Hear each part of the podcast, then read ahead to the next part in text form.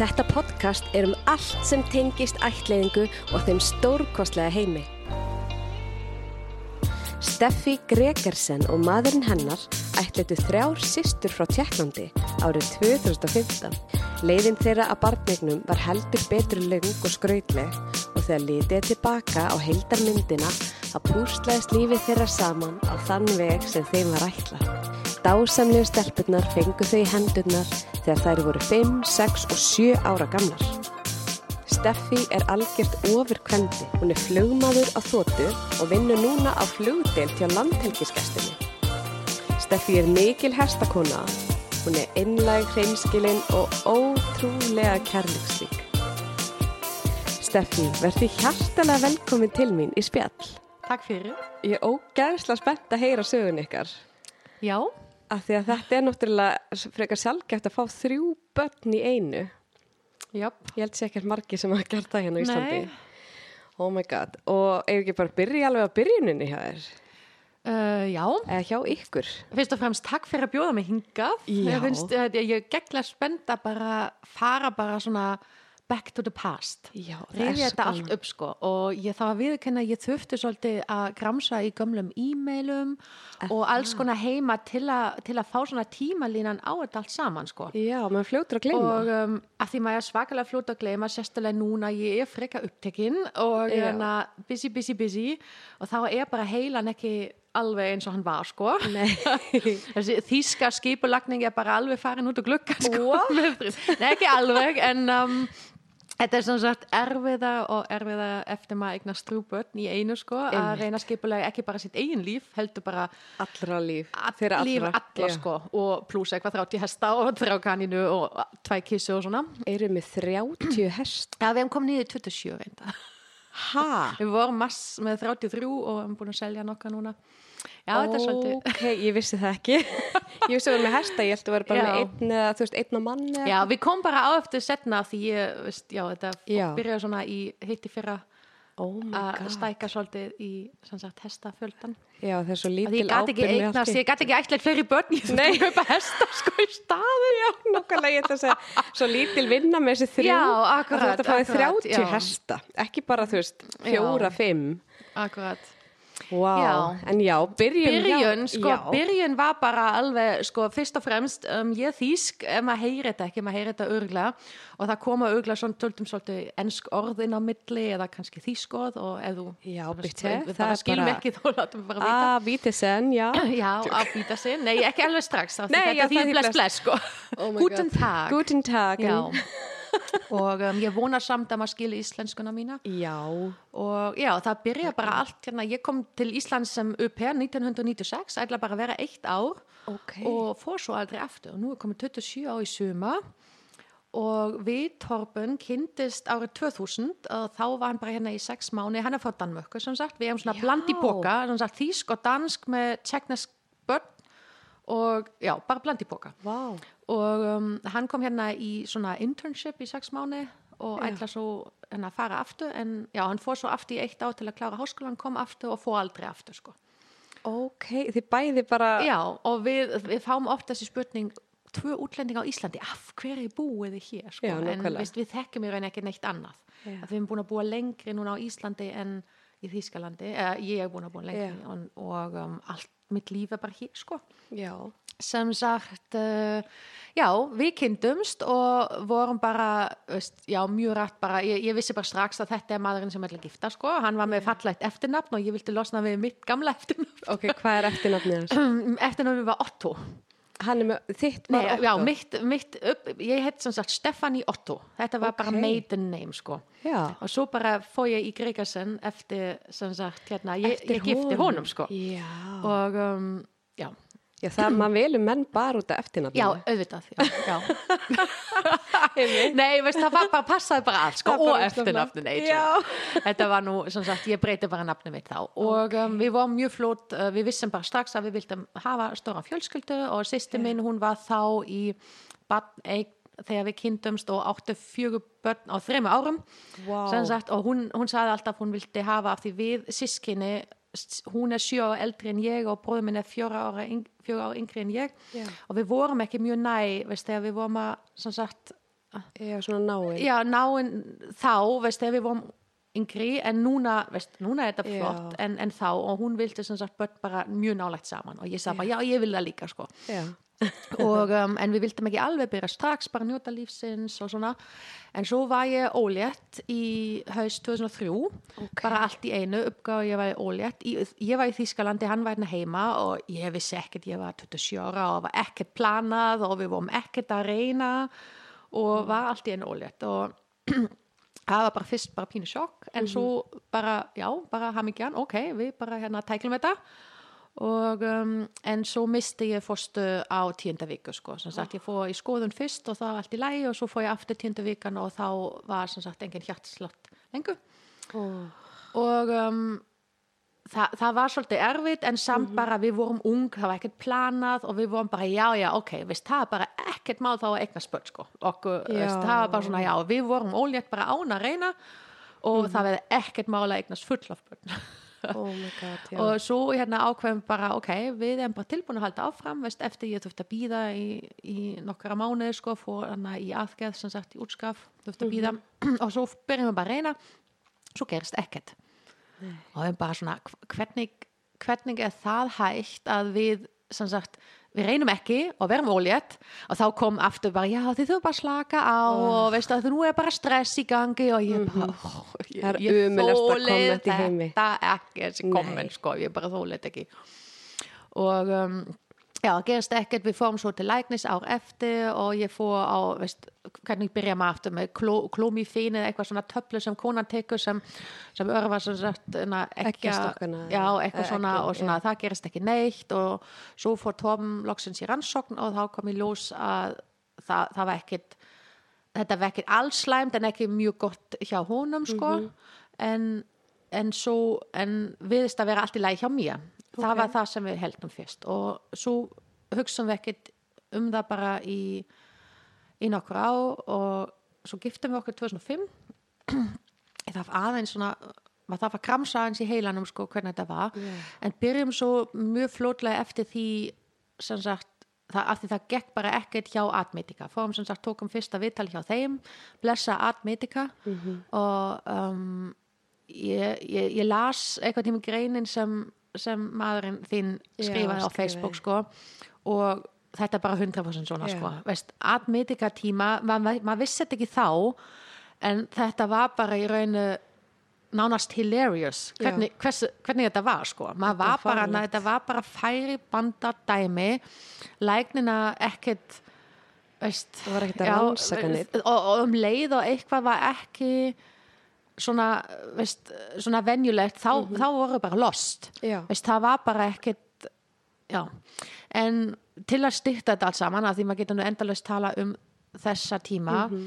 þá fór ég í 15 meðferði 15 stykki. Down glasa með Já. þeir. Nei, ekki glasa, Nei, við fórum bara- í 12 tæknisæðun og þrjá glasa meðferði What? milli 2006 og 2013 er sagt að sjö árum ég veit. Oh my god 12 tæknisæðingar Já. af því ég man bara, ég fór ykkur tværa þrjár, ég man ekki en Ég mér veit. fannst það svona waste of money af því Já, að það er alveg það, það finna var, ég fór í 12 og ég var alltaf ólétt í fjörðaskipti Nei, Já, sem sagt samtals var ég sexinum ólétt tvís var bara uh, veist, fjórasinum í, í meðferði misti alltaf milli 8. og 10. viku fósturinn og uh, við prófum ímislegt að uh, sagt við fórum líka til Þýskalands á árum 2010-2011 þá það kom sem sagt í ljós eftir þriðja fósturlát. Ég, ég, ég, ég mátti ekki færa rannsókn fyrir eftir þriðja því þá, já, þú þarft að hafa með þrjú fósturlát til að læknina senda því áfram í eitthvað svona meira rannsókn. Ok. Og það kom í ljós að ég, legið mitt var svona hjartalegi, það var Já. svona septum, sem sagt svona tvískipt í rauninni inn á milli og í rauninni aldrei tjens að sem sagt fósturinn náði að vaksa inn í því. Og það var tekin 2009 held ég, eða 8-9 eitthvað. Það leiði tekið? Nei, ekki leiðin, nei, bara þessi, þessi hennar septum já, sem er sagt já. að skipta leið í tvend það var tekin og svo ætti þetta að vera neitt mál sko. Og auðvitað næsti óléttan þá var bara já, nú er þetta bara alveg að virka Mhm. sko en bara sama farið aftur sko. Hjartaslátt á, á sjönda viku og svo ekkert eftir það. Og svo vorum við sem sagt að hafa samband við lækni úti um, af því það kom í ljós að um leið og fósturinn var komin og fósturinn var partu af sagt toppun, maðurinn minn þá var líka mann minn að ræðast á fósturinn Já.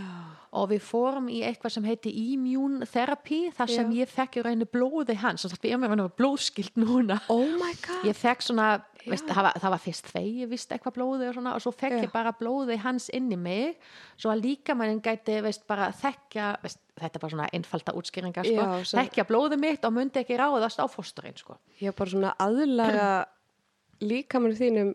Já, akkurat, veist, akkurat. þetta er í eitthvað. bara eins og, eins og fá, fara í bólusetning sko. Já. My Veist, og, já, já, með pí, pínu lítið sko, svo að líka Vá. mannin bara, veist, veit, ok, ef þetta kemur, bólusetning er rauninni öfugt, þá viltu bara, veist, fá svona árás þegar það kemur, en já, sem sagt, við prófum það, það kosta, þetta var rándýrt á þessum tíma, Var það gert á Íslandi? þetta var ekkert gett á Íslandi, af því atmeitika var bara lost. Við, sem sagt, ég talaði mikið á þessum tíma með fólkið úti í gegnum neti sem voru í Já. svipum, lendi í svipum og svona, að því þetta var, ég veit ekki hvernig þetta er núna, en þetta var þarna ennþá frekar tabú að tala við Mhm. fólki hérna um og ég þekkti valla engin hérna, ég, ég var nokkuð viss að það eru nokkuð pör sem við þekktum sem voru á sama stað Já. og en, en ma, ma, ég vildi ekki spurja sko af því það hefur verið svo gott að hafa eitthvað svona hópu eða eitthvað sem Já. er hægt að tala við bara svona í in person sko hérna heima já. og um, það kom líka tímapunkti þar sem ég bara tjáði mig meira og meira því Mhm. þessi spurninga að hvenna ætli því að eigna spörn og ætli því, við Já. þekkjum það allir og, og ég bara byrja eitthvað tímin og sagði bara já, veist, ég vil gætna eignast börn og ég er búin að vera ólétt fjóra sinnum og þetta var svona í kringum 2010 og Mhm. ég bara byrja að opna mig en þetta er mjög erfitt, við erum í meðferði og ég skal láta þið bara vita eða eitthvað að frétta sko Einmitt. og fólki bara svona þögn Já. Þetta verður svo vandralegt. Já, veist, og þetta, ég, ég get ekki við fólki sem kannski spyrir fyrsta skipti en bara svona fólki Já. sem spyrir aftur, aftur, aftur og ég bara láta mig bara í friði, sko Já. og á meðan voru vinkuna mínu veist bara, já, eignast börn eftir já. börn eftir börn og það var mjög, mjög, mjög erfitt Já. mjög erfitt um, en auðvitað alltaf, veist, ma, ma, ég var alveg hamingjusöm fyrir þeim, sko, en Já. ég var bara svona nú er bara komin á okkur, sko Já, sirkja ykkar Já, í rauninni. akkurat. Og en svo sagt eftir fjörða fórsturlát 2010 þá tölum við bara saman og við vorum bara strax ég og Torben sem sagt og við vorum strax nokkuð viss, viss það skipta engum máli hvernig við myndum eignast börn. Við viljum bara eignast börn no matter how Já. og við auðvitað veist, fórum skoða okkur um hvað er hægt. Er hægt að veist, fara með svona surrogate-mál eða, eða það var ekkert í bóði og veist, í rauninni var, voru bara ættleiðingar. Það eina sem er annað sem er í bóði á Íslandi. Og uh, við vissum ekkert um þetta á þessum tíma og byrjum svo að lesa bara heimasíðu hjá Íslensk ættleiðing og kom flótlega í ljós að það var bara hægt að ættleiða frá útlöndum Já. og við þurftum svolítið smá tíma með það en við, við vorum bara, veist, það, var, það var aldrei neitt spurning um að gera þetta ekki sko Nei. og við ákvæðum í rauninni veist, þeir segja alltaf þegar þú byrja í ættleiðingafelli þá ætti helst að vera búin með alla meðferði eða búin að veist svona veist, já ok, veist búin að sæta sig við eða veist búin að fara í veist, vinna í gegnum það sem, sem já, að, að þú get ekki eignast þitt sko. Já. en mér fannst þetta bara glatað og ég lusta ekkert á og ég Nei. saði enginn frá en ég meina veist, alveg saman og við byrjum sem sagt við, við vorum í raun að gera þetta í tvö á bara á sama tíma sko Bæði glasa já, já, við og... vorum sem sagt komin með samþykki kem á þetta setna en vorum samt í nokkra meðferði viðbúr sko. En, en ég saði líka að við sögum báði strax það skipta engum máli hvort við veðum ólétt veist, og Já. kannski eignum spart við viljum samt ættliða sko Já. það var, veist, okkur var bara já, Nákvæmlega, svo hendar þetta kannski sumum að gera bara bæði og það má það Já, alveg. akkurat Það og, og veist, að því í raunu veist, ég, við vildum bara veist, lí, lifa lífið okkar með börn og okkur var alveg saman hvað þeir koma og hvernig þeir Mhm. voru búa til sko. Og ég gæti alveg ímynda mig líka að eignast bara eitt sem sagt hvernig, hvað segja Líffræðilegt. líffræðan barn og svo líka eittlegt Já. mér, mér fannst það bara alveg bara í fínu lagi sko Já. og um, já, en svo sem sagt við fórum í fyrsta vittal og þetta gekk allt svo svakalega rætt hjá okkur sko. sem sagt ég vona að sömu sem ég veit að mjög margir er búin að lenda í þvílikt við sem er fórsamþykki eða, eða veist, eftir það en veist, við fórum í fyrsta vittal til Kristín hjá Íslenski ættleiðingu janúar 2011 Já. og vorum komið fórsamþykki í mæ Að það. 2011, þrjá mánuða setna sko. Sagt, þetta Ok, gekk bara allt. Já, þetta var ótrúlegt ég held við vorum mjög heppin það voru ekki margir á þessum tíma sem, sem voru að sækja um sækja. fórsamþykki og að þetta var ennþá í Búðardal. Já. að því stutt eftir það flutt þetta frá sagt hérna Búðardal til Reykjavík og þá lengdist bara prósessin alveg svakalega. Ég held við vorum með eitt af þessi seinustum sem voru í Búðardal og vorum sem sagt komið fórsamþykki bara í mæ 2011 sem enginn bjóst við að því Kristín nefndi já þetta gæti verið svona frá þrjá til, eða, frá, frá til 12 mánuði eða jafnvel meira Já. veist, og um, en þá vorum við ekki búin að velja land. Að því við sem sagt fengum fórsamþykki með því að eiga eftir að velja land og þá væri hún svona official sko. Já. og um, á þessum tíma voru í bóði sagt um, Tjekkland og Kolumbíu Indland var alveg að fara að loka og svo var í bóði Kína mm. Kína bara venjuleg Kína listan og svo bara séð það var listan sko Já. Já. og ég var eitthvað minn búin svona alveg að hugsa bara, að mér langar bara batt frá Kína veist, ég var bara, þetta var bara svona í mínum haus var þetta komin bara, veist, þegar ég var ímynda með batni mitt, það var þetta bara frá Kína sko en svo fórum við í viðtal við lækni, batnalækni sem útskýri maður fekk þá þessi séðþafalistan Já. og um, útskýri þessi fimm blasju af, af það sem að það var krossa við og mér fannst þetta svo okkur fannst þetta svo galin veist, Mhm. þetta var bara að velja eins og að velja barn Og svo panta pítsu. já, veist, já þetta en ekki þetta en, en, Mhm. en sem betur fyrir þá var Gestur Pálsson bara besti barnalækni í heiminu sko. Já. hann var sem sagt, hann var mjög góð í því og, og sagði bara þið þurfi bara að fara heim og hugsa veist, hugsi bara ykkar líf og hvað þið treyst ykkur til Já. Og um, svo uh, já, sem sagt og, svo, uh, við, við útilokum Tjekkland bara strax í reyni Nú, ok. um, að því þetta var bara byrjun 2011 þá var bara, ég held, ég veit ekki hvort það var komin einn barn eða tvö barn, það var mjög Já. fái börn komin allir stráka Já. sem, veist ég hef ekkert á móti stráka sko Nei. en ég, ég vildi bara svona hafa tjens á að kannski fá stelpur sko líka og um, þetta, þetta ljóma þetta ljóma stúpid sko. Þetta var alls ekki svona, ég valdi ekki við voldum ekki tjekklan út af strákunum sko. Nei. en þetta var bara, þetta var bara rétt í byrjundastig og ekkert alveg veist, ek, við vorum ekki alveg trist okkur í það. Þetta var svona nýtt land. já, já, Og maður vissi ekki hvernig staðan var, það var sem sagt, hvort það voru kom tvö, þrjú börn þá, veist ég var bara, við vorum bara ofurrætt um að prófa þetta sko. Já, og um, tókum svo þrjá mánuði í að hugsa bara um land og endum þetta, og þetta er ekki lígi, þetta er ljóma fáranlegt við vorum sem sagt mellir Kolumbíu og Kína sé það var listan. Og við bara hérna, við kostum bara pening til að ákveða, af því við Nei. vorum búin að hugsa um þetta í sex viku stanslaus á hverjum degi í, veist, bara back and forth, back and forth, back and forth. Og við bara endum bara að kasta pening og það var Kolumbíu Í Já, alvöru. sem sagt, við sóttum um í Kolumbíu Ó, já, og, og, þá, og þá, já, á þessum tímapunkti líka Já. og ástand fyrir því að við völdum í rauninu þá Kolumbíu og, og, þá kom í ljós að í Kolumbíu máttu sækja um sískinni Já. og ég sagði við Tom, hefðu, ef við breytum allt lífið okkar og hérna ætlaðum barn, engum var að taka sískinni Já. Og hann bara, já, já, já. Ok, ég man, ég man rauninu ekkert uh, þetta var svona sko, en Já. ég bara í mínum haus var þetta bara, já, auðvitað. Þú veist bara, Já. já, við vissum við vildum alls ekki bara hafa einn barn. Nei. og við vildum hafa fleiri börn og hugsaum bara, takum þetta bara strax veist, allt á sama tíma. Veist, þó við þurfum ekki að fara aftur. Já. eins og í rauninu Anna sigur hún saði í podcast um daginn veist, bara, já, tökum þetta bara allt á sama tíma.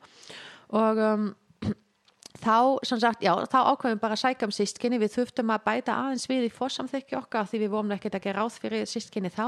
Það tók bara tvæ, þrjá viku sko af því, og um, svo, svo byrja ballið fyrir sagt tvei útlendingar sem búa á Íslandi að sapna saman gögnin sem Mm. þurfti að hafa.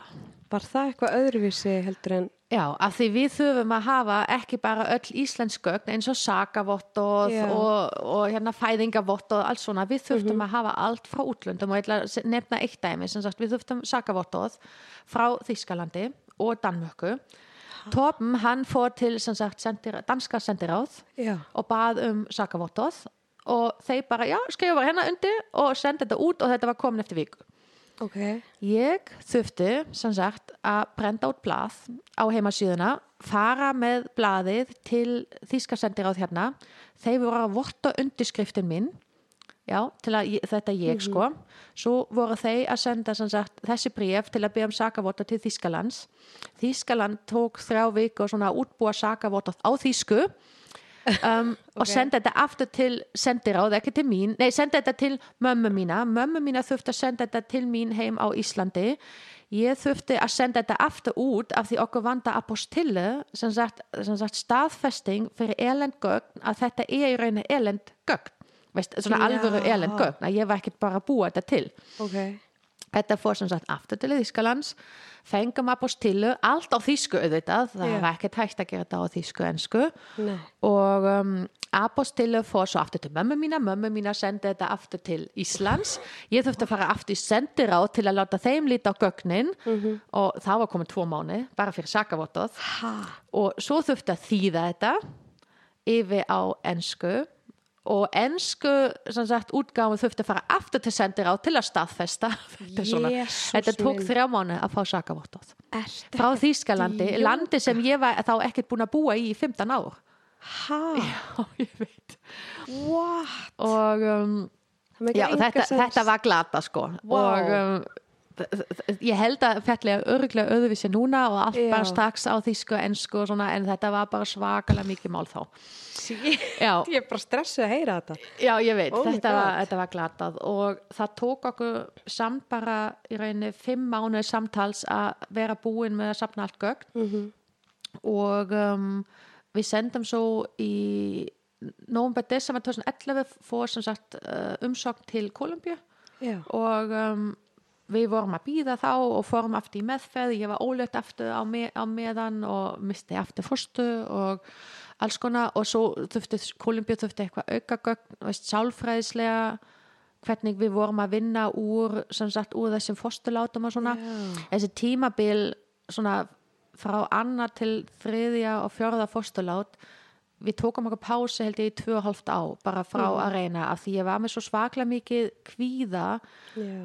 Um, um leið og ég var ólétt sem sagt um leið og ég sá bara jákvæði óléttu próf þá var bara kvíðin að fara alveg með mig sko. Og svo er líka, ég var flug, ég flugmaður og um leið og ég ólétt sérstaklega það sem ég er búin að missa tausa þreys var um leið og ég ólétt má ég ekki fljúa Nú. þanga til það er staðfest út, út af þessi áhættu að, veist, Já. í venjulega kringumstöðum þá, þá mátt alveg flúa en í rauninni bara þá hætti maður að flúa strax þanga til maður sjá sagt hjartsláttu og Mhm. meðgangan er allt í lægi þá maður búið að flúa aftur held ég til 26 viku eða eitthvað svona en ég næði aldrei svona langt Já. en ég var sem sagt bara í rauninni alltaf stopp strax Já. og um, sérstaklega í byrjun ég byrjaði að flúa 2007 ég vildi, ég sagði bara ég vil bara taka pásu því ég vil ekki hætt, af því ég þurfti alltaf að hætta að vinna í fjóra viku sko. Og ég vildi líka ekki, ekki fyrir mig og ekki fyrir atvinnuveitandinn bara alltaf að í rauninni. Og svo auðvitað flög ég gegnum öllum meðferðum líka sem var svolítið svakalega erfið af því hormóna, við vitum allir hvað gerir við já. líkamannin sko. Já. og það var, ég var svo rosalega þreytt oft, var flúa mikið á nóttinni og svona en ég bara Mhm. þraukast í gegn.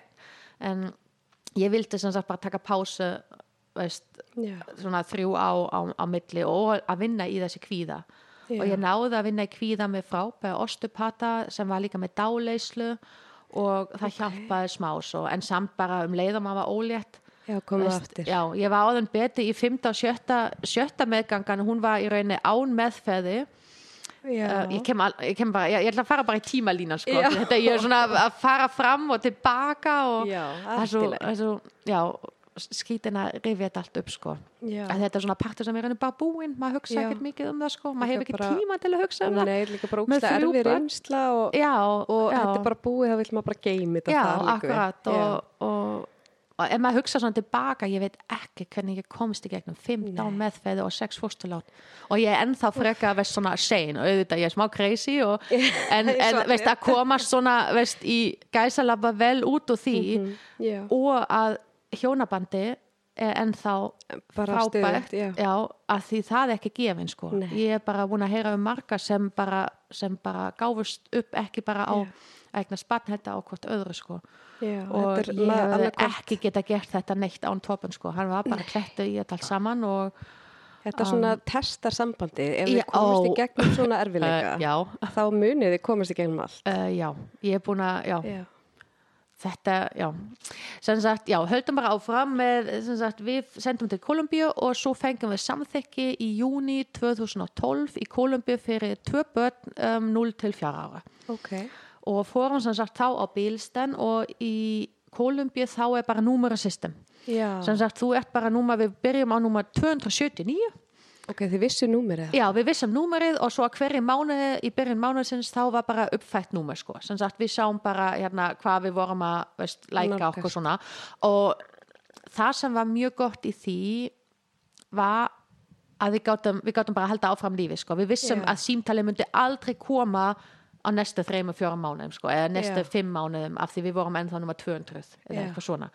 Það var, það var eina sem var gott í því. Annars Mhm. var bara, oh, já ok veist, 279, það er að 5 kannski 10 börn að fara á mánuð, veist, maður gátt alveg regna sig út að þetta myndi taka mjög, mjög, mjög langan tíma. Já, og um, já, sem sagt þess vegna vorum líka að halda áfram í meðferði. Hættum svo bara síðasta meðferð var í rauninu 2013 og við, við ákveðum bara nú er komið nóg það, það er bara ekkert, veist það er bara komið nóg, við erum bú- búin að prófa allt við ætlum bara að býða, núna ætlum að lífa lífið gerum allt, ferðumst eins mikið og við viljum þanga til að komin að okkur í Kolumbíu já, þetta var svona plan. Og um, svo um, var ég kom, ég, við vorum mjög aktiv í þrýþraut á þessum tíma sem sagt Já. þrýþraut í rauninu svona bjargaði heilan sko, við vorum að æfa mjög mikið ég fór sem sagt í, í mikla æfinga og reyna bara að halda hausinn og heilan bara, já, veist bara í lag bara með æfingum og reyna ekki að hafa tíma til að hugsa um eitt en eitt og svona. Einmitt. og um, uh, suma 2014 það var nei það byrja stó, 2014 var 2014 og 2015 voru bara árin sem voru bara, veist, ef ég hugsa tilbaka þetta var bara crazy, crazy sko. Sem sagt í um, já, við vorum sem sagt að vera áfram á Bilistan í Kolumbíu og svo í mars 2014 þá var ég að þjálfa nýju flugmenn í Köln í Þískalandi og Tom var stött heima og við fengum símtal frá Kristinn, íslensk ætliðing og ég bara, Ok. ok?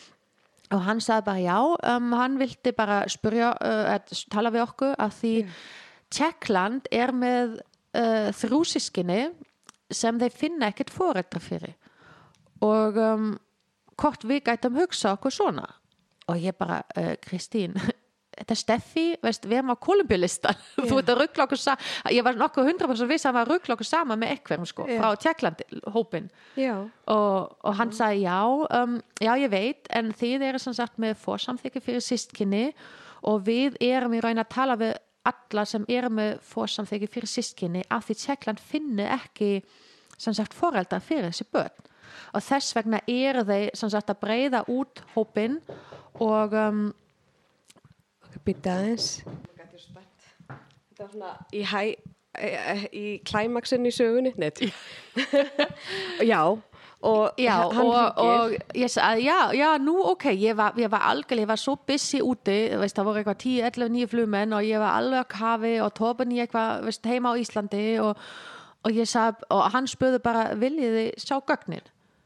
Og ég bara, uh, uh, uh, veist, hótelherbyggi, ja. veist, nei, nei, þetta var bara, hann ringdi bara í rauninni í svona líi í á námskeið sem ég var að kenna á sko, og ég, ég bara uh, uh, uh, ég, ég skal aðeins tala við Torben. Ég ringdi í Torben og hann var bara í vinnu og ég sagði bara, uh, hann ringdi og það eru þrjú börn og hann bara frá Teklandi og hann bara, hæ? En við erum hér kólubíu Já, akkurat, hvað er í gangi? Sagði, hann, já, hann spurði bara hvort við viljum sjá gögnin þeirra Já. og hann bara, já, við skulum bara sjá þetta og ég sagði, ok, ég ringdi aftur til hans og sagði bara, já, senda okkur bara gögnin. Og hann sagði, já, ég sendi ekki gögn og en sendi enga myndi með. Og ég sagði bara, uh, já, ekki senda myndi sko, af því ég vil ekki sjá myndi ég vil bara lesa þessi gögn og þrjú börn og þeir voru fjö, fimm og sjö held ég. Fjara, fimm og sjöra. já, fjara fimm ára og sjö ára um, tvær stelpu og eitt strák og um, já, og svo sem sagt, ég var ennþá, ég átti vikan eftir úti og hann var heima en við höfum, við fengum akkurat viku til að ákveða okkur, hvort við vildum sem sagt um, reyna að þe- þetta var senda á alla landa sem sagt, til Danmörku, til Svíþjóð, allir löndin sem, sem Tjekkland er að vinna með Já. af því þeir, þeir vildi sem sagt bara reyna að finna foreldra fyrir þessi börn sko. Og um, við fengum viku til að ákvæða okkur hvort við viljum sem sagt bara vera með inn í umsækjandi fólk sem sagt fyrir þessi börn eða ekki, en ég var bara úti allan tíma og Tom var bara heima við vorum ekki sinni saman og við Já. reyna að tala í síman eða á FaceTime og um, og við lásum gögn og þetta ljóma allt freka vel. En svo var yngsta yngsta batni þá, fjara ára hún var með svona neurological eitthvað deficits og það kom ekki alveg í ljós í gögnin hversu hversu slæmt þetta var að því við vorum alltaf að segja ok, við tristum okkur þrjú börn en þeir þurfa, það þarf helst ekki að vera neitt svona fyrirframlega veist, við, við vitum að þetta verður stort pakki og það getur komst eitthvað setna en við viljum, við getum ekki haft eitthvað mjög fallað barn Nei. eða eitthvað inn í hópin af því þetta væri ekkert sangænt fyrir sískinni heldur Já, hennar, og við tristum bara okkur ekki, alls ekki til þess Nei. og svo sem sagt við vorum mjög rætt bara já, við ætlum að reyna en við fáum bara viðbúta gögn fyrir sem sagt yngsta og uh, það kom tvö, þrjú daga setna já og, það- og, og galli var og ég vona að Kitty að fyrirgefa mér sko. Uh, hann gleymdi að taka myndina út á viðhengi. Sem sagt það fyrsti sem ég opnaði þegar ég opnaði e-mailið var myndina. Nei.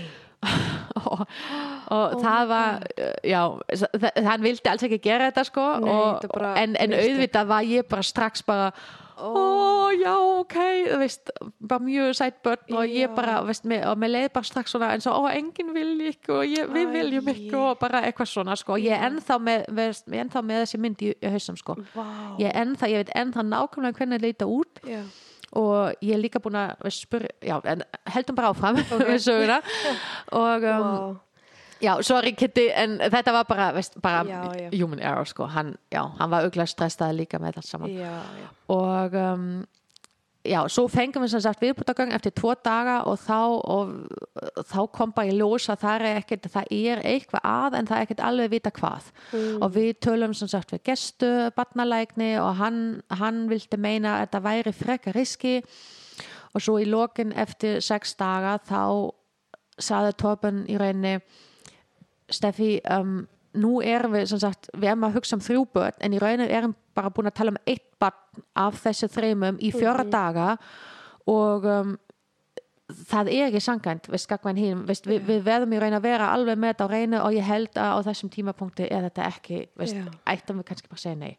Ég bara, og ég var allan tíma svona en þessi börn er til núna veist, því var, þá var hann búin að býða svo lengi við varum komin í núma við varum komin með 190 eða eitthvað eftir tvö Já. ár á veist, það var ekkert að gera svo var Kolumbí rauninu bara alveg á því að lokast. Um, og ég var bara svona, en þessi börn er til núna veist, mér langar núna Já.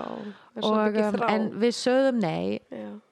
sem var í rauninu fyrir það besta af því Já. annars myndum við ekki eignar stelpana okkur núna um, og uh, en þetta svona opnaði augan fyrir okkur að kannski, af því við vorum aðeins búin að hugsa um hvort við áttum ekki skipta um land. Já. að því Kolumbí var að fara að lokast og í rauninni það, það var eitthvað mjög erfitt í landinu og ríkistjórnarna og fulla nýja ákvæðinu og já það kom sem sagt eitthvað nýtt lög um, rétt í lok 2013 að þú þefti að reyna að finna ættinga alveg upp í sjötta Ætlið eða eitthvað svo já sem, sem þú var neita þangað til svo að börnin mig að vera ættleitt út úr landi er sem var bara sérstaklega í löndum eins og Kolumbíu Já. þetta var bara nánast ómögulegt sko. og Já. þess vegna voru fái að fái börn bara ættleitt út Já. Bara föst í kerfinu líka svolítið. já, akkurat, það, veist, það var meira en það en þetta er bara það sem ég mann og ég, ég hugsa bara að þetta klatað, veist, ég veit ekki hvort ég gæti gert það í Þýskalandi að finna ættinga mína alveg Nei. svona veist, já. svona langt Já, aftur akkurat, og Þýskalandi það var allt skrá allt í orden, sko. um, já, en, en það opnar svolítið augan og við ákvæðum, ok, við ætlum bara að skipta um land. Var það ekkert mál að skipta um land? Mm, það var ekkert, um, það var, og, og sko, þetta var í rauninni ekkert mál, nei, það tók smá tíma, maður þurfti bara, veist, í rauninni hægt að vera bilistan í einum landi og byrja bara, veist, fórsamþykki, við þurftum hvað sem er að endur nýja fórsamþykki á þessum tíma af því við vorum, þá var komin þrjú ár, ég held fyrsti gildi í þrjú ár, ég veit ekki hvað hann gildi lengi núna, Já. þurftum hvort sem er endur nýja og það væri hann ekkert mál sko. það kostaði smá breytingagjald Mm. og um, um, já, nú misti ég alveg hérna Já, en við, sem sagt, við vildum, ég sagði, ég vil endilega á meðan við erum að vinna í gögnin af því ég var svona sakavott og dráma, sko.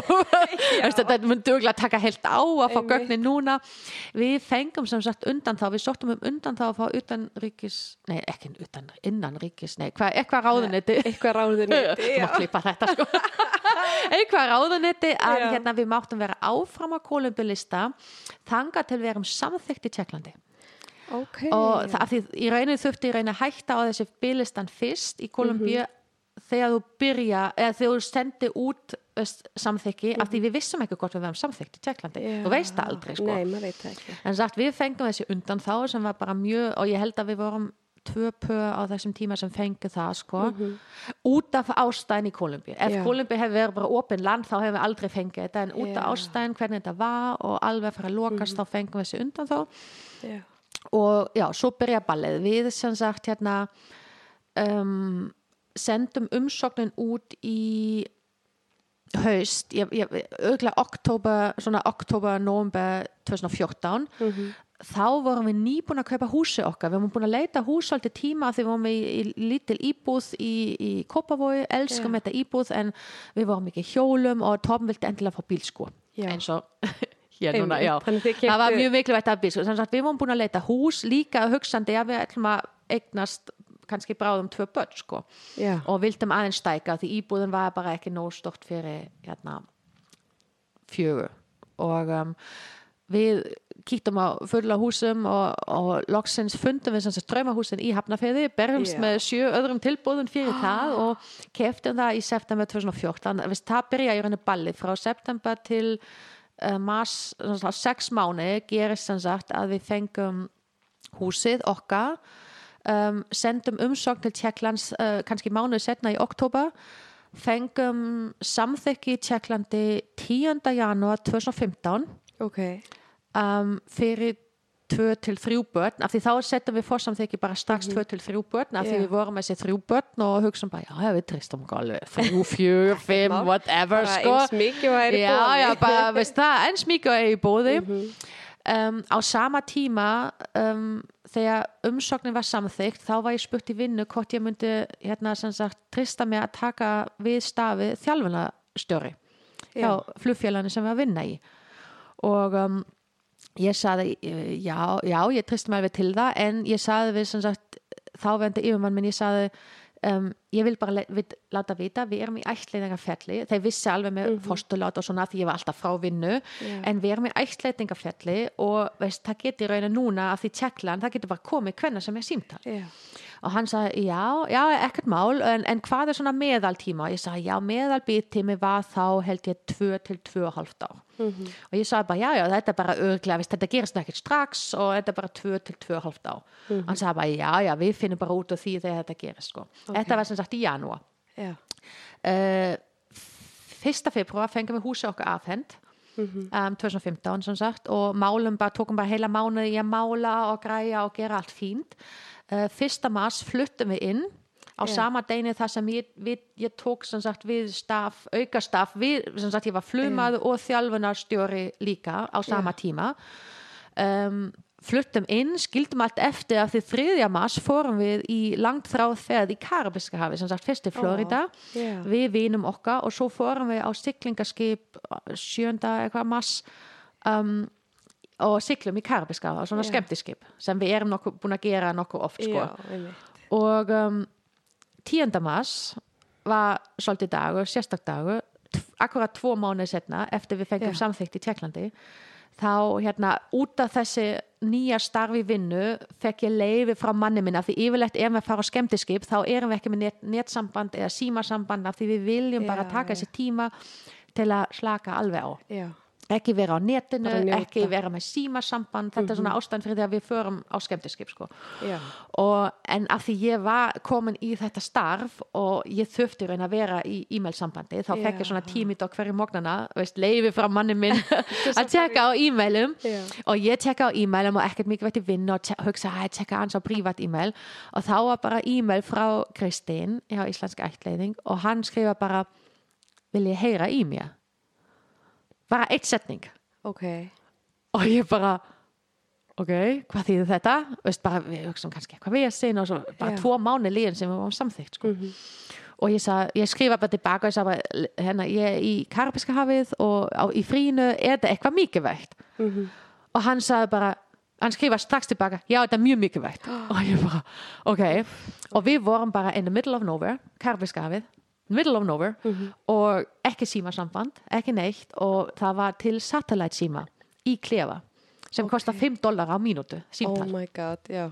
og ég sem sagt sagði, ok, Tom, við þurfum að ringja sko, við þurfum sem sagt að ringja heim og við ringdum heim og þetta tók alveg tók svolítið tíma að fá samband af því, eins og sagði, við in the middle of nowhere. Og um, svo, svo ringjum við í sem sagt Gitta og hann er, veist, eins og flesti þekki hann, þá er hann bara frekar svona veist, hann er ekki eins og ég ég er bara, hann er bara frekar svona rólegur og bara slaku og hann bara, já, sæl hvernig hafið þetta og hvernig, og ég bara, geti, þetta, þetta kostar okkur 5 dólar á mínútu þú verður bara að tala aðeins ræðara og ég vil bara vita hvað ég gangi. Og hann bara, uh, uh, ok. Og, þá, og þá sagði hann okkur frá að Tjekkland er raunin búin að matcha okkur með börn. Og ég fekk alveg áfall ég bara, veist, ég bara býta, fyrsta sem ég Oh hugsaði var ég er nýbúin að segja yfir mann minn, ég er nýbúin að taka við þetta staf, ég er nýbúin Mhm. að segja þetta er tvö á meðatal og bara tíu dagar setna fæ ég bara símtala börn sko. ég var ég alveg áfallu sko. Og, uh, og hann sagði bara já þetta er svolítið, veist, við gerum þetta í raun ekki svona en af því þessi hérna, þessi börn er aðeins út fyrir umsokna ramman þinn sem þið setti og við sem sagt sortum um all, við, við vorum að hæka aldurinn aðeins í Tjekklandi, við vorum í Kolumbíu 0 til 4 ára og uh, sortum um í Tjekklandi 0 til und, eða helst undir 6 ára að því út af tungumála dæminu hjá okkur því Já. við tölum sagt þýsku og dönsku og ensku heima Já. og íslensku í skólanum og uh, við vildum helst að börnin sem koma myndi fá ná kannski minnskosti eitt ár í leikskólan án þeir fá í skólan Já. út af tungumálum út af íslenskuna af því við tölum ekki íslensku heima. Og, um, og ég sagði bara já ok, sem sagt aðeins út hva, hvað þýði aðeins út sko? Og við sóttum um tvö börn, ekki þrjú börn, bara tvö börn. Þið sóttu bara tvö, fórsamþyggi voru tvö til þrjú börn en við sóttum um tvö börn yngri en sex ára. Já. Og ég sagði ok, hvað er aðeins út fyrir og hann sagði já þetta er þrjú börn. Og ég bara og, hann, og þeir eru aðeins eldri en þeir sóttu um. Og ég bara aðeins eldri, veist, það hefur aldrei komið barn eldri en fimm ára held, fimm ára var held ég elsta barn sem kom þá á þessum tíma. Og það, já, frá ástu held ég. Og, um, og ég sagði ok, get, get ekki verið svona gaman sko, það hefur aldrei komið svona. Og hann sagði já, þeir eru sem sagt fjöri, fimm og sjö núna og verða sem sagt fimm, sex og átta ára á árinu, sagt í suma Já. í april, júni og júli og, og, og hann sem sagt vildi spyrja okkur áðan þeir fóra sagt að þýða allt gögn hvort við myndum vilja sá sem sagt pappira þeirra. Og við sem bara já strax. Við sem bara já já. Við, veist, við, veist, fyrst var svona alveg áfalli ég gæti ekki tala neitt en svo saði Tom bara veist, ef Tjekkland heldur að við erum bara fullkomin foreldra fyrir þessi börn Já. þá viljum við sjá gögnin. Bara já Þau para líka svo vel saman. Já, við, já, við komum inn á þetta á Já. eftir sko, þetta, þetta er bara smell, smell passaði sko, al, alveg og, um, og við sögum bara já og svo bara vorum við bara áfram í frí sko. En frí var bara, veist, umturna. og ég bara fór til veist, sagt, vinkuna mín og maður hennar þeir voru með okkur, ég sagði bara, já við fengum bara símtal og það er bara þrjú börn og, og þeir bara, ha, og veist, alveg já, en, en við vorum ekki og- alveg það sokk með þrjú börn af því við vorum búin að fá, veist, við vorum búin að hugsa um þessi þrjú börn, veist, ári á undan. Þeir eru smá brend Já, akkurat, nei, nei ekkert, ekkert endilega brend, bara við gátum alveg ímynda okkur að gera já þetta sko. með þrjú þannig að ef þetta hefur ekki komið ári á undan þá var ég alveg sjokki sko.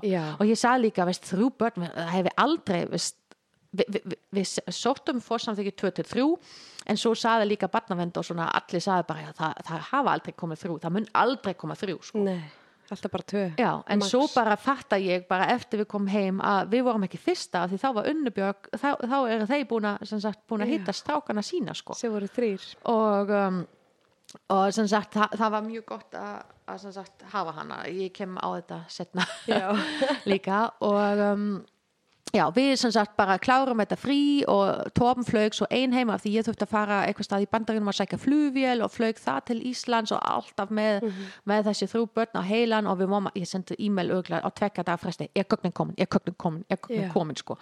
Og það tók heilan mánuði sko. Fyrir gögnin að að vera þýtt og koma. Sem sagt við fengum gögnin loksins 10. april og það var í rauninu bara alveg eins og símtala og þá ringdi hann í okkur og sá gögnin er komin og ég bara já við erum að koma. Oh og þá máttum við taka þessi hefbunda leið veist, þar sem yeah. símtal kemur og við förum niður til að sem sagt lesa gögnin og allt svona.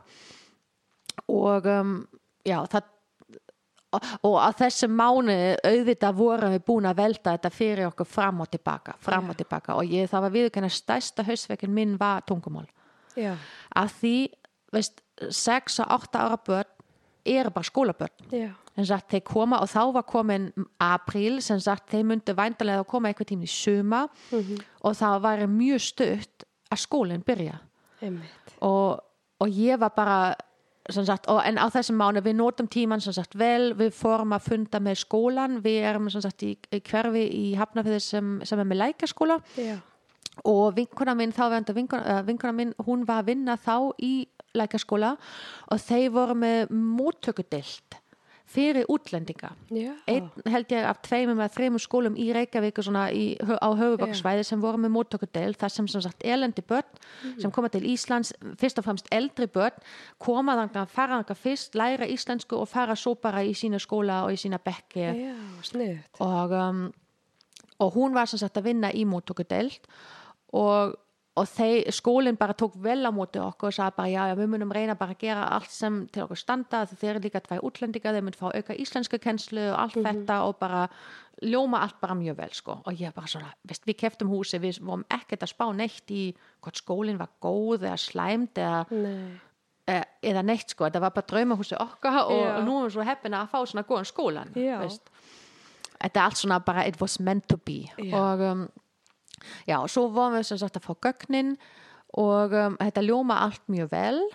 Um, bara já, stelpu sem er búin að vera á batnaheimili þá í þrjú á um, og um, um, já, og við, við, varum svona aðeins svona elsta hún hún sem sagt um, af því þetta er rómaböld og mikið fótdóma í gangi í Tjekklandi því miður ennþá þá var elsta sem sagt þeir sengana um eitt skóla ár um, úti. Þeir Já. sögðu bara, ég, ég, ég veit ekki ég held að þetta, þetta þurfti ekki alveg en það var bara, æ, hún er rómabarn hún þarf örgla bara, veist, hún fer bara ásetna í skólan sko. Já, hún, veist, ég veit ekki hvort þeir tók eitthvað próf á henni eða eitthvað en, en sem sagt þeir, þeir sengana um ára og hún byrja ekki skólan fyrir sjöra og var þá sem sagt í fyrsta bekk þegar við fengum sem sagt upplýsingar. Já, og, um, og ég man eftir því við tölum svolítið mikið um það veist, hvernig þetta myndi vera. Ef hún myndi koma til Íslands og byrja í skólan þá uh, meðan við aldur þá hefur hún átt að byrja í þriðja bekk. En hún var bara búin að klára fyrsta bekk úti hún tala null íslensku. Og, og þetta var svona eitthvað sem okkur fannst bara mjög erfitt og við vildum endilega fá svona auka svona viðbúta gögn um aðalega hvort námstaðan er raunir bara eða hvort þetta er svona slæmt eins og það segja Já. eða hvort þetta er bara fótdóma já, og um, en svo kom við sem sagt á því um, svo, svo tölum við sálfræðing sem var þá að vinna hjá Íslenska ætleiðing og um, já og hann var í reyna að nefna þetta og sagði bara já en ef hún þarf að vera á og eftir aftur í, á Íslandi þá er hún tvö á og eftir og þetta nú bara í reyna ekkert hægt og greiði stelpan og svona mm. sem sagt við þetta er svona eina komment hérna var, var svolítið veist, það var alveg glatað í rauninni en, yeah. en við fórum bara veist, við, við hugsaum bara, já þetta er bara ekki hægt sko, þetta er þá bara ekki hægt að gera mm. þetta, veist, greiði stelpan þá er hún bara tvö á eldri en allir hinn og veist, í mínum haus þá var hún bara yeah. komin tvö á eldri og, veist, og byrjaði fyrsta bekk eitthvað átta ára og eitthvað svona og sem sem var svo ekki en, en á þessum tímapunkti yeah. var, var bara þessi komment og við sem sagt fengum svo sá myndina yeah. og um, sko ég, ég get ekki sagt að þetta var ást við fyrsta sinn sko Veist, þetta var ekkert svona eins og ó þetta er mín börn sko þetta voru bara þrjá stelpu 5, 6, 4, 5 og 7 ára sko, þetta -hmm. var ekkert pínulítið batn og ekkert svona, veist, og þeir voru, veist, voru ekki, voru mjög sætt, mjög sætt að stelpu yeah. en þá var ég bara í rauninu komin svona þegar við sá myndina bara svona, að þetta er eitthvað sem er ekkert hægt, veist, þetta, þetta er bara alltaf erfitt og við munum ekki gera, veist, gera, veist, þetta mun ekki gera gott fyrir þeim og, yeah. og um, sem sagt, uh, já, en þetta, þetta var sem sagt svona, vá, þetta getur verið börnum minn en kannski ekki en þetta var mjög skrítin tilfinning Veist, ekkert svona eins og sömu segja bara ó ég var, var gráta og þetta er batnið mitt og svona, mm -hmm. þetta var alls, alls ekki svona sko en mm. svo auðvitað er þetta líka þrjúbörn og eldri börn yeah. og allt annað kannski dæmi en, en mm -hmm. þetta og um, við fórum svo heim og ég mann við fórum í IKEA um kvöldið uh, við fórum alltaf á þessum tíma því við fórum ennþá, veist húsið var ennþá í drass sko Já. á þessum tíma því við fórum nýbúin að flytja inn svo fórum við frí, svo fengum við að vita um stelpuna mm -hmm. og bara allt í kaos ennþá heima, að við fórum svolítið mikið í IKEA á þessum tíma og alltaf á föstudagskvöld af því það er minnst að gera. Og við bara í rauninu tölum saman um þetta allt saman íkja og meðan við vorum að lappa, við tókum bara mjög svona hæg að skrifa íkja og tölum bara um, veist, þá var hann búin að hugsa í halv tíma og ég var búin að hugsa og um, og við vorum í rauninu komin á, á nýðustan í rauninu, veist, ok, þetta er bara of mikið, veist, þetta er bara ofjarkett mm -hmm. sko. Aldurinn, tungumáladæmi veist, kannski, veist, aðeins seint, veist, með skólan og allt svona. Þetta var bara alltaf erfitt, mm -hmm. sem sagt. Við rauninu helgina leið bara með því að við ætlum, sem sagt við, við sögum sem sagt við Íslands æsling, já við þurfum aðeins að hugsa þetta og við varum bara í bandi eftir helgina sko, þetta var á förstu deginu og um, ég var bara, í rauninu á þessum helgi var bara, ok við, við, þetta, við tristum okkur ekki til veist, svona mm -hmm. vorum við bara allir helgina og það var bara eins og það var bara svona svona svart svona skí yfir okkur sko ég var alveg að sirka strax þessi börn Já.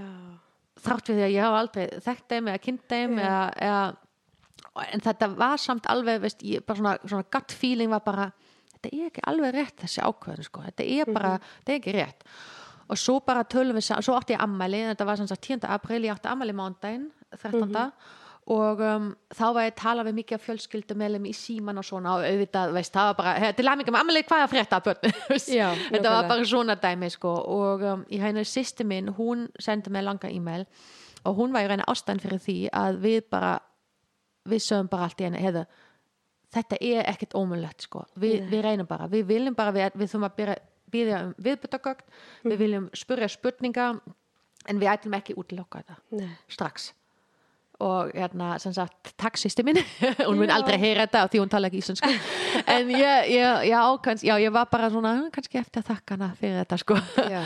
og um, já, svo kom svo tók þetta endalaust tíma með að fá viðbútagögn af því það var nú ekkert alveg að ganga eins rætt og, og um, þeir kom ekki í rauninu síðastu gögnin kom í rauninu ekkert fyrir 10. mæ sem sagt nánast mánuðu setna wow.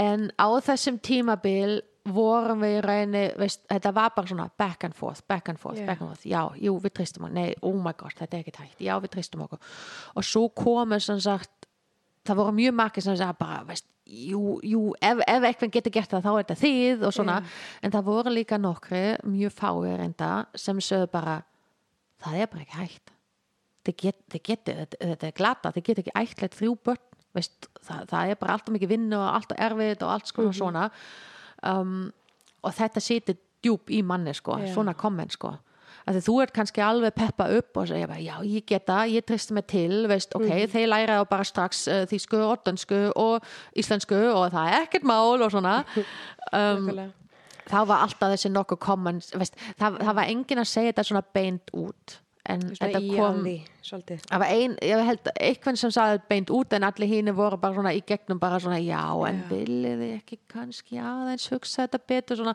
svona, Mhm. svona komment sko og um, 10. mæ komur svona lokagögn en á þessum tímapunkti vorum við rauninu búin að taka ákveðinu að segja já Já. þátt fyrir því, veist, við vorum bara af því við erum búin að hugsa um það svona mikið og við erum búin að veist, reyna ímynda okkur hvernig lífið veður og svona Mhm. og við vorum, veist, ég held að hefur ekki geta komið neitt með þessi viðbútagögn sem, hefur, hefur bara breytt skoðun okkar sko. Og við sögum svo officially já 13. mæ ég man bara því þetta er 13. og já, hef Já. ammæli 13. og fórða mínu gifti sig 13. þetta er svona góð talan Já. og vorum bara í rauninu svona alveg bara, ok, veist, húsi ennþá, veist, ekki alveg tilbúin af því það var svo mikið annað að gera um, og hugsum bara af því þá á þessum tímapunkti 2015 fóru mjög margi fjölskyldu út. Þetta var bara met ári held ég. Ég held að komu 12, 13, 14 börn frá Tjekklandi á þessum ári bara. og flesti fóru út bara 1, 2, 3 vikur setna Já. sem sagt um leið að við sögum já þá vorum bara, "Oh, ok, við þurfum að gera þrjú batna hef ekki tilbúin við þurfum Já. að kaupa föt, við þurfum að gera þetta við þurfum að gera þetta, veist, við, ég var bara komin á fullu sko, Já. bara á yfirferð í heilanum sko, og um, en svo fórum við hérna ekkert út fyrir sex vikur setna Eh, rauninni, já, Sex nánast vikur. sex vikur setna Já. af því stelpuna voru á þeir voru ekki beint þetta var ekki beint batnaheimli þetta var frekar svona eins og eins og svona SOS Children's West Village svona, svona Ok. okay. batnaþóp þetta heitir Klokangu um, kenguru held ég á, á uh, tjeknesku Ok. og það var sem sagt og, og þetta var sem sagt ekki svona að börnin voru að sofa tíu saman í herbeggi og bara þeir voru sem sagt í litla íbúði þetta voru svona, var svona blokk nokkra litla íbúði og hvert íbúð í rauninni sinn eining og þeir voru með sína fostu bara 24-7 í sjö daga og svo kom sem sagt það voru tvæ fostu sem voru að skiptast skipta á að vera með þeim Mm. og af því þetta var fyrsta ættleiðing frá þessum batnaheimili í rauninni og af því þetta voru þrjúbörn þá vildi sem sagt uh, tjekka Lúcia Alina, þeir vildi sem sagt fyrst fara á batnaheimili, undibúa stelpuna fyrir Mhm. því af því þeir voru orðin það gömul Já. og þetta voru á þessum tímapunkti. Ég held að þetta er ennþá, ég held að elsta mín er ennþá elsta bat sem hefur komið hingað til Íslands. Já, hún var sjö. hún var átt, hún var Hún var átt ára meðan við vorum í Tjekklandi hún var átt ára þegar hún kom til Íslands. Um, og hún er hingað til held ég ennþá elsta Já. sem hefur ættið til Íslands. Og, um, og þeir vildi sem sagt undirbúa þeim vel og þeir vildi klára þeir vildi láta hann að klára skóla árið sem sagt í Tjekklandi. Já. Það var alveg til miðjan júni eða eitthvað svona. Ok. sem sagt við fengum sex vikur sem ég fannst á þessum tímabil bara maður fannst bara glata, það var sex viku af því ég vildi bara fara út bara núna veist, bara núna. En í rauninni var þetta mjög gott af því við gátum klára allt heima Já. að hafa húsi ekki rústlengu og ég gæti líka undirbúa mig í vinnu af því auðvitað um leið og ég kom heim þá þurfti ég að fara til þávendi yfirmann og sagði bara manstu þegar ég saði þér sko að hérna uh, þetta er svona meðal 2 til 2 og halvt á byttíma og hann bara já já, hvað er frétta? Og ég bara já, við fengum símdal og hann bara hvað þýði þetta? Og ég bara, ég veit ekki alveg ennþá hvað þetta þýði en ég vildi að láta þið vita. Og hann bara, uh, ok. Oh god, já. og um, já, og á þessum tímabil var ég sem sagt búin að vinna svo mikið að ég, ég tók aldrei veist, ég vil ekki kalla þetta fæðingaólof ég tók bara batnegnaólof Já. tók aldrei batnegnaólof, ég átti tvo mánu inn í frí svona mikið yfirvinna var ég búin að uppsafna sem sagt Ok, sí. um, og ég sagði bara ok, hann, hann sagði bara já við getum bara retta sumarið, ekkert mál veist, þú veður bara í buttu í, í hérna júli og ágúst og svo bara kemur aftur í september, ekkert mál og ég bara,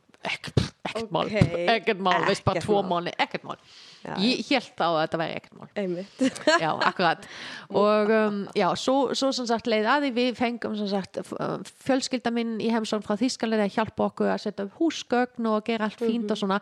Og þetta var svo unrealistic að vera heima hjá okkur með þrjú veist, Barnaherbergi. barnaherbyggi tilbúin sko og engin börn Já, fannst það ekki skrítið. Já.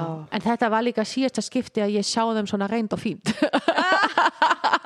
ég hef aldrei séð þeim svona aftur, ég er þá með myndi sem var svona leiti herbyggi ykkar út, sko. Svona á það þetta er að ekki vera. lengur núna, sko. og ég var, ég kefti auðvitað og svo bara, já, þetta voru sem sagt, já, ég glemt að segja að þegar Já. við fengum sem sagt símtalið á skipinu með Kitta, að eina sem við fengum sem sagt að vita voru að þetta er þrjástelpu og aldurinn, sem sagt hvernig. Já. það voru fætt við fengum ekki nöfn, við fengum ekki neitt en við Nei. fengum að vita að þetta er sem sagt þrjástelpu Já. og tóp maður alveg svona ok, hann Girl var bara good sport sko, já, veist, veist, ég, ég hugsa svona aldrei veist, hvort, hvort hérna ég vildi stráka eða stelpu eða bara, þetta var bara, mér var bara svona alveg saman í rauninni Já. sko En, en ég veit, ég held að ég er mikið betur stelpumamma en strákamamma sko. Já. He- en auðvitað veit ég það ekki sko. Nei, Ég þetta var svona meant Já, akkurat. Þetta var bara be sko. Já. um, Já, og við tókum þess að þessi sex viku, ég fór svo aðeins að undan út af því ég þurfti að þjálfa enn eina hóp flumen veist, á því ég fór til. Tjekklands og var þá komin út og svo kom Torben út og við fórum síðasta daginn áðum, við, sem sagt við ákveðum að leiða bílaleigubíl í Þískalandi Mhm. og taka bílaleigubílinn sem sagt með til Tjekklands og hafa hann bara allan tíma Já. að ég vildi ekki, ég, ég get ekki ímynda mér að fara til Tjekklands að sækja börn og hafa ekki Mhm. Nei. ég gat ekki ímynda með það ég er alltaf svona, ég vil hafa bílinn sérstælega með svona þrjú börn ég, ég vildi, ég var Mhm. bara svona ég, mér finnst ekki mjög gaman í lesta, strætó og svona og ég, ég gat ekki ímynda með að fara með þeim í lesta, strætó eða eitthvað svona, bara ekki frjáls. þrjú af því við erum bara tvö og þeir voru þrjú sko Já.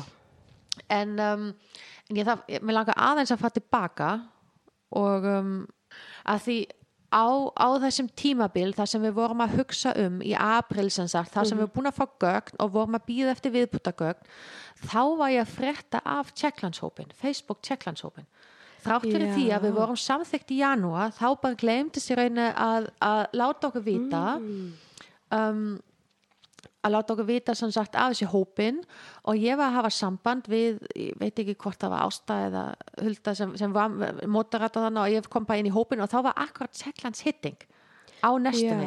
Sagt, já. ég kom bara inn í Facebook-hópin í meðan viku og þá var Tjekklands hitting í april sem sagt um, um helga.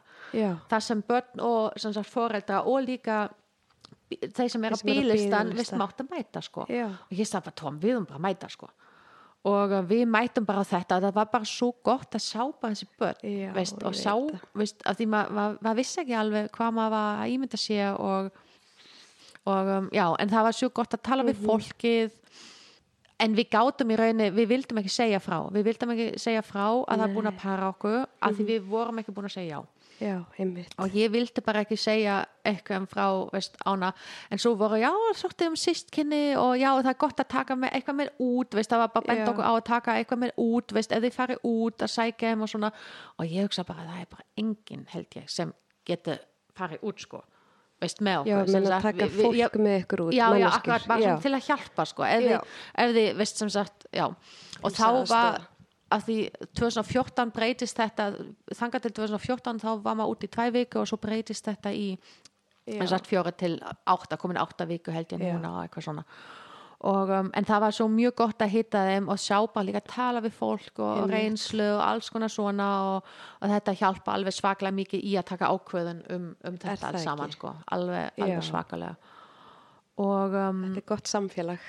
Já, bara mjög svo og ennþá svo sko. Já, en þá já, bara já. dýrmætar en allt, sko. Já, akkurat og þetta er svona eina hópin í heimi sem bara skilur nákvæmlega Já. nákvæmlega hvað þetta fara í gegn Algjörlega. um, Já, ég vildi bara Já, mér bæta þetta að við Já, koma þessum punktu framfæri líka bara þeir sem er að sækja um og eru komnir á bygglista já endilega bara veist, þá já, er Tjekklands já. Mhm. hópur bara fólk sem að er samþýtt út í Tjekklandi annarkvort að bygglista er búið að fá bann og svo náttúrulega þú veist þegar maður er búin að vera parar við þá erum við Já. mömmuhóp já og Akkurat. það er gullnáma Ég Þetta er bara besta sko að því, Já, maður getur líka að skrifa hvað sem er og það veð ekki, þú veð ekki dæmt og Nei. það komur bara, veist, já Þetta er bara dýrmættari, ógisla dýrmættar Já. hópur af ólíkum konum sem að Já. bara stiðja hvora aðra akkurat og fullu Já. skilningur. Ég bara, oh, I Já. love it. ég, já, ég, ég maður veit stundum ég þurft að nota þetta það Mhm. mikið að ég veit stundum ekki. Já, en ég kem á líka á setna sko að því eins og sagði það eru nokkar konur sem hjálpa okkur gegnum bara mjög eftir tímabil og Já. líka í byrjun og svona og já, ég, ég veit ekki hvort við værum á þessum stað núna ef, ef þetta væri ekki fyrir stuðning og hópnum sko. Að bara, ég þakka um öll bara svaka Já. fyrir því sko. Og um, já, við vorum sem sagt, Torben kom svo út til Þýskalands og við leiðum bíl og við þurftum að kaupa bílstóla auðvitað. Já, að auðvitað. við, þeir voru það, veist, yngsta Já. var þá bara, hún var bara rétt um 15 kíló sko, hún var, hún var nánast 5 ára og hún var bara mjög lett, eða 15-16 kíló bara, þeir voru mjög lítil og þurfti bílstóla og við sem sagt fórum í búð og keftum þrjá svona bleika bílstóla Ó, sem rétt passa bara við liðin á hvort öðru í Já, hérna bílalegu bíl sem við vorum og þetta var svo surrealistik að keira þá um á þessum bíl Mhm. með þessum bílstóla inni en þeir voru tómt já.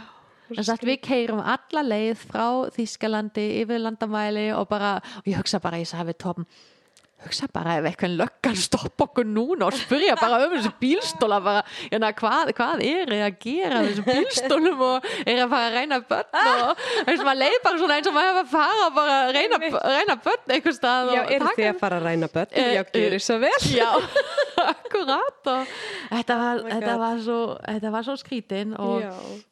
Já, við fórum som sagt svo til uh, Bruno um, til á núlfundin Mhm. og um, ég hefði vilja veist, nota þessi ráð að taka þessi fund upp veist, við pæltum ekki í því mikið það var bara svo Já. mikið hausnum, svo mikið gangi Mhm.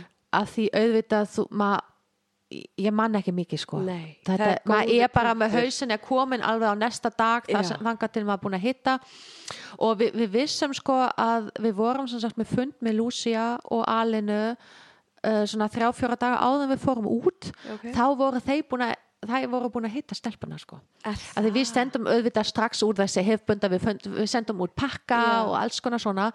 Og það var ákveðin sem sagt að sem sagt Alina og Lucia þegar þeir komu í heimsókn til að undirbúa stelpuna fyrir heimsóknin uh, komu okkar í rauninni. Já. það var aldrei sagt, veist, það koma pappa, mamma að sækja ykkur og svona, veist, þeir voru það gömul, veist, þe- það var bara undirbúa að kemur fólk sem vil hitta ykkur og eða tími með ykkur og svona og gæti kannski, veist, eitthvað, eitthvað svona. Ég, var, ég veit ekki nákvæmlega hvað var sagt en en út af þessu aldur það var undirbúið þeim vel. Mhm. og þeir sem sagt tóku pakkana sem við sendum út og gáum sem gjafi frá okkur sko. Já. og, um, og mér fannst þetta svo, fannst þetta svo glata ég sett henni á Íslandi og þær voru búin að hitta mín börn sko. Og, Það en það var svo gaman að heyra þetta svona því þeir voru bara, já, hún er svona og svona og, eitt sem hérna Alina sað, hún var sálfræðingin okkar þá hún sagði bara allt sem stendur þarna í gögnin Mhm. um skóla eða veist hvernig gengur alls svona, þetta er bara allt bull, þetta er bara svakalega bull. Að það stóð til dæmis hjá Elsta að hún væri sem sagt í um, tal uh, veit ekki hvað heitir tal Svona, þjálfun, veist, af Já, því hún gæti ekki tala uh, veist, hún gæti ekki tala þessi eitt teknask hérna ljóð eitthvað mjög vel og svona og maður myndi ekki skilja hann að tala Ok. og hún sagði bara, uh, blessu Steffi það, það er ekkert mál, hún tala bara fullkomin teknask sko. þetta var bara allt bara Oh fordóma, fordóma, já. fordóma, fordóma svo mikið fordómum í þessu gögn Já. sem, sem komið svolítið óvart að því ég var búin að heyra að, að þessi gögn væri mjög detailed og mjög, Mhm. veist, oft með mjög rétta upplýsinga en, en það, já já, en, en, já, akkurat, og þá, það, það var bara svona allt létti, veist, á okkur veist, að þetta var kannski ekki svona slæmt bara og þetta myndi allt bara ganga upp Já.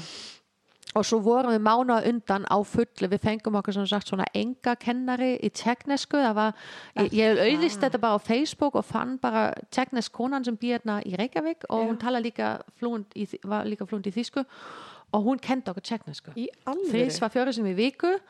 Oh my god. en, en í rauninni var þetta bara alveg bara waste of money. Af því ég, ég læri alveg full mikið en um leið og við hittum spörnin þá var þetta allt farin sko, Já, tekniskan var bara það síðastu sem ég mundi bara í heilan. En það kom svo bara viku eftir viku eða tvæ viku þá komu svona nokkur tilbaka en í rauninni hefum við ekki þurft það sko. Nei. það var gott að kunna nokkur orð eins og veist, pissa og kúka og, og Já. ég, ég svöng og svona, alls konar svona. En allt þetta það sem við lærum var bara farin hausinn var bara blanko sko. En já, þetta var samt skemmtileg Já. tíma að reyna, veist svona tvö full og fólk að reyna að rifja upp enn Já. eitt tungumál af því við tölum nú tungumál. fjögur tungumál sko Vá. og um, já, við sem sagt vorum með núlfund uh, lustum bara á og á þessum núlfundu gerist reynda eitt sem, sem var svolítið, svolítið mikilvægt fyrir þá vikan sem kom að því Alina hún vild við, við vorum ég, það var ans að byrja veist, kvölda undan þá vorum við sagt að heita tólkin okkar við notum ekki möttu af því við, við vildum þýska tólkin að því Ok, Marta er reynu fyrir já, íslenskuna já. og við erum báði útlendinga og Tom tala hundra sinnum betur þýsku en, Já. en íslensku við ákvæmum sem sagt að hafa þýsk tólk sem heitir Michael og hann, eh, við fundum hann í gegnum veist, fólki úti í Þýskalandi sem er búin að ætlaða frá Tjekklandi Ok. og hann er sem sagt svona official veist, þýðingu, þýðing af Já. Er það kall? að kallmaði, já. Já. hann heiti Mikael, sagt, Mikael. Mikael. Og um, hann hitti okkur og hann og ég, ég, að því ég var svo svaklega stressuð um ég var ekkert stressuð um að ég myndi ekki elska þessi börn en ég var svo svaklega stressuð að þeim myndi ekki vilja okkur sko Já. að þeim myndi bara, veist, bara neita okkur og Já, vilja ekki sjá okkur og vilja ekki hafa okkur það var svona mest stressi í mér og ég spurði hann daginn á því ég sagði bara, hefur þetta gest að fólki sem sagt hitti börnin sinni hérna en fóru svo bara heim án börn veist, og, og sagði bara nei Já. og hann sagði bara, já, já, þetta hefur gest Aha. og um, og þá var ég bara oh, Oh my Crap. god. Já. en, en hann sagði, hann sagði reynda uh, en, en svo vissi ég aldrei frá Íslandi sko. Nei. aldrei frá Íslandi fór eitthvað út hitti börnin og sagði svo nei sko. Nei. en sagt, ég var svona, ok, við erum betur undirbúin um, já, ég get kannski komið á því af því nú er bara svakalega mikið svona, ég lusta á Rút um daginn Mhm.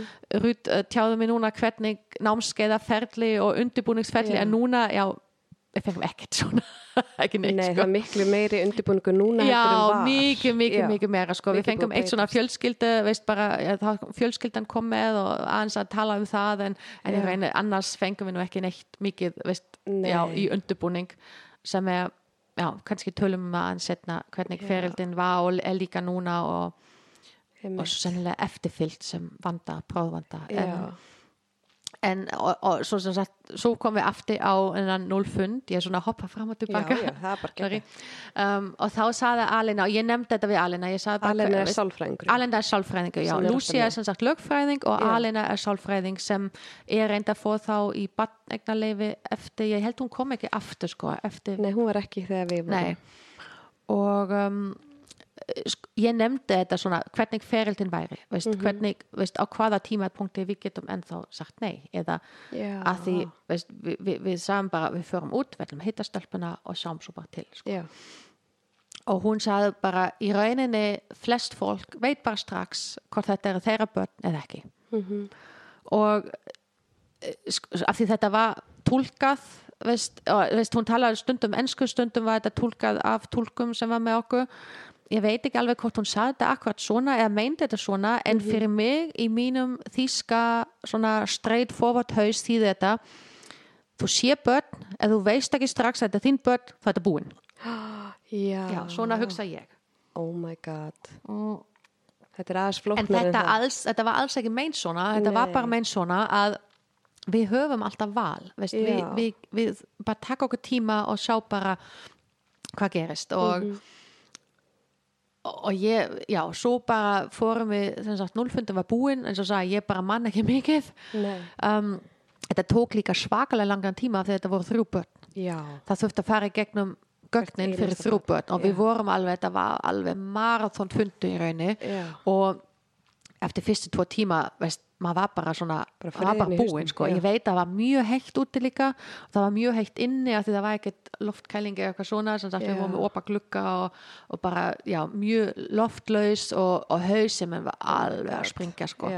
Og bara eftir á veist bara hvað heitir börnin aftur? Veist, bara, ég bara mann ekki, ég man ekki þessi nafni mitt sko, eftir þetta sko. Nei, pældi að því. upplýsingaflæði og svo bara reyna, ok, þú þarft að muna þetta, þú þarft að muna þetta Já. við vorum að reyna að skrifa eitthvað en þetta var bara svona búm, búm, búm, Maður þarf að, það er góð, þú veist, bara allir að taka þetta upp. taka bara þetta upp Já. vera bara með og taka þetta upp þetta er bara Já. eitt, eitt af þessum ráð sem ég myndi bara gefa öllum Já. bara taka þetta upp Nákvæmlega. alveg sama með fundin á batnaheimli næsta Líka dag sko. það það er ennþá glatara og ég er búin að lusta núna á nokkuð podcast frá því og ég er alveg sammála en, en svo er þetta reynda auðvitað hjá okkur að hafa svona fund, svona mikilvæn fund bara á þeim að hitta börnin sín.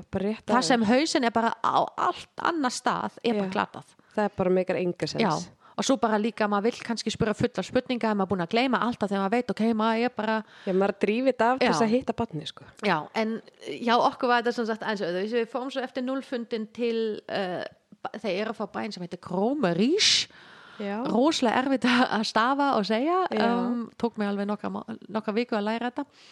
Og við gerum bara hefbundin kvöldi áður. Við, já, við fengum sem sagt Airbnb í búð um, hjá indislega fjölskyldu bara Já. pínu, veist, þetta var ekkert pínulítið þetta var samt pínulítið þetta var svona um, það, það var stofan og í stofunni var í reyni bara svona pínulítil eldhús aðstæð, bara svona tvæ svona eh, plöt elduna Svona eldavél Eld- hellu. Já, bara hellu, það var Já. bara tvæ hellu þetta var ekki Já. eldavél, ekkert, ekkert opn svona svona, bara svona tvæ hellur. svona hellu Já.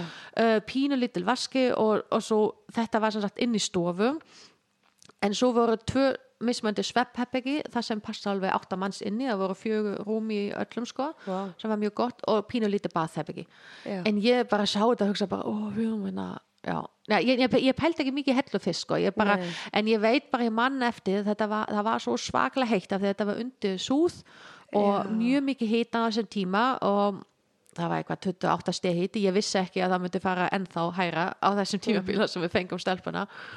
Og um, við tókum svo bara bílferð og fórum á batnaheimli til að vera alveg viss hvað þetta er og, og vorum alveg bara holdt svolítið lengi en það stóðum við það fyrir utan og kýttum bara á og reyndum að sjá eitthvað í gluggan að sástu þetta, sástu ekkert en kannski, sáum við eitthvað Já. og þetta var, já, og þá var þetta svona að vera svona raunhæf sko. Og því þanga til var þetta bara eins og stort leik veist. við vorum að búa til batnaherbyggi við vorum að kefta um bílstóla En en, engin börn. börn, Já, það var bara svona leik sko. Og, mömmu um, bara. já, mjög, mjög skrítin sko, Mhm. tilfinning. Og svo fórum við að sofa sem var nú gegn ekki það vel, sko, ég Nei. vakna mjög snemma. Og um, áttum að vera komin eitthvað nýju og vorum komin snemma sem er, sem er mjög saldan fyrir mig af því ég er yfirleitt alltaf of seint en við vorum komin að snemma. Og tólkun var þá komin og uh, al, nei, Alena var með okkur og tólkin um, og um, já, svo áttum við sem sagt þessi hefbundi að fara á fund með sem sagt hérna batnaheimli hérna fórsturna og, og alls konar og svo áttum við að hitta stelpuna. Já. en við komum sem sagt inn í húsið og vorum sem sagt leit í svona veist, eitthvað herbyggi þar sem við gætum halda fund. En stelpan okkur sá okkur. Sem sagt þeir sáu vist okkur og um leið og við, vorum- komin sem sagt inn í fundaherbyggi þetta var annað íbúð, þeir voru sem sagt í íbúð við liðina Já. Og við vorum komin í íbúð þar sem var sem sagt hérna svona skrifstofu og fundasalu og svona og um, um, um leið og við áttum að byrja þá bonga höðin sko og þetta voru stelpun Nei. og Þá voru þær að banka. Já, og þá ákveðum við, og þeir ákveð sem betur fyrir, bara að við hittum þeim fyrst og halda svo fund eftir á, sem er mikið, mikið betra. Við vorum bara að halda á fund bara í rauninni í, í hérna, sem sagt, pásuna þar sem þeir fá leggja, eða veist, þeir voru ekki að leggja sér lengur en, en já, hádegismat og, Mhm. og alls konar svona, sem var þúsund sinnum betur held ég, en að Já. hafa fund fyrst. Uh, alla daginn, sko. Vá. Já, og þá, þeir voru bara, allt einu voru bara komin. Það var engin var það? undirbúning, veist, það var rétt fólki rétt náði eitthvað að taka upp myndavéla og, og taka myndi Já. og þetta var mjög skrítin þetta var bara svona árás. Já. við vorum bara tvö, þrjú börn og, og bara veist, þeir voru alltalandi á tjekknesku Já. auðvitað allir að tala saman, veist, ég við skildum ekki neitt og, og já, og svo við vorum sem sagt komið með gjafi já, og svo við fengum skilabóð frá þeim þegar þeir hitti sem sagt Alena og Lucia að svo spurði Alena svona en já, allt í lagi, mig er bara að koma og hitta ykkur. Og svo eitt af þeim, ég man ekki hver saði bara, já, um, eh, eins lengur þeir koma gjafi sko. Fleiri gjafi sko, þá, þá mig alveg koma að hitta okkur sko. Það og, kostar. já, akkurat. Og uh, við sem sagt gáðum gjafi og ákvæm svo því þetta var þetta var freka lítið fundaherbeggi og við vorum, þá voru orðin 5, 6, 7 fullorðin og þrjú börn. Já, við svo að fara bara út í garðin sko, Já. allir saman. Og þá byrja ballið. Af því þetta er sem sagt þeir voru þá nánast, já það voru 5, 6 og 7 ára og mjög aktív, veist, bara, veist við vorum bara Tom var bara svona klífupall veist, þeir voru bara Já. klifra á honum, yfir honum, undir honum og, og við vorum bara að leika og það var 30 steg hitti sko. Oh god wow. og ég var, ég var að deyja. Og ég hugsa bara, wow, we're in for it sko. Þe, það, var, voru, það var svo mikið okkur í þeim veist, þetta, var, var ótrúlegt við fórum svo eitthvað tími setna, þrá viku setna fórum við dýragað, veist það sem var 35 stið híti og eftir 8 Mhm. tíma lapp þá vorum við fullan alveg búin á því en, en stelpuna voru ennþá bara í upp, leittæki upp og nýðu upp og nýðu og veist, orkan á þessum aldu var bara og, og þessi heila dagu var bara í rauninu svona smá svona blur af því já, þetta var það var svo tilfinninga það var svo marga tilfinninga, blanda tilfinninga alls konar tilfinninga sem ég hef aldrei upplifa af því þú veist hvernig á Já. maður að upplifa svona alls konar um, dóttari og sem sagt við vorum auðvitað að leika svona tvo tíma Já. og þá veist ég held að þeir sá að við vorum alveg búin sko. við vorum Já. bara stret and sweat sko, alveg bara búin og líka líkamlega, veist, líkamlega og andlega alveg búin sko. Já. og þá fengu þeir hátegismat og við sagt vorum að tala hafa, hafa stuttan fund og svo fengum við klukkutíma bara pásu sem var bara nöðsynlegt ég Já. var bara að leggja mig sko. Ég var alveg búin fengum bara rétt eitthvað að borða og ég svaf held ég í hálftíma, ég vakna líka mjög snemma ég var alveg búin sko já, og um, það var ákveðin sem sagt eftir hátegi að við komum aftur og gerum eitthvað með þeim Mhm. og um, en svo saði sem sagt tólkun okkar Mikael, hann saði bara já, Alena, og ég saði bara ég, ég vil halda hann, ég vil bara hafa hann með sko, Já. við skildum ekkert orð en var hann ekki alltaf bara með? hann var, hann var með í byrjun já, hann var tólka í byrjun, en svo saði Alena hún myndi halda að það væri mikið betra fyrir tenging og okkar að vera bara ein með stelpunum ok, og ég bara, er þetta ekki að grínast. Þetta er þrjá stelpu. Já. við erum tvæ, við, við, við, við erum tvö. Við, við þekkjumst ekkert hérna, við skilum ekki hvað þið segja. Mhm. en, en hún bara var bara veist, og, veist, það var allt rétt sem hún saði sko, en, en ég held hún var alveg bara klikku sko, ég, bara, Já. "Ertu ekki, veist, ég, ég get ekki fara með þessi börn sko, veist, ég skil ekki orð sem þið segja sko. Og já, en tólkun fór sem sagt svo og við ákveðum að láta reyna og um, ákveðum að lappa á leikvöll Mhm. sem átti að vera í nákvæmni já, sem við svo hafa að vera eitthvað 3-4 km lapp sko.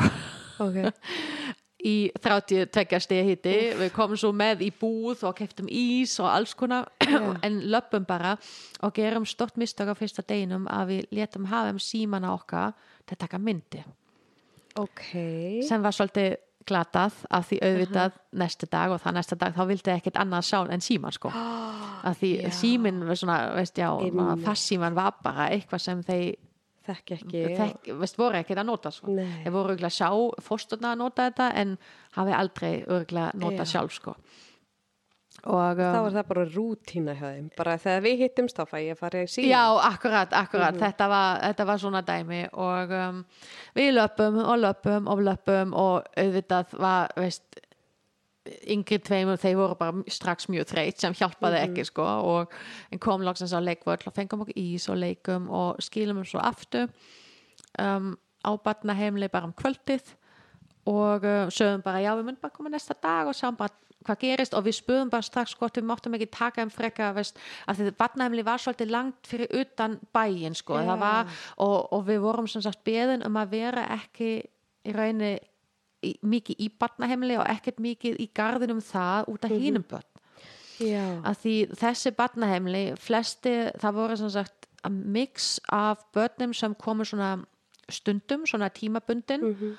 um, veist, það sem voru kannski með fórölda sem gátt ekki tímabundin taka með viku og svona Já. eða börn sem mun bara aldrei, sem vera bara alltaf á barnaheimili sko. sem mun bara eignast, eignast ekki eignast fjölskyldu sko wow, oh my og við vorum sem sagt beðum að vera í rauninni ekkert mjög nálægt það en það var svolítið langt að lappa alltaf til að gera eitthvað af því Já. á þessum aldu þú þurfti að hafa eitthvað með þeim að gera þeir vildi ekki bara sita í gras og tala, við gáttum ekki tala því við gáttum ekki skilja hvort öðru sko. Sagt, var, sagt, við þurftum að byggja um leifi og þeir voru sagt að útbúa leifi sem við þurftum að kvita á til að taka með bíl næsta dag sko og um, já og Það sé leifi fyrir það að fara í bíl. já, þeir meðan fara með okkur í bíl því, veist, við vorum í rauninni Já, veist, ok, já, vá, já.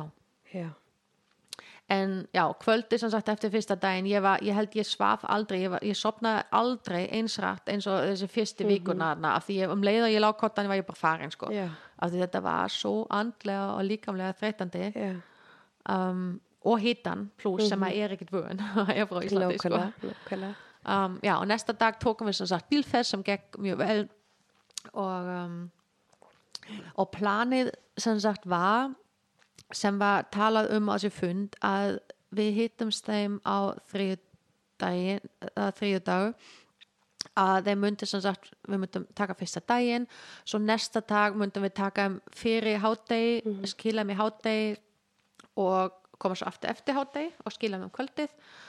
Og fimmtudaginn áttum við að taka þeim allan daginn sem sagt yfir Já. hátegismat þeir voru ekkert lengur með hátegislúi Nei. þeir voru með svona kvíldatími þar sem þeir veist bara svona klukkutími að fóru inn í herbergi sitt og Bara en þeir þurfti ekki að þeir mátti að lesa eða það voru Já. alltaf bara tvö börn í hverju herbergi sko. þeir voru sem sagt bara þeir þrá þrjú Já. saman í íbúð pluss eitt lítil eins á strák Ok. það voru bara fjögur börn og einu fóstur sko, Já, í þessi íbúð og, um, og á föstu daginn áttu þeir að koma til okkar sem sagt Bara aðlögun í þrjá daga Ég bara Með þrjú alveg, alveg, alveg Alveg, komið já. til ykkar, Já, vá. á daginn, af því þeir þurftu plásið Ég á vantaði barnaheimili. plássið á barnaheimilinu.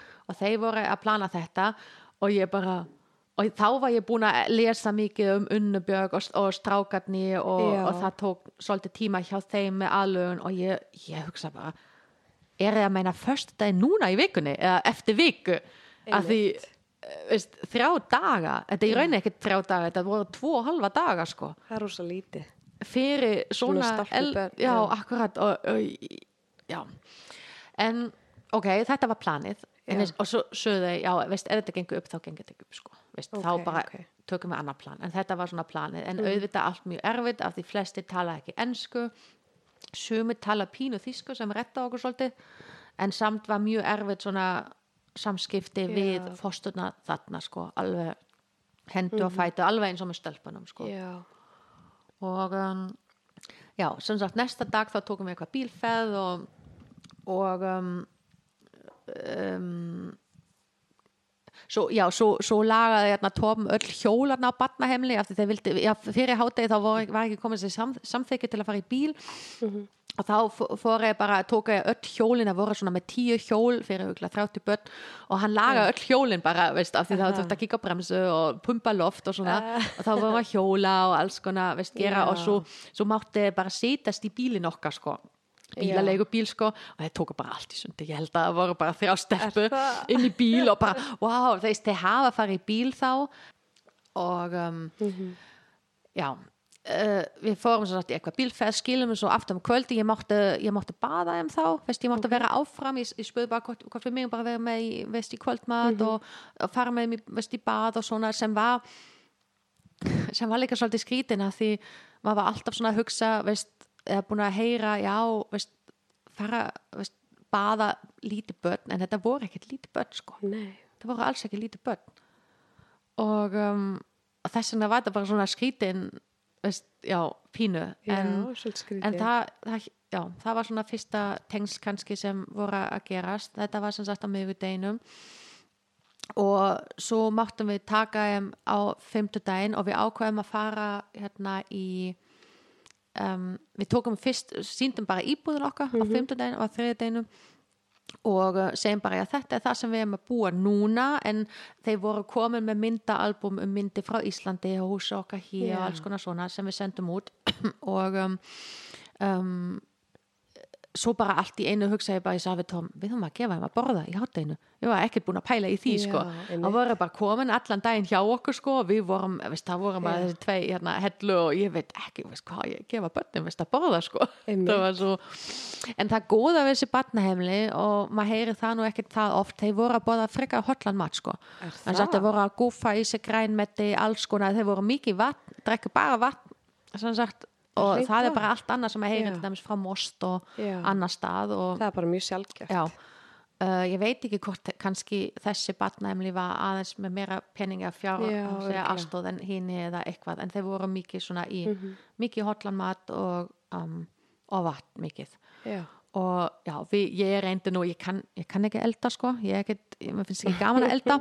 Og ég reyndi nú að búa til eitthvað og þeim fannst þetta nú ekkit sko. en, um, en svo, svo ákveðum við að fara í það var sem sagt svona dýragarð um, ekki langt frá svona halvtíma keisla. Og við ákveðum að fara bara í dýragarð sem sagt eftir hátti Mhm. Sem var bara í skóinum, mikið skugga það var, það var komin nice. svakalega mikið hýta mikið heitt í eldhúsinu undir sú, eða Já. íbúðina okkar undir súð og við ákvæmum sem sagt að fara og um, ég, ég tók ekki auka föt ég tók ekki, ég, ég yngsta hún var ennþá nota bleiðu svona stundum Já. ég var með nokkra, en tók ekki auka föt, tók, tók ekkert að borða með, bara svona stort mistök, ég var bara, veist hausin var bara Maður var ekki komin Nei. í þetta mömmu. ég var, ég, ég var bara ekki, ég var ekki mamma en ég var bara, já, ég bara hérna, bara hugsa ekkert um það. Svo man ég, við vorum á leiðinni þangað og um, svo sagði miðjan, ég þarf að pissa. Ég sagði bara, já, veist tjúrat, tjúrat og kakkat, tjúrat, pissa, kakkat uh, kúka, maður þarf að vita það sko. Já. Og hún bara tjúrat, tjúrat og ég bara, eh, ná, bara hérna, tvæ mínútu, bla bla bla, veist, eitthvað svona Já.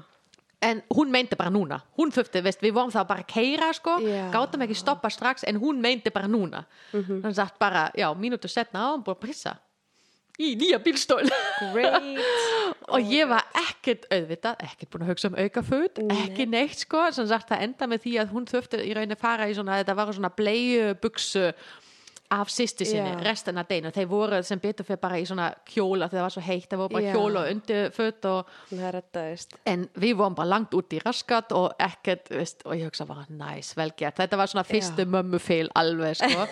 Svo var mjög, mjög skemmtilegt í dýragarðin og um, uh, á leiðinni heim við, við fengum okkur eitthvað að borða það sko en á leiðinni heim þá var, var komin matatími, þeir voru að borða mjög snemma á, á barnaheimil svona halv, halv sex sex. Já. og við sengum okkur aðeins. Og það var svo gaman og við bara sendum skilabóð á barnaheimli að við myndum sagt koma setna og um, en þeir voru svo svakalega svanga Mhm. í bílnum.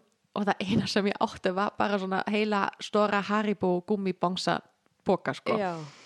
sem þeir fengu sem sagt að borða á leiðinni heim í bílnum Ok. og við skildum þeim sem sagt með hérna maginn fulla sigu klukkan sjö Oh á my batnaemli og þá voru ég bara sigur sjokk alveg sko.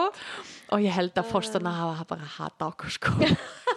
Bara, og, en já og þetta kvöld hérna, sagt, þetta var síðasta daginn áður en þeir átt að koma til okkar og, Ok. veist, plani, og þeim fannst bara að þetta gengur allt mjög vel og plani átt að standa sem sagt, förstu daginn flytja til okkar Já, skild, við skildum þeim sem sagt bara eftir með hérna magan full af gummibangsa Já. og sigu á barnaheimili Já.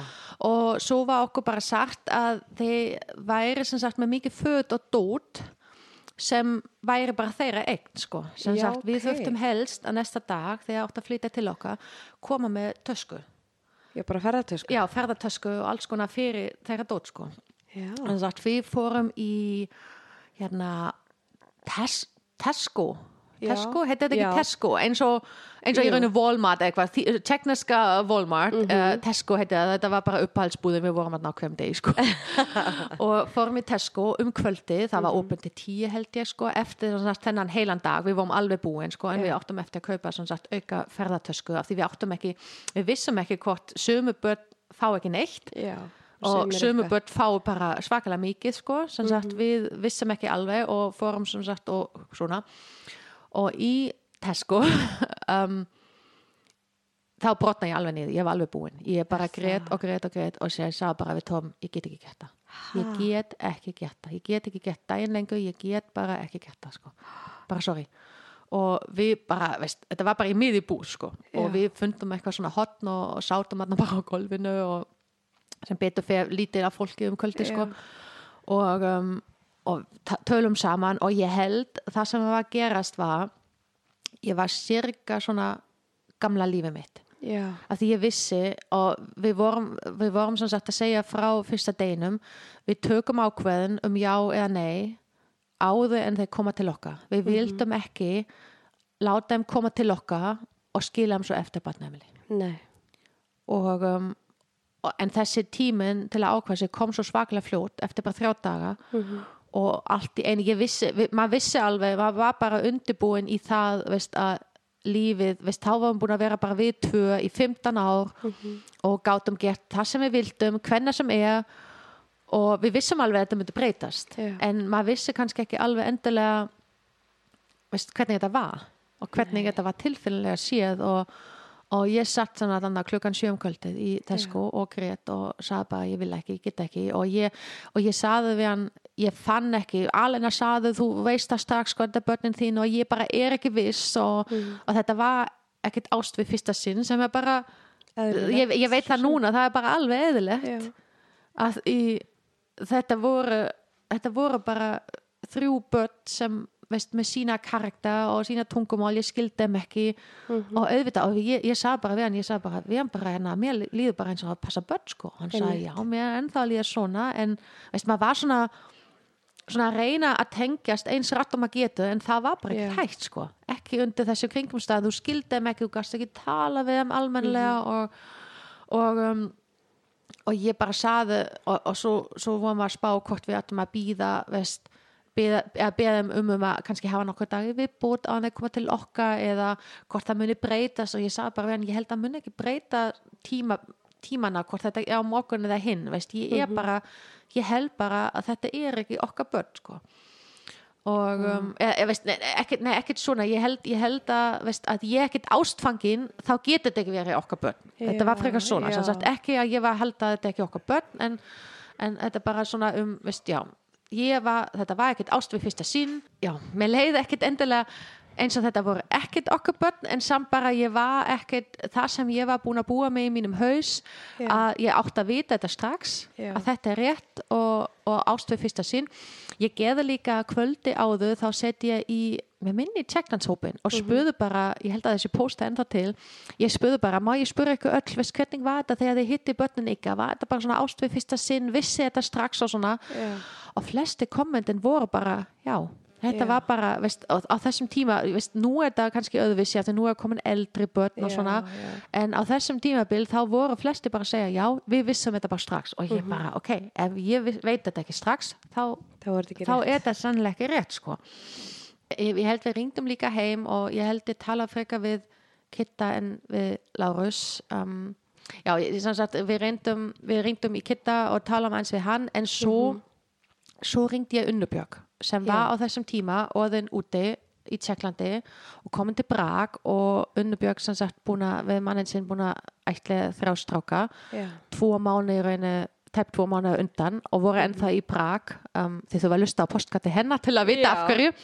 Og voru ennþá í Tjekklandi og ég sagði, ég sagði ok, ég þarf að ringja hana og ég spurði hana bara að því þetta var setna um kvöldi, sorry, ég þarf svona að hoppa fram og tilbaka að reyna að muna þetta. Að því Torben saði, ég saði bara við hann í Tesco, ég saði bara við ekki bara fara heim og hérna og býða bara áfram hvort, veist, já fyrir næsta börn sko. Já.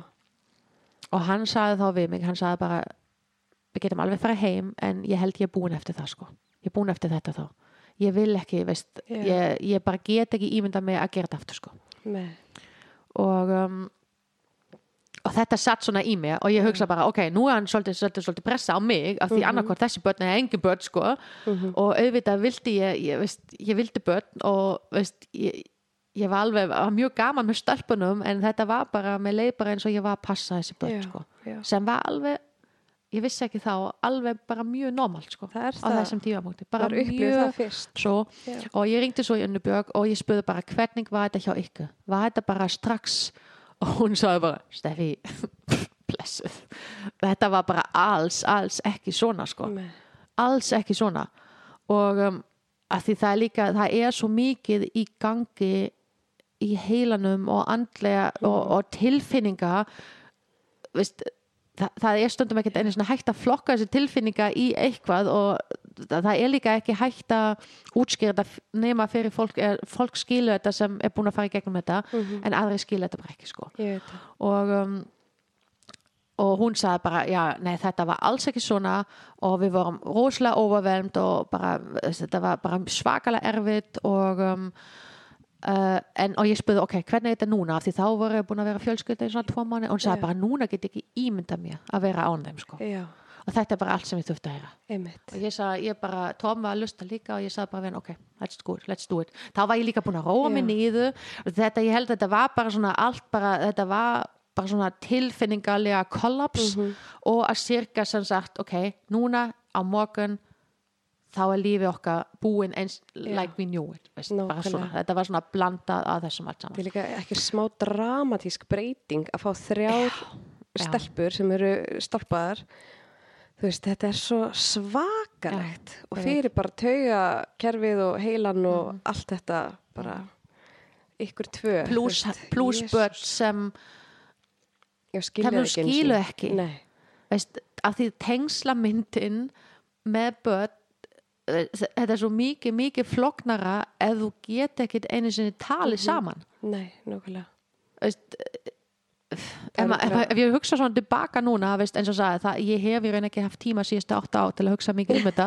En ef ég ríf þetta upp þetta er bara glatað erfitt. Þetta er svo Já. svaklega erfitt að reyna að tengjast og, og svo auðvitað þú vilt reyna að tengjast þeim Mhm. en þú þarft líka strax að setja mörg Já, að því sérstaklega börn sem er 5, 6 og nánast 8 ára veist, þú þarft að segja nei, þú get ekki leift allt af því þeir eru bara út um allt og þeir Já. eru líka veist, meiri, fleiri en við já, þá þurftu strax að setja nokkuð mörg en samt viltu tengjast þeim og reyna að gefa þeim allt og, Já. og já, börnum minn er svolítið spoild, ég er alveg við að kenna það sko og við setjum kannski mörg allt á seint en maður þurfti samt að setja nokkuð mörg bara strax Mhm. og svo bara þessi misskilninga, maður skilja ekki hvort öðru, þeir vita ekki hvað við viljum og við vitum ekki hvað þeir vilja og, Mhm. og alls konar svona, þetta, þetta var nú ekkert mikið, veist, það var mikið floknara út frá því, sko já, já. og um, já, en þeir komu svo á föstu daginn til okkar, við fórum semst á badnæmli, pökkum fulla ferðartösku þeir voru tilbúin að koma Já, sem ég ennþá að hugsa um sem er bara svakalega ótrúlegt þessi þrjú börn í Tjekklandi Mhm. eftir þrjá daga þessi hur ekki að þessi börn að koma bara til eitthvað ókunnu fólk sem tala allt annað tungumál sem er búin að þekka í þrjá daga að þóra að koma til þeirra Já. og gista hjá þeim veist, já, það er svak. ég er bara rista haus sem að hugsa þetta bara, veist, þessi börn er svo ótrúlegt. Og um, en þeir ákvæðu sem sagt að prófa þetta veist, það var aldrei tala um veist, og þeir fari núna til þeirra og koma aldrei aftur. Það var ekki tala svona en þeir tóku samt allt dótið sitt með og vildi það en svo vorum við auðvitað að flokka út af því við, við gátum ekki þetta hefur verið tíu að feða þessar tösku sko, sem við áttum svona mikið. Og við sögum bara getið ekki býja nýtt þetta hérna á batnaheimili og já já já og svona. Og um, já, svo kemur fyrsta kvöldið. Að láta þeim fara að sofa. Ok. Og hvernig gekk það? þetta gekk ekki neitt sko. Þetta gekk ekki neitt. Um, þeir, þeir sopna svo, það var svo líka var svakalega heitt 32 þrá stiga hiti í íbúðan líka Wow. og elsta vildi ekki hafa glukkin opið af því hún var eitthvað með eitthvað áfalla dæmi um Já. opin glukka Ok, og um, vildi ekki hafa glukkin opið við vorum Úff. að kalla og svo reyna að láta þeim sofa já, og auðvitað voru veist, þeirra tilfinninga og okkar tilfinninga veist. en það náðist eitthvað svona minnetti og við sopnum en svo auðvitað vaknaði bara eldsnemma sko. ég, veist, við vorum bara alltaf sofa mjög seint, sofa mjög lítil en ég svaf alveg eins og steinin á milli og já, já, við vorum sagt með þessi tvö sveppheppingin ákvæðum við reynum bara að sofa allir saman við vorum sagt að dínu á golfi bara með þeim inn í Já. sama heppingi af því annað var bara ekkert í búði já.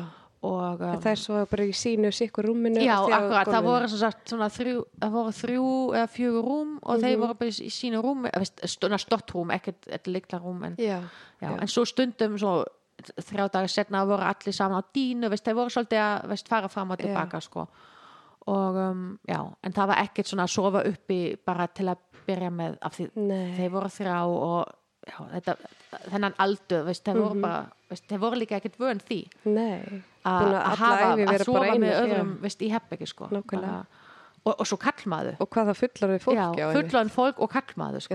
skrítið. og eins og hjá flestu öðrum þá voru sem sagt ekki mikið í umgengi með kallmenn Mm og um, þeir voru alveg að leika með tópun og, og gera svona en það mátti alls ekki vera einn með honum. Alls ekki. Og, og þetta var svona í öruglega já, fyrsti sem sem sagt miðjan hún var fyrsti til að fara ein með honum að vesla. Og hún er ennþá að tala um þetta núna af því hún, ég var svo hugur að ég fór bara Já. með pappa að vesla. Æ. og um, en sérstælega yngsta var bara veist, ég, ég fór bara með þeim öll á klósett uh, veist, hún var bara með mér á Já. klósett allan tíma. Ég, ég, ég, ég stutti, hún var bara með mér og Já, þú máttir ekki fara auksín ég mátti ekki fara. Og já, en já, þeir komu sem sagt til okkar og svo hérna á laugadaginn vorum við öruglega bara með vestahumynd lífsins okkar, ever. Að hérna Nei, þetta var ekki þann lögadag, þetta var ansitna. En við vorum svolítið mikið, hérna, af því það var svo heitt, við fórum svolítið mikið í sundlaugina, Já. af því við erum báði, veist, þrýðrættamenn, við kunnum ekki að synda og við dristum okkur alveg að fara með þeim, en þeir voru ekki synd, þeir voru bara alveg úr sund og, og skítrætt við vatnið til að byrja með. Einmitt. Og byrjum í sem sagt svona open sundlaugana um, bara fyrstu dagana, bara í batnalaug og svo bara ans meira og þeir voru alltaf með kúta og svona. Um, og svona rauninni bara daginn við vögnum, við kannski spilum smá eða letum um horfa eitthvað svona þýsk hérna batnaefni á iPadin og fórum svo bara út og eittum bara daginn í rauninni sundlaug á að meðan fyrsta hitabilgjan var sem var alveg upp í fjöttisti hiti sko. Vá. alveg svaklega, við samt alltaf úti Já, já, ger, gerðum það en svo, þetta var svo sagt ekki lögn en, held ég tvo dagar setna þá fundum við, ég, ég var svona æ, við maður gera eitthvað annað meira spennandi veist, sundlaug með kannski rennibrauti og svona, veist, bara ég, veist, ég held ég var bara svona veist, heilin var bara ekki alveg að virka hjá mig þá sko. Og fundum bara svona rísast stundlega garðu í svona klukkutíma fjarlæð ok. Og það var, ég, ég held að þetta var sagt ekki helgadagu en það var frídag í Tjekklandi Oh og við ákvæðum sem sagt að fara þangað og komum þangað og klukkutíma býð að komast inn. Sem, sem ég veit ekki alveg af hverju heili minn stoppa ekki alveg Já, bara steffi bara, ef það er klukkutíma býð það er auðvitað fulla fólki þú ert með þrjú börn sem þú skilu ekki þeir eru ekki synd veist, þeir, kunna ekki synda þeir hanga þá á ykkur. Þetta er kannski ekki sniðasta hugmynd sko. Mhm. en við vorum bara nei, nei, við ætlum bara að býða hérna og við förum inn en við vorum hérna örgulega með halva Tjekkland sko. Já, það var svo mikið fólki Shit. og við vorum veist, þetta, þetta, var, þetta var bara crazy sko. ég var allan daginn 1, 2, 3, 1, 2, 3, 1, 2, 3 Oh my god, að njóta og ég, ég veit ekki hvernig börnum Nei. leið sko, af því þeir, þeir lítið hafa verið bara svakalega bara terrified Já, að vera þarna og veist, þess að eitt ráð sem ég get gefið ekki fara í hvað svona stóran sundlega svona, veist, 5-6 Jesus. daga eftir þú þekkti börnin og bara, veist, þetta var bara klikkun, klikkun. Paldi, þetta er bara, þú veist, já, maður heldur að maður sé bara komin í bara venjulegt fjölskyldulíf. Bara, já, geggja, við erum í útlandum, ég ætla að fara í sundlögar. Já. Já, því það eru svo stálpar og, Já, og við erum núna fjölskylda. Og við, við, við vissum að við þurftum að gefa þeim eitthvað afþreng af því Já. vildi vera, þeir voru með svo mikið okkur og við þurftum alltaf að finna eitthvað nýtt og nýtt. Einmitt. Það duga ekki alveg með þessi þreymum eins og hjá öðrum til dæmis að fara á leikvöld sko. það var bara Nei. ekkert nóg. Veist, þetta hefur kannski verið eh, veist, í mínum haus var þetta ekki nóg. já, Kannski hefur þetta verið nóg fyrir stelpunni. ég held að gæti mögulega verið að því að þau eru svo vön svo ógæðislega einföldu skipulegu lífi. Svo En- fyrir við bara í já. eitthvað sirkus, gerir svo vel. en af því ég var búin að passa börn og vera mikið með börn á sýstu mínum og svona, ég, ég var bara svona, ég þarf bara, veist, ég þarf bara að gefa þeim svakalega action, sko. Já, en Paldi, og lærði mikið af þessu. Já, ég, þetta var bara, þetta var bara glatað og við, við svona sagt fórum svo eitthvað tíminn heim, við vorum alveg búin stelpur, við vorum búin, þetta var fyrsta kvöldi held ég það sem þeir sáu svona um nýju sko. Og allir áfalli bara. Já, veist, bara, veist, já, en við, við gátum ekki og þetta er eitthvað sem sem ég svona hugsa eftir á. Ég, ég, gat ekki af því ég var sjálf svo mikið með mínum tilfinninga og mínum Mhm. haus og reyna skipulegja allt saman og reyna að láta þetta virka það var mjög lítið tíman að hugsa um hvernig þeim líði mm Já, af því veist, lí, líka veist, þessi, þessi eitt kvöld þar sem maður var bara svona veist, kannski ekki alveg viss hvort maður trista sig í. Eftir þetta, ég, ég hugsa aldrei aftur um þetta af því ég hafi bara ekki tíma til að hugsa um Nei, þetta sko. þetta kom bara aldrei það kom ekki aftur í nei, huganum. þetta kom bara ekki aftur. Þessi, þessi vafa eða efa, þetta var bara veist, ég var búin að ákveða, ok, þetta er bara ertu bara Og við- work, survival. sko. já, en eins og sagði, þú var bara ekki tíman til að hugsa um eitt en eitt. Af því Nei. þeir voru út um allt. Út um allt Já. og auðvitað fyrstu vikuna þeir reyndi allt sko, þeir bróða allt og reyndi allt til að sjá hversu langt þeir var að ganga þanga til við skilum aftur sko Já. og ég held, ég, ég er nokkuð viss að kannski vildi þeir líka fara aftur? Já, ég get alveg viss sko að því þetta var nú bara veist, já, nú voru komin tvö manns hérna sem gefa okkur fulla aðtekli en samt, veist, já þetta, þetta voru tekið nú eitthvað sem við þekkti mjög vel og fór, voru hendi eitthvað annað, ég er ekkert viss. Já. ég er bara, já. Ég, ég, get, ég gæti alveg spurt núna en ég veit ekki hvort þeir, þeir þeir muna það sko, eða vita svarið. En ég held að það sé bara eðlilegt að því að maður er bara svona kvíðin manns, vill vera í þessu sem að maður þekkir og það hrætt við þetta sem maður þekkir ekki. já, Þannig að ég held að það sé bara eðlilegt að ég vilji fara bara í gamla, þar sem maður er bara akkurat, okkur í hjóli. En þú veist, og ég mann svona, eftir, svona fyrsta eða annan dag eftir við kynntumst á batnaheimli þá þá spöðu sko af því við, við, við skildum svo nokkuð oss sko þá sp- spöðu annar bat sem var á batnaheimli hvort hérna hvort þetta nýju mamma og pappainn ykkar sko? já, og hún spöðu elsta og hún sagði bara "Eh, nei, veist bara nei. Ok. og ég, ég skildi þetta sko. Veist, maminga og tatti eða eitthvað svona og, hún, og, og nei, maður skilur þetta sko. Eh, nei. Og, svona, og þetta var mjög svona þetta hjálpaði hennu ekki í byrjun í svona, veist, tengslamyndum sko. En auðvitað myndi hún segja nei, veist, Já. ef maður hugsa tilbaka en á þessum tímapunkti maður maður var bara ekkert, maður pældi ekkert í því sko og um, já, svo kom sem sagt eftir fyrsta hitting þá er viku setna er annað fundu það sem koma aftur saman sem sagt sálfræðingu og tólku og svo kom líka sem sagt um, svona fóstraða. uh, s- social worker um, hva- uh, félags, frá Já. sem sagt, barnaheimilinu. nei, mömmu þeirra Frá mömmunni, já. hún kom með og uh, við hittumst í okkar bínu litil íbúð við Ok. vorum, það voru ögla við vorum tvei, fjóri að fimm mann sem komust og Alena sem sagt fór bara með stelpuna í eitt herbeggi og þeir voru að lita og teikna mála og tala saman af því hún, Ok. hún vildi líka tala við þeim og vildi spurja veist, um áframhald og hvort Já. þeir trista sig til að fara með okkur af því við ætlum að fara til Prag Já, og ég var svona, við verðum að fara til Prag við verðum að fara til það sem Unnubjörg veist, það sem ég þekki eitthvað, Já. ekki tala við eitthvað sko. Þetta var, var svona hugsun að ég vildi bara komast um, hérna út og þessi pínu lítið bæjarna það sem er ekkert að hægt að gera og komast til Prag sko.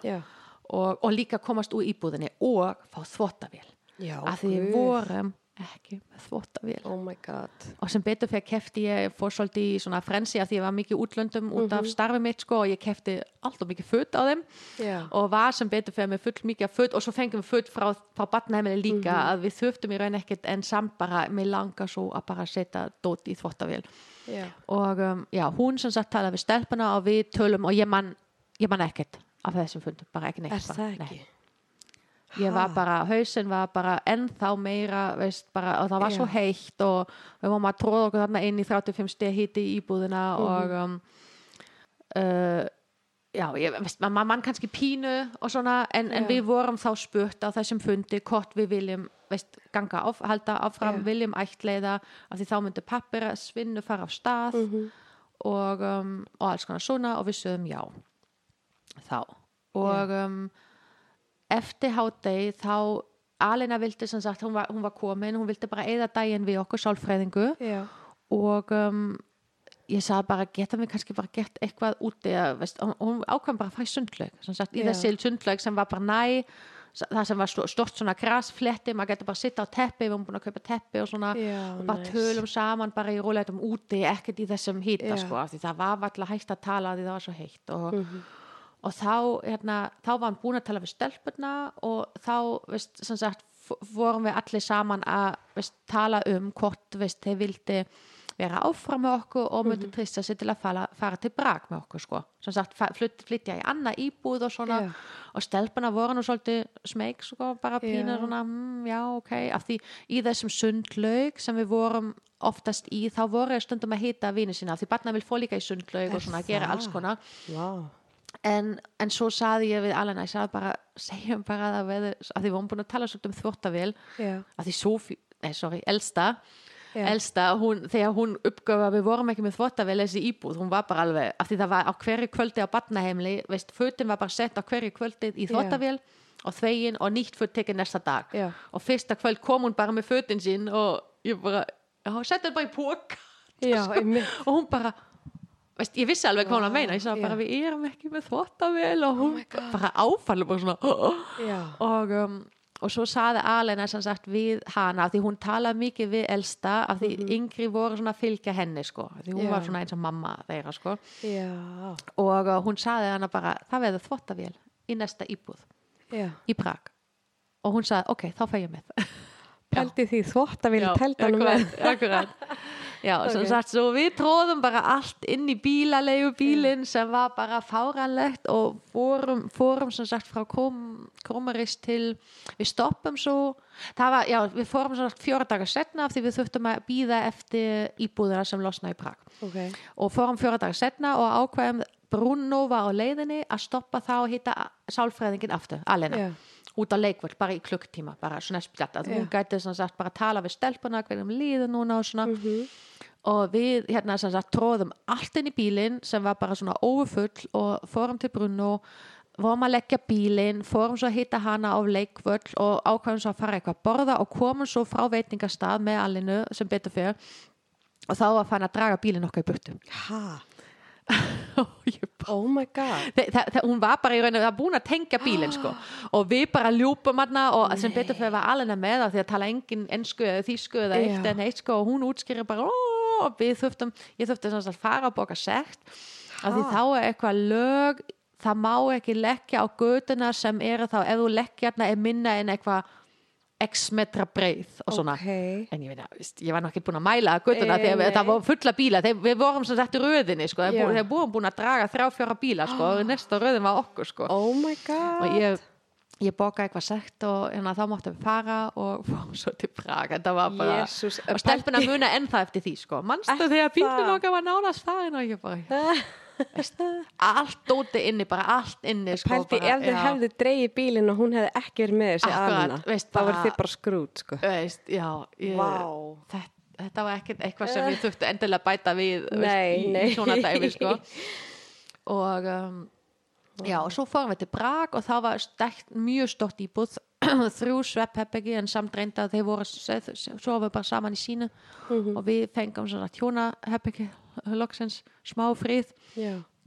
og um, en svo koma þeir svona af og til og, en ekkert mikið samt af því þeir voru þrjá saman sko. Þeir voru að hafa hvað, öðru stort íbúð uh, mikið, veist, ekkert loftkæling en samt bara ekkert undir súð og mikið, aðeins svona leikvöld beint fyrir framann og já, við dundum okkur bara, veist, vorum aðna vögnum, gerum eitthvað skemmtilegt veist, og komum um kvöldið og já, bara svona reyna rútínan en samt bara reyna, veist, að fá reyna að gera eitthvað Mhm. svona af og til og það tók, við, við vorum ekki að hitta, ég var svo, svo spennt að hitta Önnu Björg og Já. fjölskyldan ég, veist, ég, við, kyn, við þekktum sér ekki fyrr sko, Nei. ég vissi ekki af henni fyrir við vorum í rauninni bara Út í Tjekklandi. já, já, veist, bara rétt áður sko, Já, já. Þá, þá var ég búin að lesa blokkin hennar og svona Mhm.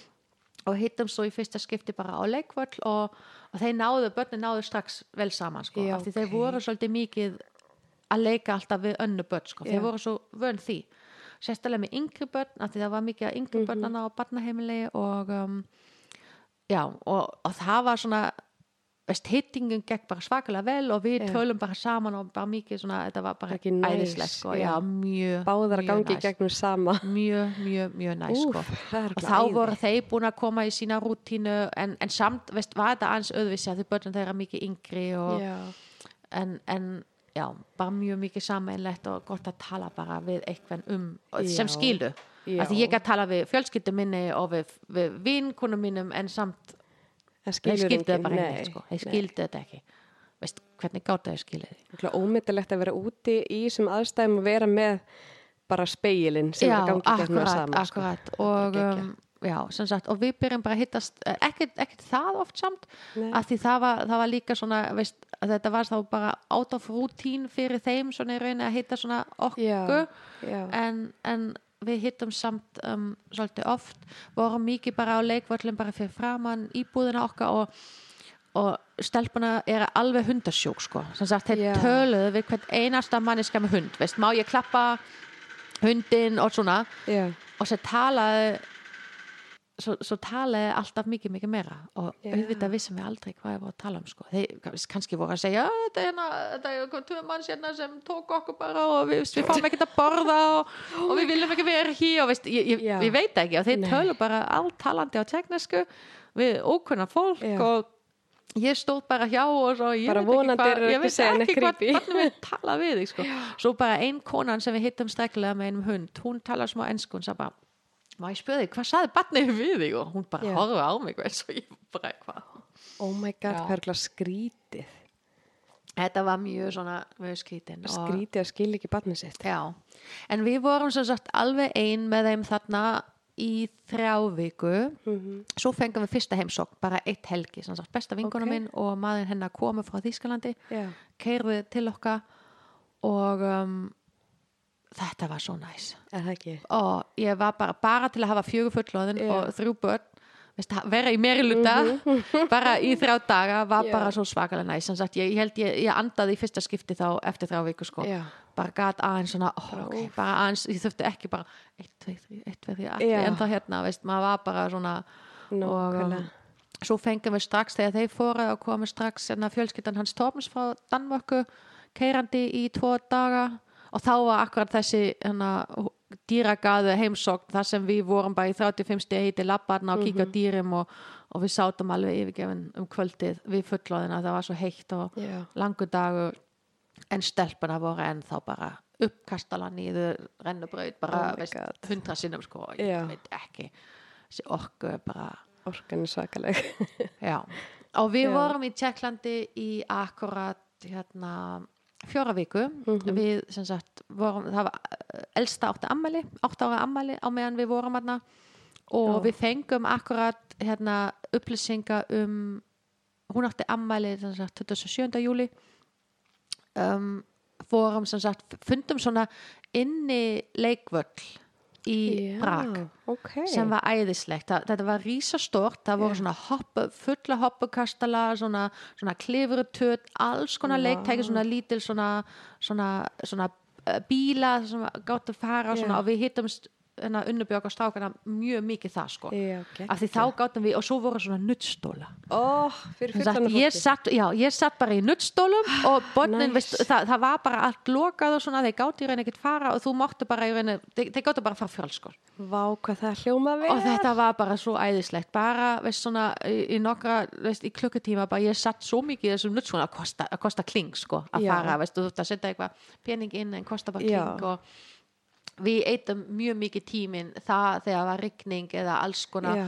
og vorum líka að halda ammæli hennar, sem sagt, elsta Já, ammæli hennar það um, og vorum að bjóða þeim. Og þetta voru strax sex krakka sagt, þetta var bara eins og alvöru sko. ammali, já. og um, já, þetta var svolítið þetta var svolítið cool. Og daginn eftir fengum við sagt hérna að vita að það er samþykkt og við máttum fara Yes. og þá var sem sagt við hittum 30. júni og þetta var 28. júli akkurat fjóra viku Það er bara stuttu tími. þetta var mjög stuttu tími sérstaklega yfir sumatímin Já. af því margir að dómara fór í sumafrí og Já. okkur, þeir voru sem sagt að vara okkur við í júni að það gæti tekið lengra tíma út af því Já.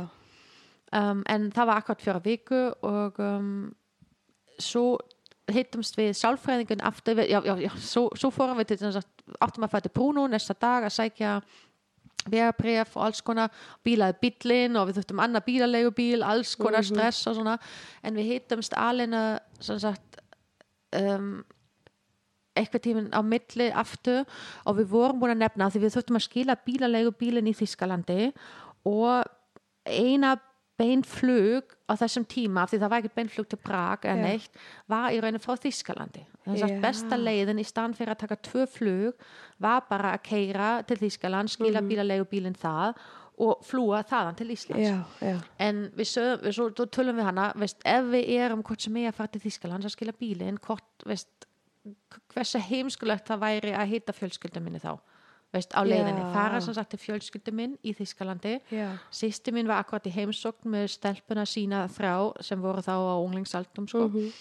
og um, hvort þetta væri eitthvað galin hugmynd. En hún sagði bara, nei ég held stelpuna var alveg tilbúin. Já, og um, já, sem sagt við fórum sem sagt til brunn sóttum, sótt, sóttum vegabrifin og ákveðum svo bókum svo flug, ákveðum að vera fimm daga í Þískalandi áður en við höldum heim til Íslands. Já, og um, já, það, það, það gekk bara allt mjög vel og ég, ma- ég gleymi aldrei sko, stelpuna er nú búin að sjá foreldra mína.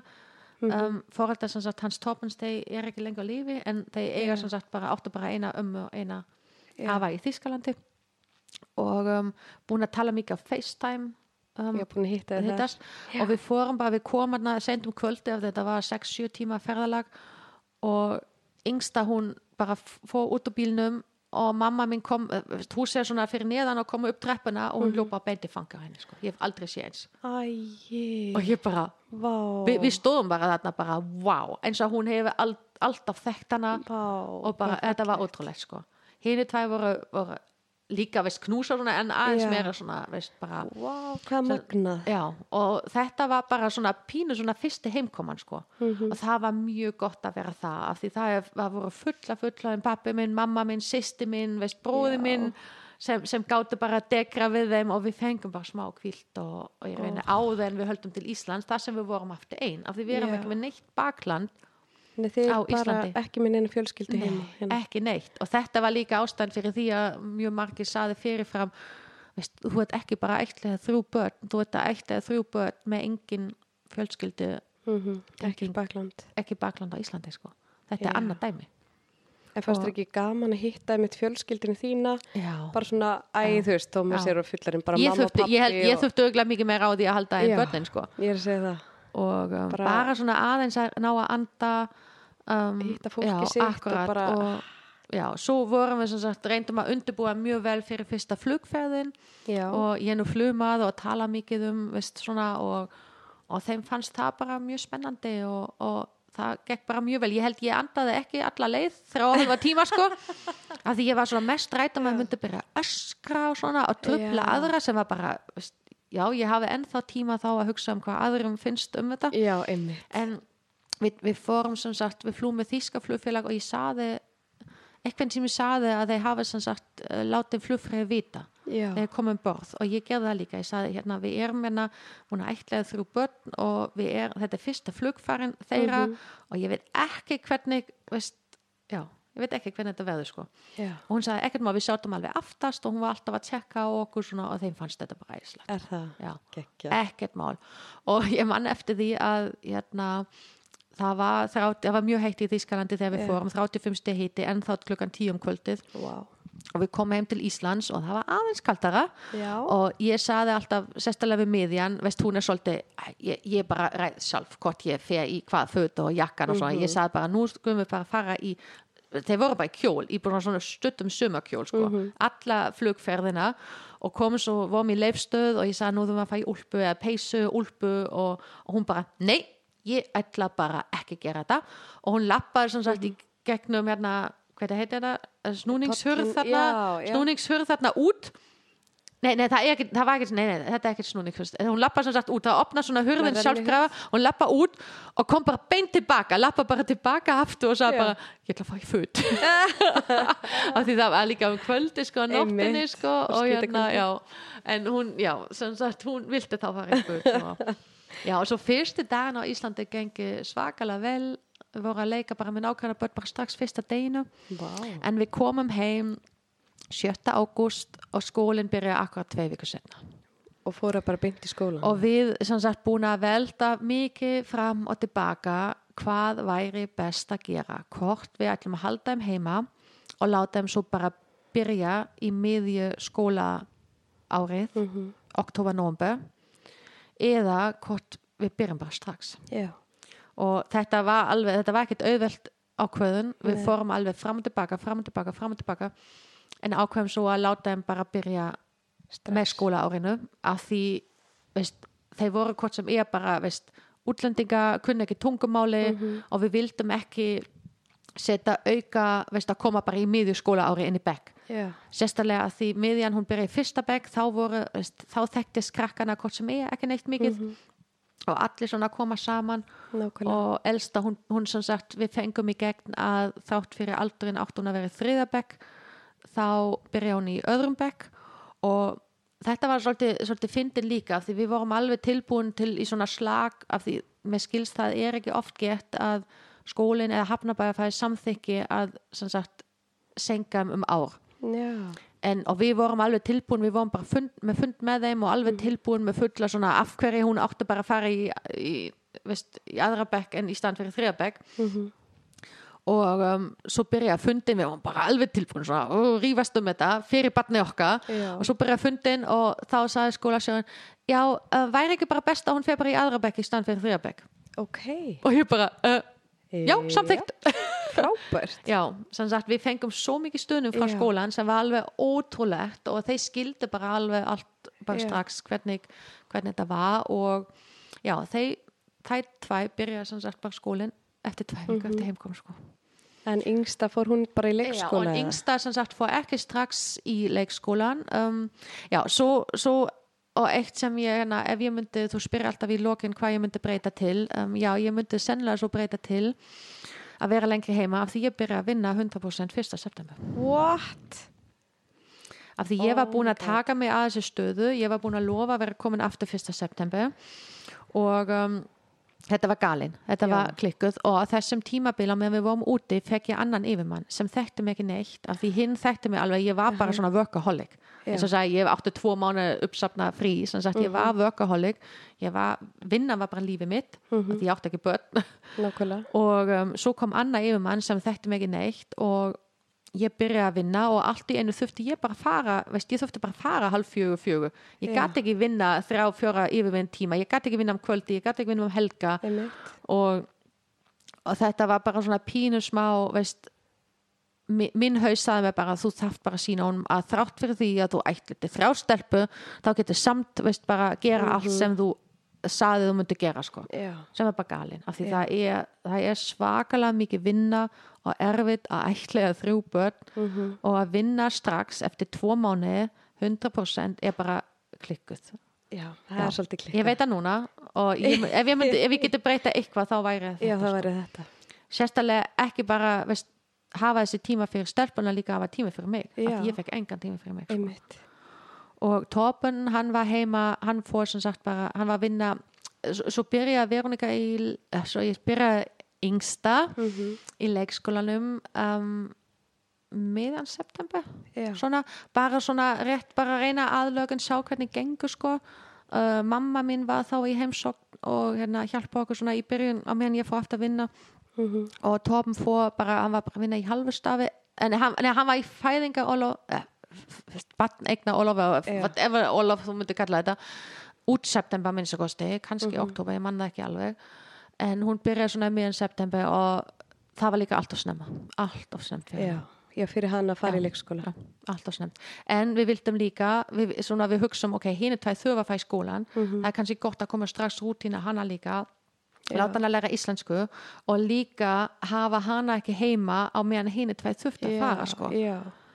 En eftir á séð þetta er annað mistök sem við geðum vissum ekki þá að hún hefur alveg þurft bara halda á heima sko, Já. með okkur Já. og um, við klikkum alveg á því við, við, við, ég var bara svona í mínum haus ég þarf bara sína öllum að ég get gert allt Vera ofur kvöldið. já, akkurat, Mhm. ég er bara, veist, já og um, það gekk svona upp og niður í leikskólan hjá henni, veist, fyrst að Mhm. hún eignar strax besta vinkunu sem var mjög gott en það kom auðvitað tímabil þar sem vildi ekki fara. Já. já, núna, veist, en maður hugsa tilbaka auðvitað, en sá, við sáum þetta ekki þá, sko. Við, við, bara, við vorum svo overvelmt, við vildum helst bara, já. Og um, já, þetta var svona Vá. byrjun og núna er bara allt í einu hérna, komin átta ár.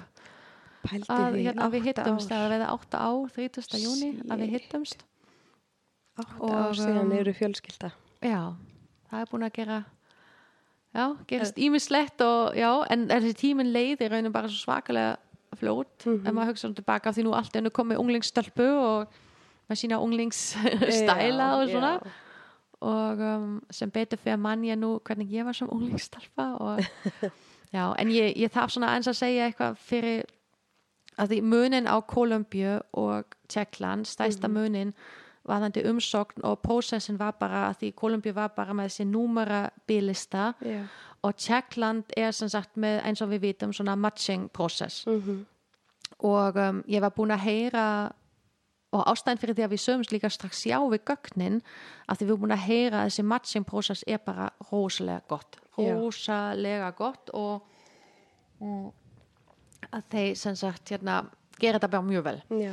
og þetta passa, smett passa sko, yngri tvei eru alveg eins og ég og elsta er alveg eins og Torben Er það? veist svona karaktervæs Já. og þetta er alveg ótrúlegt og mamma mín hún var bara "Ha, þú fæ tvo af þér hún var bara ha ha sem sagt það er svolítið pakki sko Já.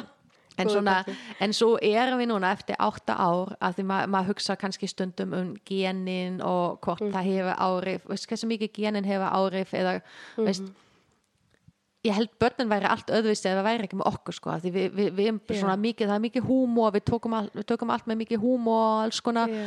og börnin eru bara svona sko þeir eru bara í rauninni eins og við af því, af því þeir komið til okkar Nákvæmlega. þeir hefur komið til einhver annað þá væri kannski Öðruvísi. Þið mótast af fóldru sín. já, akkurat, algjörlega og genin skiptu bara engumáli sko, Nei. bara í þessi stóra samhengi og, og auðvitað veist, það eru ímis vandamál og ímis sem gengur á sko Mhm. og áskorun og um,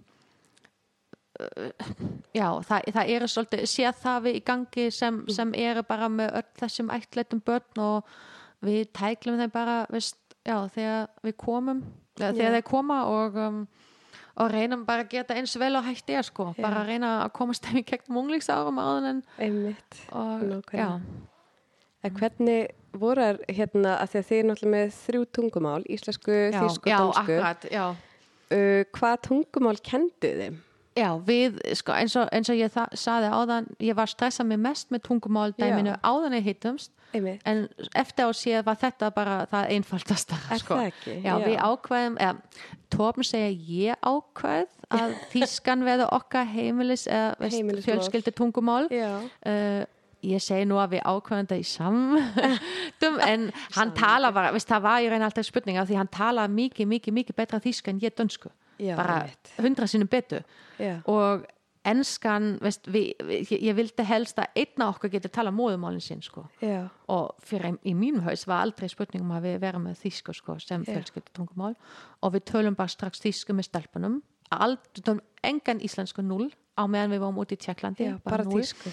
um, það tók svolítið tíma fyrir þýskan að koma það hjálpa mjög mikið að vera þessi 5-6 dag í Þýskalandi Mhm. bara alltalandi fólk á þýsku um, í kringum þig Já. að því Tjekkland þá vorum bara við eins og allt veist, þegar við fórum í búð eða annar stað Já. þá var bara tjekknesk Já, já.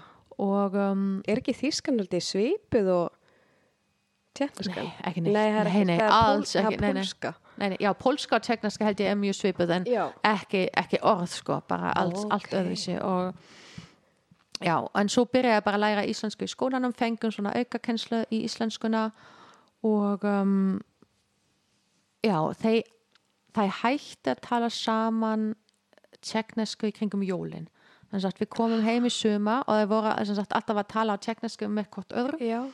Og fórum svo líka, við fórum í, í sagt, það, það er á lögadum er fyrir fleiri tungumál, veist, það er pólsku skóli tjekknesku skóli Mhm. og við vildum sagt gefa elsta tækifæri og yngrum tæmum líka, eða fyrir elsta var þetta orðin svona skóla dæmi, þar sem við vorum að læra að lesa og skrifa á, tek, uh, skrifa á teknesku en yngri tvei þeir voru bara svona bara, veist, í Já. söng og, og dans og alls konar leiki og svona og við fórum að á lögadöfum og um, vildum gefa þeim bara tækifæri að halda tungumálum og Já. reyna að tjá sig með öðrum sem tala teknesku Já. en svo um jólin þetta var reynda eftir 7. desember það sem er Nikolás sem er svona eins og jólasveit sem er að koma þarna í Þískalandi og teknesku og hann kemur með djöfullin sem heitir Tjert Það er svo steikt, sko. Já, þetta er engill, það kemur engill líka og Tjert sem sagt Já, sem og, um, og við fórum þarna á sagt, fyrsta árin á jólapartí hjá tekneska skólan Mhm. og þá kom akkurat Nikolás og engillin og Tjert Já. og stelpuna voru bara, það voru svo skítrætti sko, allir börn voru bara skítrætti við þeim. Þetta er líka ógeðslega fígurur, akkurat, sko. þetta ég, ég veit ekki alveg hvað hva þessi hvað hva hann á að þjóna, hvað tilgangan á að þjóna sko. en, en uh, eftir þetta veist, þetta var nú ekkert auðvitað ekki bara þetta en hún sa, svo saði elsta að mér langar að hætta Já, ég sagði ok, af hverju já, mér langar bara einbetta með að læra íslensku og þýsku ok. og það, það trubla mig svo mikið að hafa tekneska líka inn í Já. haustin sko. og ég hef oft spurt hvort þeir tala ennþá teknesku af því hún var nú átta ára Já. og þeir, ta þeir tala ekkert orð Nei. núna að, við erum búin að nokkuð sinnum reyna tekniska fólk tala við þeim þeir skilja ekki mikið en ég vil bara meina að þetta er ekkert farin. Þetta er bara mjög Já, geimt bara bara mjög inni, geimt á einhverjum stað inn í heilan vonandi. Og svona fyrir nokkra mánum þá allt í einu sagði miðjan hérna, það poppa upp nokkuð svona orð hjá mig teknist orð, allt í einu bara svona hér og það sko. Já. það var svolítið, veist, hún sagði bara allt í einu í stand fyrir hestu, sagði hún bara hérna, konitski eða á, á teknesku Já. og ég bara, vá, þú vart að tala teknesku hún, hún fattar þetta ekki. Vá. En þetta er sem sagt, Merkilegt. þetta er vonandi vonandi eitthvað Mhm. stað þarna inni sem gæti kannski nýtt sig setna Já. en um, já Er eitthvað hlut að þessi vil geima þetta Já. af því það vilja bara ekki hafa þetta, já, akkurat veist, út af fortíðinni. já. Ég hef heyrt að séu stundum að þá bara Já, hún bara líka, veist, ég vil, ég vil, það er svo mega minningar, sko, ég Já. vil bara einbytta mig af því, af því hún er svona, hún er svo svakalega praktisk eins og Torben, hún bara, þetta er lífið mitt hérna núna og ég, ég þarf ekki mikið pæla í það sem var, sko. Hún er, hún er svona, hinn, að tvæ er ekki svona, meira tilfinninga en um, já, þetta, en, en svo spurning hvenna, hvort þetta kemur eitthvað tíminn út eða, veist, já. Já, setna eða, veist, og þá erum við bara tilbúin að tækla það, sko. En vá, pældi, þú ert komið í ágúst, eftir oktober, november, desember, fimm mánuðir. og hægt að tala saman á teknisku. Það er ótrúlegt. Já. Og voru að fljótar að ná íslenskunni og þýskunni. Til eitthvað svakalt að læra tvö önnur tungumál. Sko, sko ég er ekki ég, ég, er ekki, ég get alveg viss hvernig þetta var að því þeir, við tölum aldrei íslensku heima sko. Nei, sagt, en þýskan kom fljótt. nú, núna myndi ég segja að það var auðvitað svona jafn eftir svona fimm ár ég, veist, ég, ég, veit, ég veit samt ekki alveg ég held að íslenskan, auðvitað að skrifa og lesa er íslenskan betur en þýskan. Já. um, en svona talandi myndi ég segja þetta jafn sko. Að ég, fyrir því að við búum á Íslandi. Einmitt, ég er nefnilega hitt þær, já, þessa indislu stelpur, þegar komið stundum tíminn í klippingu. já, En þá sko heyrði maður tala við þig á þýsku og svo tölaði við mig á íslensku. Það var bara, eh, sko, það er bara eins og að segja upp aldnar í Íslandi Já. og Þýskalandi. Já, þeir tala mikið betur en ég og Þetta ég er er ekki með neitt reym og ég kann þetta með segja að segja R, tungu R hérna, en þeir kunni þetta strax já, þeir eru ég bara, hvernig varst að gera þetta ég er búin að reyna að læra þetta í 20 ár og þeir bara, Einmitt. en tekneskan er líka með þessi Það er með sérstak þessi R. ljóð og, og ég er reynda frá bæ eh, frá svæði í Þýskalandi það sem er talatungu R ok. pappi mín er frá því svæði og mamma mín er frá östu Þýskalandi og ég sem sagt læði aldrei þessi tungu Já. R sko, er Tungu R. Já, sem er hérna frammi, Já, ég er bara með. R í halsinum sko. Já, einmitt. Vá. En Magna, mér er bara svo gaman Já. einmitt þegar maður hitti stelpuna einar, eða stelpunar ykkar, bara hvað eru ógeðslega klárar og fljótar að læra þetta. börnin eru, veist, þeir eru eins og svampa þeir bara, veist, þetta er ótrúlegt hversu rætt þeir læra, en maður sjá alveg um, þeir, það, það, þeir segja að því eldri þú ert því meira erfið er fyrir því að læra Já. tungumál maður sjá alveg að yngri tveim, það var léttara fyrir þeim Já. en fyrir elsta Mhm. þessi tvö á muna alveg sko Já. pínu og, en, en svo er líka þetta með smiðjan, hún er bara með svona tungumála þetta er bara hennar hún, hún er í dönsku í skólan, hún er í ensku og hún hún, þurfti að hafa valfag um daginn og valdi spænsku. Ég hugsa bara, já, best bara bring it on, enn eitt tungumál ofan á allt sko, en hún vildi Vá. endilega læra spænsku, hún fannst það cool sko. Já, en sagt, hún er með svona tungumála hæfileika sem ég er dæmis ekki með. Ég er meira svona staðfræði náttúrudæmi. Já, en já, hún er í þessa átt en, Mhm. já. en við vorum líka allan tíma við vorum svakalega heppin með all, veist, það fylgir sér það fyrir svona börn. Já, um, st- stundum fleiri stundum minni sko. En við vorum svo heppin að skólinn í rauninni bara án að hafa greiningu mhm, bara strax frá fyrsta deginum við fengum bara sagt hjálp með já, þeim. stuðning og fengum stuðning, fengum þjónustu sem í rauninni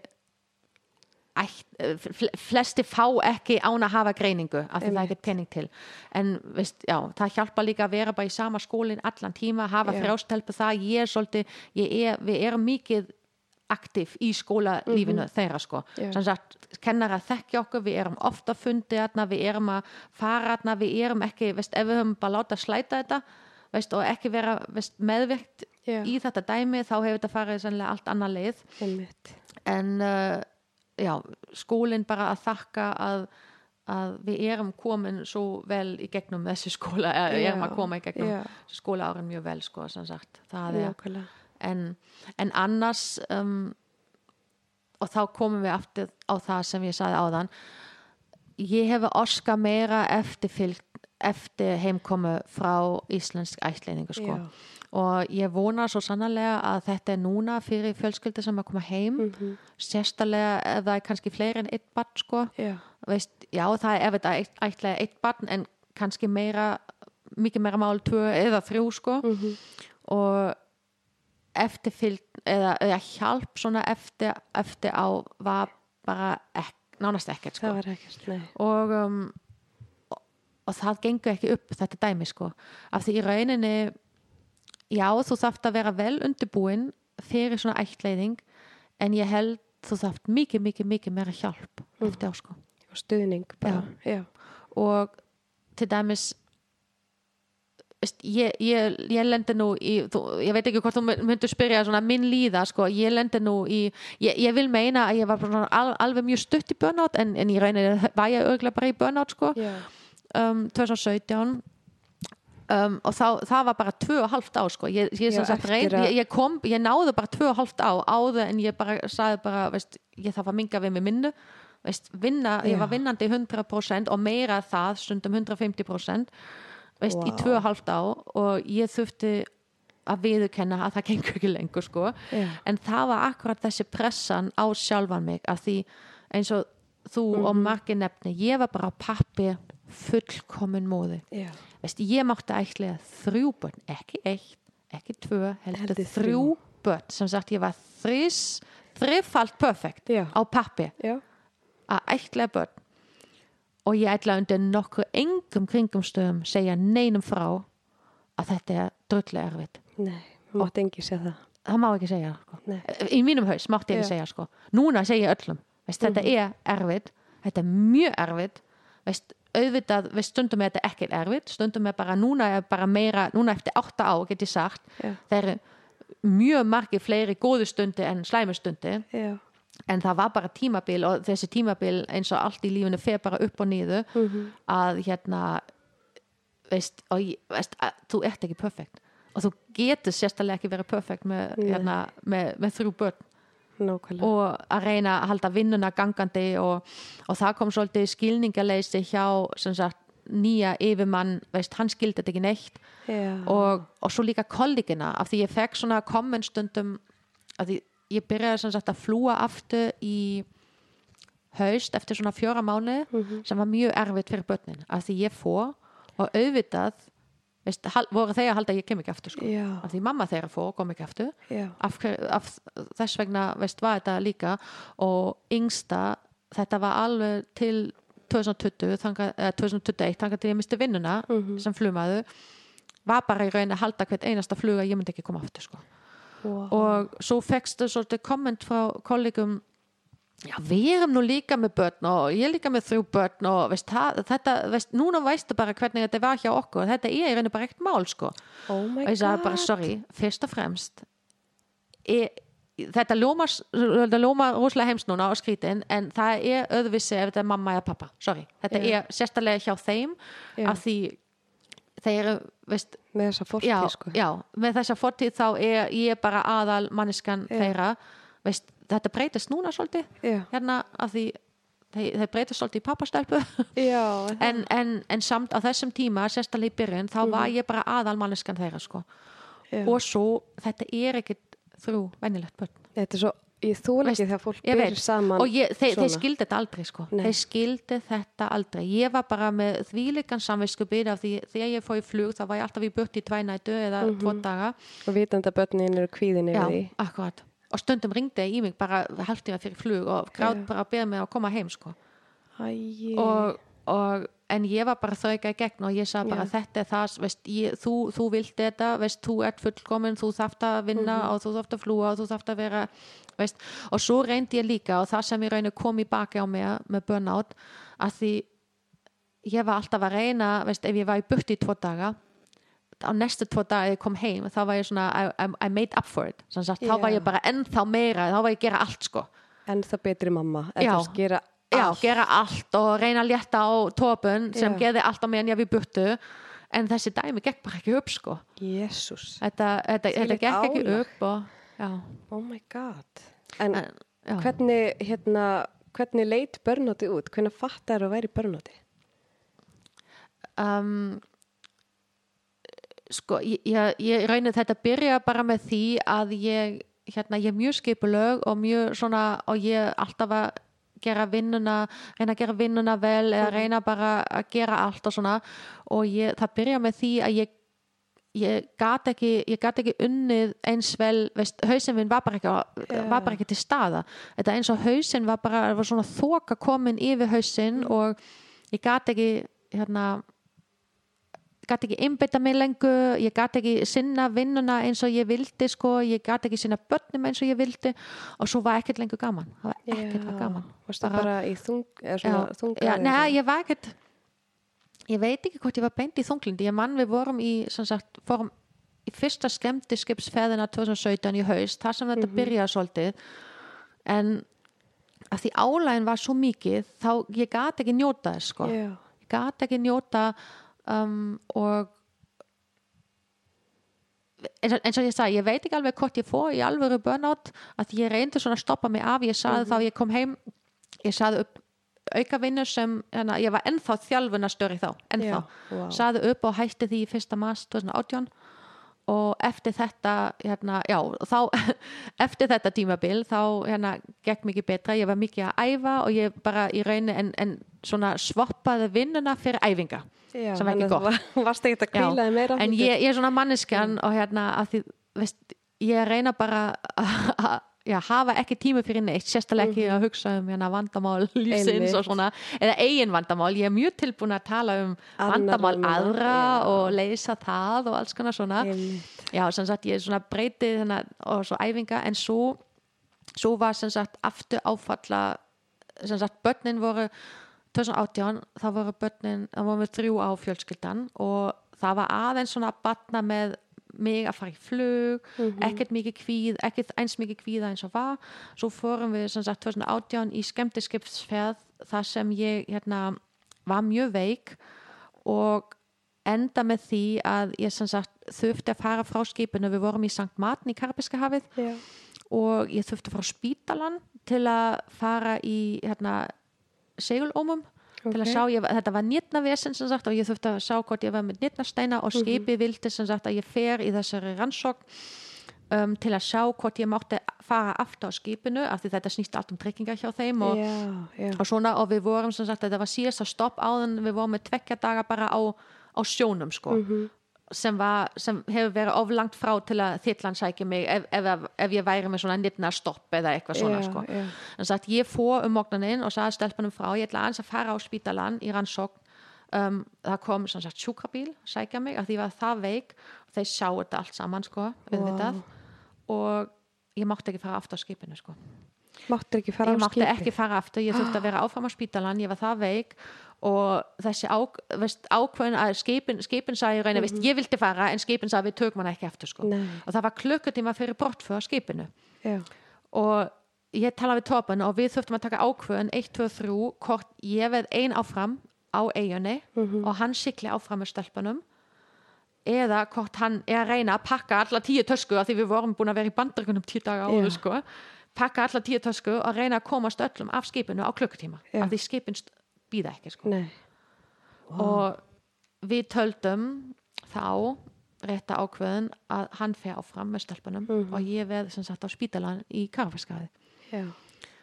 og það var alveg áföll Já. sérstælega fyrir yngsta hún var, hún, hann sagði bara, hún var tilbúin bara að hoppa af svala bara og synda bara á land og fara til mömmu sína Æ. ég gæti ekki einu svona kveðja sko. Veist, ég bara fór og ég sagði ég kem aftur eftir og ég kom svo ekki aftur og það kom ekki í raun ljós fyrir nokkra mánuði setna að þetta, allt þetta var bara í rauninni, þess vegna við fórum í rauninni Mhm.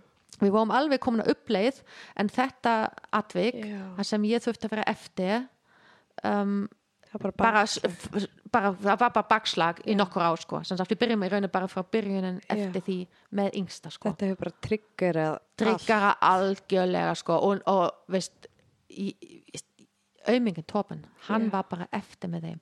Og átti þrjá daga eftir á skipinu að reyna veist- að hafa gaman og það er allir í áfalli bara. Veist já, ég vil ekki, ég, ég veit ekki eins og hvernig hann, hann geði þetta sko, á meðan hann, ég, var, ég var það veik að það þurfti að vera áhyggja af mér sko. Já. veist, auk þetta pluss að reyna að entertaina veist, auðvitað þetta ljóma bara, já, þetta er skemmti skip og svona og þeir reyndi að hafa gaman en, en hann var bara þvílíkt bara alveg ég veit ekki, á meðan ég lá bara og var tilbúin bara að deyja því ég var að deyja og veist, vekki og fekk svo loksins morfín sem var festa lífi í Já. heimi sko. Og hérna, Oh já það, það, það var svolítið skrautlegt þá sko. Og svo enda með því að við hittumst í Keflavík þeir voru Já. tvo dagi viðbútt í Florida, áttu svo bókaflug heim og ég fekk leifi svona half halflifandi, half döð að flúa heim og við hittum svo í Keflavík og ég fór beint á spítalan hér þá veist ég reyni, en gat flói heim og það var mjög gott að sjá þeim sko af því ég var Já. líka einn, veist, þetta var ekki bara áföll fyrir þeir, þetta var líka áföll Líka fyrir, fyrir mig og, en, en við, við, við fórum svona full circle núna í ár af því núna í mars fórum við á sama skemmtiskip aftur og ég náði að vera á skipinu allan, tíma. og hérna, það voru svolítið, já, ég var svolítið að reflekta hérna og líka við tölum svolítið mikið með börn og mannstu við vorum hérna og, og yngsta mann það alveg sko og hérna, fannst þeim ekki erfitt að fara aftur? Já, nei, við, við vorum búin að vera annars skemmtiskip, það, Já. fyrsta skipti eftir þetta við fórum 2020 rétt á Já. þennan COVID-byrja við vorum í janúar 2020 á skemmtiskip og svo byrja allt COVID-brálaði og fyrsti sem við heyrum var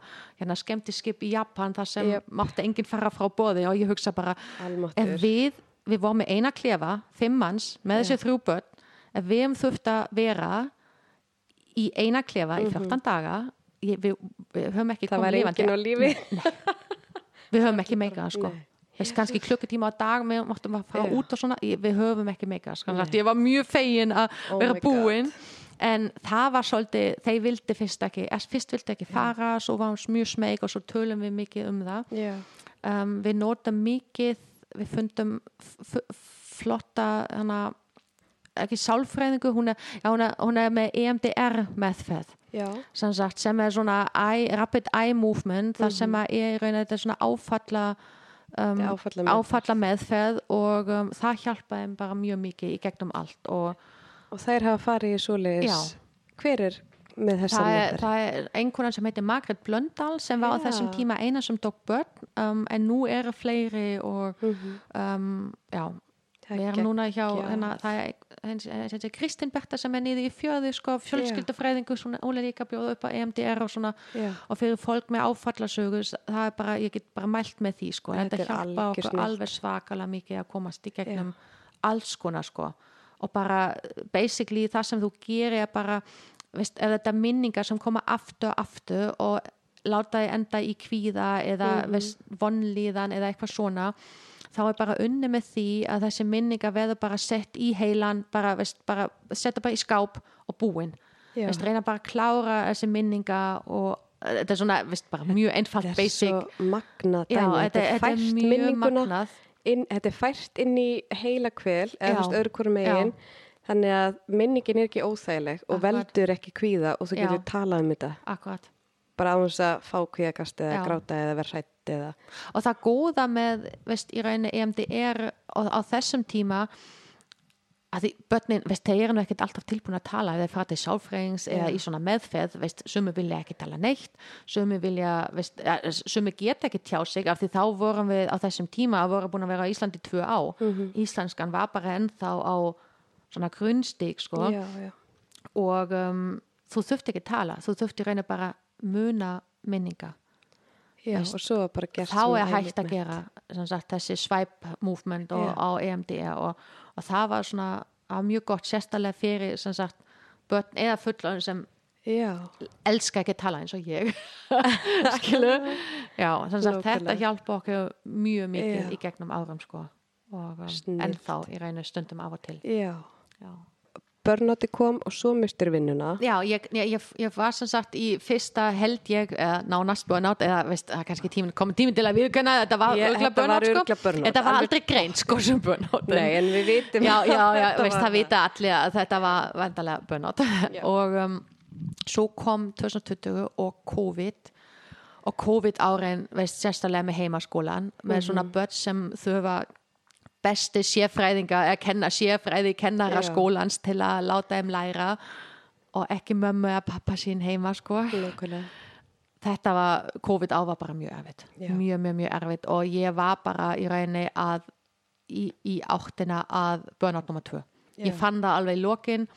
Ég reyndi, var bara búin að hugsa ok, á, á ég minga vinnuna? Hvað get ég gert, veist alls konar, ég var búin að hugsa um alls konar reyna alls konar lausnin en svo gerist það sem sagt að mér og tíu öðrum stafsmönnum var sagt upp vinnuna í lok ás 2020 og um, ef ég hugsa svona tilbaka þetta var nú ekkert besta tilfinning sko, en Nei. þetta var bara besta sem hefur komið fyrir mig sko. Að því ég fekk bara, ég var allt í einu bara ég þurfti ekki flúa neitt meira, ég var bara í frí ég var bara, ég var ekki að gera neitt ég svaf, ég held ég svaf allan janúar Wow. ég svaf bara, ég var, ég var sem sagt að sofa á nóttinni, ég, koma, ég kom börnin á stað og ég laði mig aftur þangað til börnin kom á skólan 2-3 sko. Ég var bara að sofa. Ég var með, ég var líka með fjóra hesta á hús en, en samt að ég var, var ég bara að sofa mest megin að deginu sko og bara og svo, svo auðvitað fór mikið að veist, verkfall og alls konar dæmi sem var, sem var þurft að sinna en, en ég var heima. Og þetta eftir á síðan núna fatta ég að þessi tímabil það sem ég var ekkert að stansleis að fara og koma hjálpaði stelpunum svo svaklega mikið Já. sérstaklega þessum aldur sem við voru þá sko akkurat að byrja á unglingsárum hormóna, kikka inn alls konar auka tilfinningar sem maður bara veit ekki alveg veist, já Já. og um, Hvernig Og- heldur það að hafi hjálpað þeim? Bara vita að ég, ég er til Að þú staðar ert þá bara að ég er bara ekkert að fara neitt sko að ég Já, er til það er bara öryggistilfinning fyrir Já. þess. akkurat, Já. þessi, þessi öryggistilfing hún er bara hér um, það hjálpa mér ekkert alveg af því ég var nú að njóta alveg þessi tíma það sem ég var í burtu af því ég Mhm. fekk, við vorum alltaf að flúa út um kvöldi og ég fekk heilan dag bara úti Já, Bara bara fyrir mig. Já. og gera ekki neitt og ég var ekkert heima heldur af því ég, ef ég er ein heima þá finn ég alltaf eitthvað til að taka til Já, eða að gera en ég fekk þessi einn dag sem var svolítið mjög erfitt í byrjun að venjast því að vera alltaf heima sko. Mhm. að fá ekki þessi pásu Já. og um, en í rauninni ég held fyrir þeim og fyrir mig líka bara svona aðeins að róast niður og já, fyrsta árið en, en svo, svo var ég svona 6-7 mánuð veist, ég fekk nú atvinnuleysisbætu og, og var svona að hafa í kringum mig en ég vissi, ég vissi strax í COVID ég myndi aldrei fá vinnu sem flugmaður sko, bara aldrei það var bara ekkert í bóði veist, að, að voru flesti flugfélag voru bara veist, að segja upp nánast öllum flugmönnum sínum og Já. sem sagt ég ákveð bara að njóta þetta veist, að gera ekki neitt Mhm.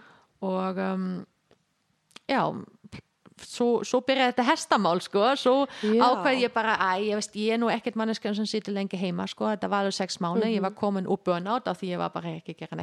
Neitt sko. búin að vinna, já, ég, ég byrjaði svo reynda í eitthvað sem heitir ljóðheilun Hljóðheilun. á þessum tíma og það Já. er sem sagt líka niður í hafnafið núna og vinkuna minn sagði mér, viltu ekki bara koma með og ég, allir sem þekki mig ég er ekki mikið fyrir svona yoga, meditation alls konar, veist, þetta er bara svona hókus bókus, eitthvað Mhm. Veist, töfradæmi, veist ég, ég, þetta virka ekki fyrir mig, ég er bara svona veist, já, svona science manneskjan, sko veist, ég trú ekki á neitt svona og ég sagði bara hana, ok, veist hvað ég að gera þarna hún sagði bara, þú liggi bara og gera ekki neitt slökkva bara heilan, ég sagði bara oh God, worst, my worst nightmare, sko bara að þöfa að liggja og gera ekki neitt sko, Nákvæmlega. að því þá er heilin og hausinn bara alveg Þá fullu. hugsanirnar. já, já, akkurat, veist, ég, ég sagði ég get ekki geta en svo hugsaði bara, ok, kannski bara gott að koma tími til að prófa þetta, sko Já. Og uh, það var akkurat sem sagt eftir fyrsti COVID-bylgjan og, og ég fór að way out of my comfort zone og ég elska þetta.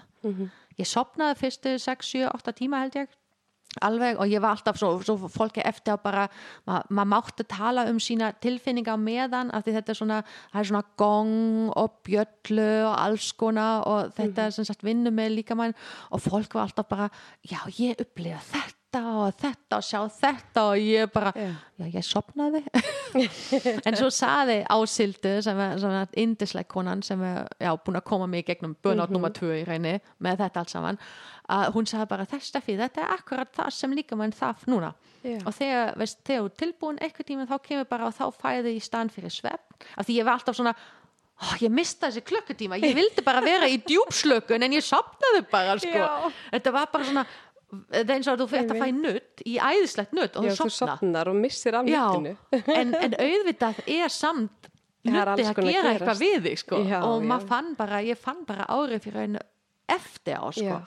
og þetta fór bara svona langt að hérna stelpuna mín að byrja að segja mamma, Uh, ég held að hérna, það er komið tímin að þú feði aftur hérna í þessi om-tíma hérna, af því kallar maður om-tíma af því þú ert að vera svolítið hérna crazy sko, nú, nú þarftu kannski bara aðeins að fara að slaka á, þeir segja þetta við mig sko, finna bara mun. þeir finna svakalega mun og ég finn Já. líka mun sko Já. og svo telur maður sér bara eitthvað tím já ég þarf ekki á því að halda núna ég er svo slög en já ég bara fór ekki Já. svona þrjá, fjóra, fimm mánu það var ekki gott sko Nei. það var alls ekki gott en sagt, þetta er svona mitt way out of my comfort zone, eitthvað sem ég trúði ég er ennþá ekki að trúa á þessu Er samt búin að stunda Já, þetta svolítið. já, Í hvað, síðan og, 2020? þetta, og ég saði líka í fyrsta tímin ég saði við hana veist, við vorum held ég áttamanns eða svona ég saði, þið myndi ekki trúa því en þetta er núna í fyrsta skipti að ég slökk við síminn minn í sex á Já.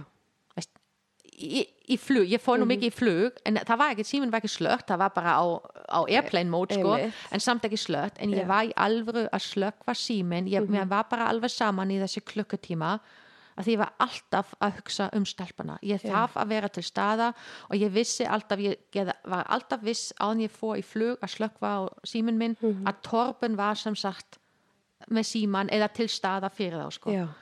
Og þetta í fyrsta skipti og þetta var svo gott. Veist, ég, ég kveikna svo aftur eftir þessi klukkutíma og alveg, örugglega bara tíu mist kól og svakalega, en það, svo gerðist ekki neitt. Það Nei, var bara ekkert mál sko.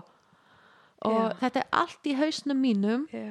og eins og ég sagði, þetta er svona þetta rettaði mig og, en svo leið, leiðist mig eftir sex mánu og ákveða að opna reyskóla og kaupa fulla hesta og kaupa auka reiðskóla? og, já, svona, veist bara ekki, ekki beint reyskóla, bara svona tækifæri fyrir Er fólki það? sem er vanu hestamenn að fara hestbak og leia út hesta og alls konar svona Vá. já, sem sagt Ok, geggjað. Voruð þið búin að vera mikið í hestunum? Við vorum sko eftir hætti í þrýþröð 2018 og eftir stelpuna voru sem sagt, en að ég, var, ég, var, ég kom sem hestastelpa til Íslands, þetta var Já. ástæðan fyrir því að ég kom til Íslands Já. og ég var með hesta alveg til 2011-12 og svo bara var ég smá pásu og svo kom stelpuna Mhm. og ég saði alltaf þe- þegar stelpuna er nú, eld, nú gömul til að hjálpa til aðeins þá ætlum við að fá okkur hesta aftur Já. og um, keftum svo fyrsti hestan ákvæm 2019 og já, það voru tvö hesta þá og fóð upp í 33 Jesus, á, þreif árum sko. og, og ég er svo svakalega. heppin að alla stelpu eru í hestamennsku með mér. Torben hata hesta. Hann er, ekki, já, hann er ekki neitt í því. En hann fæ tíminn fyrir sig á meðan Já. við erum í hesthús að hefa sig. Og hann er svolítið núna því við erum með tvö hesthús núna hann er svolítið að koma, laga og hjálpa til og Já. hann fíl, ég held hann hann myndi aldrei viðkenna það. En hann held er að fíla þetta. þetta. svolítið sko. Að hafa eitthvað svona tilgang og Þetta er svona lífstíl bara. Já, en svo, svo bara núna, veist, að því ég byrja aftur að vinna ekkert í flug heldur bara í rauninu svona skrifstofuvinnu samt með flug og í, í suma í fyrra og ég fann alveg núna og það er svo gott að maður er búin að lenda kannski eitt eða tvö stykki burnout, Ma, Já. maður finna alveg hvernig maður líður og ég ná ég núna að stoppa þetta af Já. að því ég, ég fatt, veist, það var bara of mikið að reka tvö hesthús, að hafa hestalegu og alls konar svona með fullstaf Já. veist, af því það er nóg að hafa fullstaf og þrjú börn þrjú Eh, ættleitt já. börn Allan daginn. Já, sem sagt, að hafa full staf Já. og þrjú ættleitt börn og fulla hesta og hestaleigu og reka tvö hesthús var bara ekki bóðið við erum svona aðeins að minga við okkur aftur og reynum bara að hafa þetta var allt í lægi og mjög gaman á meðan ég var atvinnlaus Já. og ég reyndi líka við stopnum fyrirtæki og við reyndum svona hvort þetta væri eitthvað en Mhm. þetta er ekkert alveg veist, það sem ég var að sjá mig að gera sko, í framtíðinni tíð. og, og sagt, við erum bara að minga við okkur núna og hafa bara okkar hesta og hafa gaman veist, ekki bara vinna og, um, Hvað ætlið þá er í fáum hestum núna? Er planið þið voru með 30? Hvað Já, sko, er? við erum, sko, sko, flesti hesta nú bara svona rækt, við erum að rækta þeir eru bara út á túni við erum Já. bara eins og staðinu núna með sex reyðhesta á hús um, Ok. og mingum það sennilega niður í fjóra veist, Já. en svo allir hínu eru bara á túni allt árið og er nú ekkert mikið vinnu Já. sko. Og eru þá að selja hestana? já, við erum svona, já, kaupa og selja rækta smá og svona en það mun minga sko en að, já Þetta þetta er eitthvað sögu í allt annar podcast sko. Geggjað. Í Hvernig- hvernig þetta, Já, akkurat í svona hestapodcast og hvernig það kom allt til en, Æ, það en ég stoppa mig bara strax að því þetta er allt og Já. mikið vinnan og um, Einmitt, búin að læra af því. já Maður lærir af reynslunni sko, þegar maður lappar á Já, veggina sko. akkurat.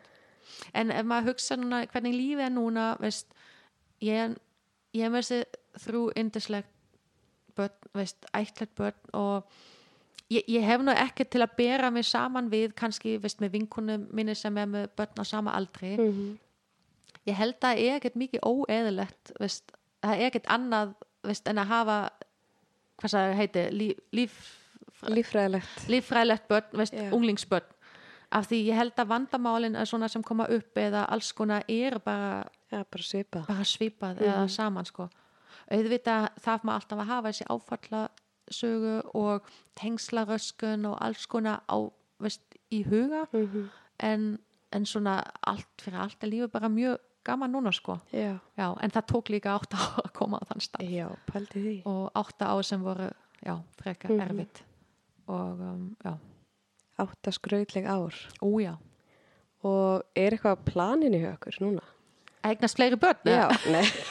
Hvað ætlaði að fá okkur fleiri? Uh, já, ekki bara bæta nokkuð við- sko matsa við hestana. Ég held að einhvern saði við mig, ég held að Kitty saði bara að að það má, þeir stoppa af eftir þrjú sko, það má ekki ætti að fleiri Já, en á Íslandi og já, ég sagði já. bara, ok, Ok, ég, ekkert ég man ekki það að pæla, já, það er ekkert, ekkert sérstælega plana, suma enna framundan, Já. fannst veturinn síðastu tvö vetur fannst mér mjög erfitt Já. ég var aldrei neitt í svona eitthvað svona vetu þunglindi en þessi kulda fannst mér nú Ekstrím, bara sko. Mhm. og hérna, já, við ætlum bara að njóta lífsins hérna, elsta að byrja hún má bara byrja í hérna æfingaakst og svona um suma og við ætlum að vera mikið sveit og Já. dundra með hestanum og þeir það er mig að bara byrja að vinna, unglingsvinna núna í Mhm. suma og kannski fárum til Þýskalands í ágúst og alls konar Já. en annars bara, hérna, já, reyna bara að njóta lífsins meira og Mhm. vinna minna Nákvæmlega, fyrst þér að hafa lært svolítið svona þegar maður hlustar á því bara þú varst náttúrulega svakalegt sko þegar, maður, þegar ég hugsaði um ofurkvendi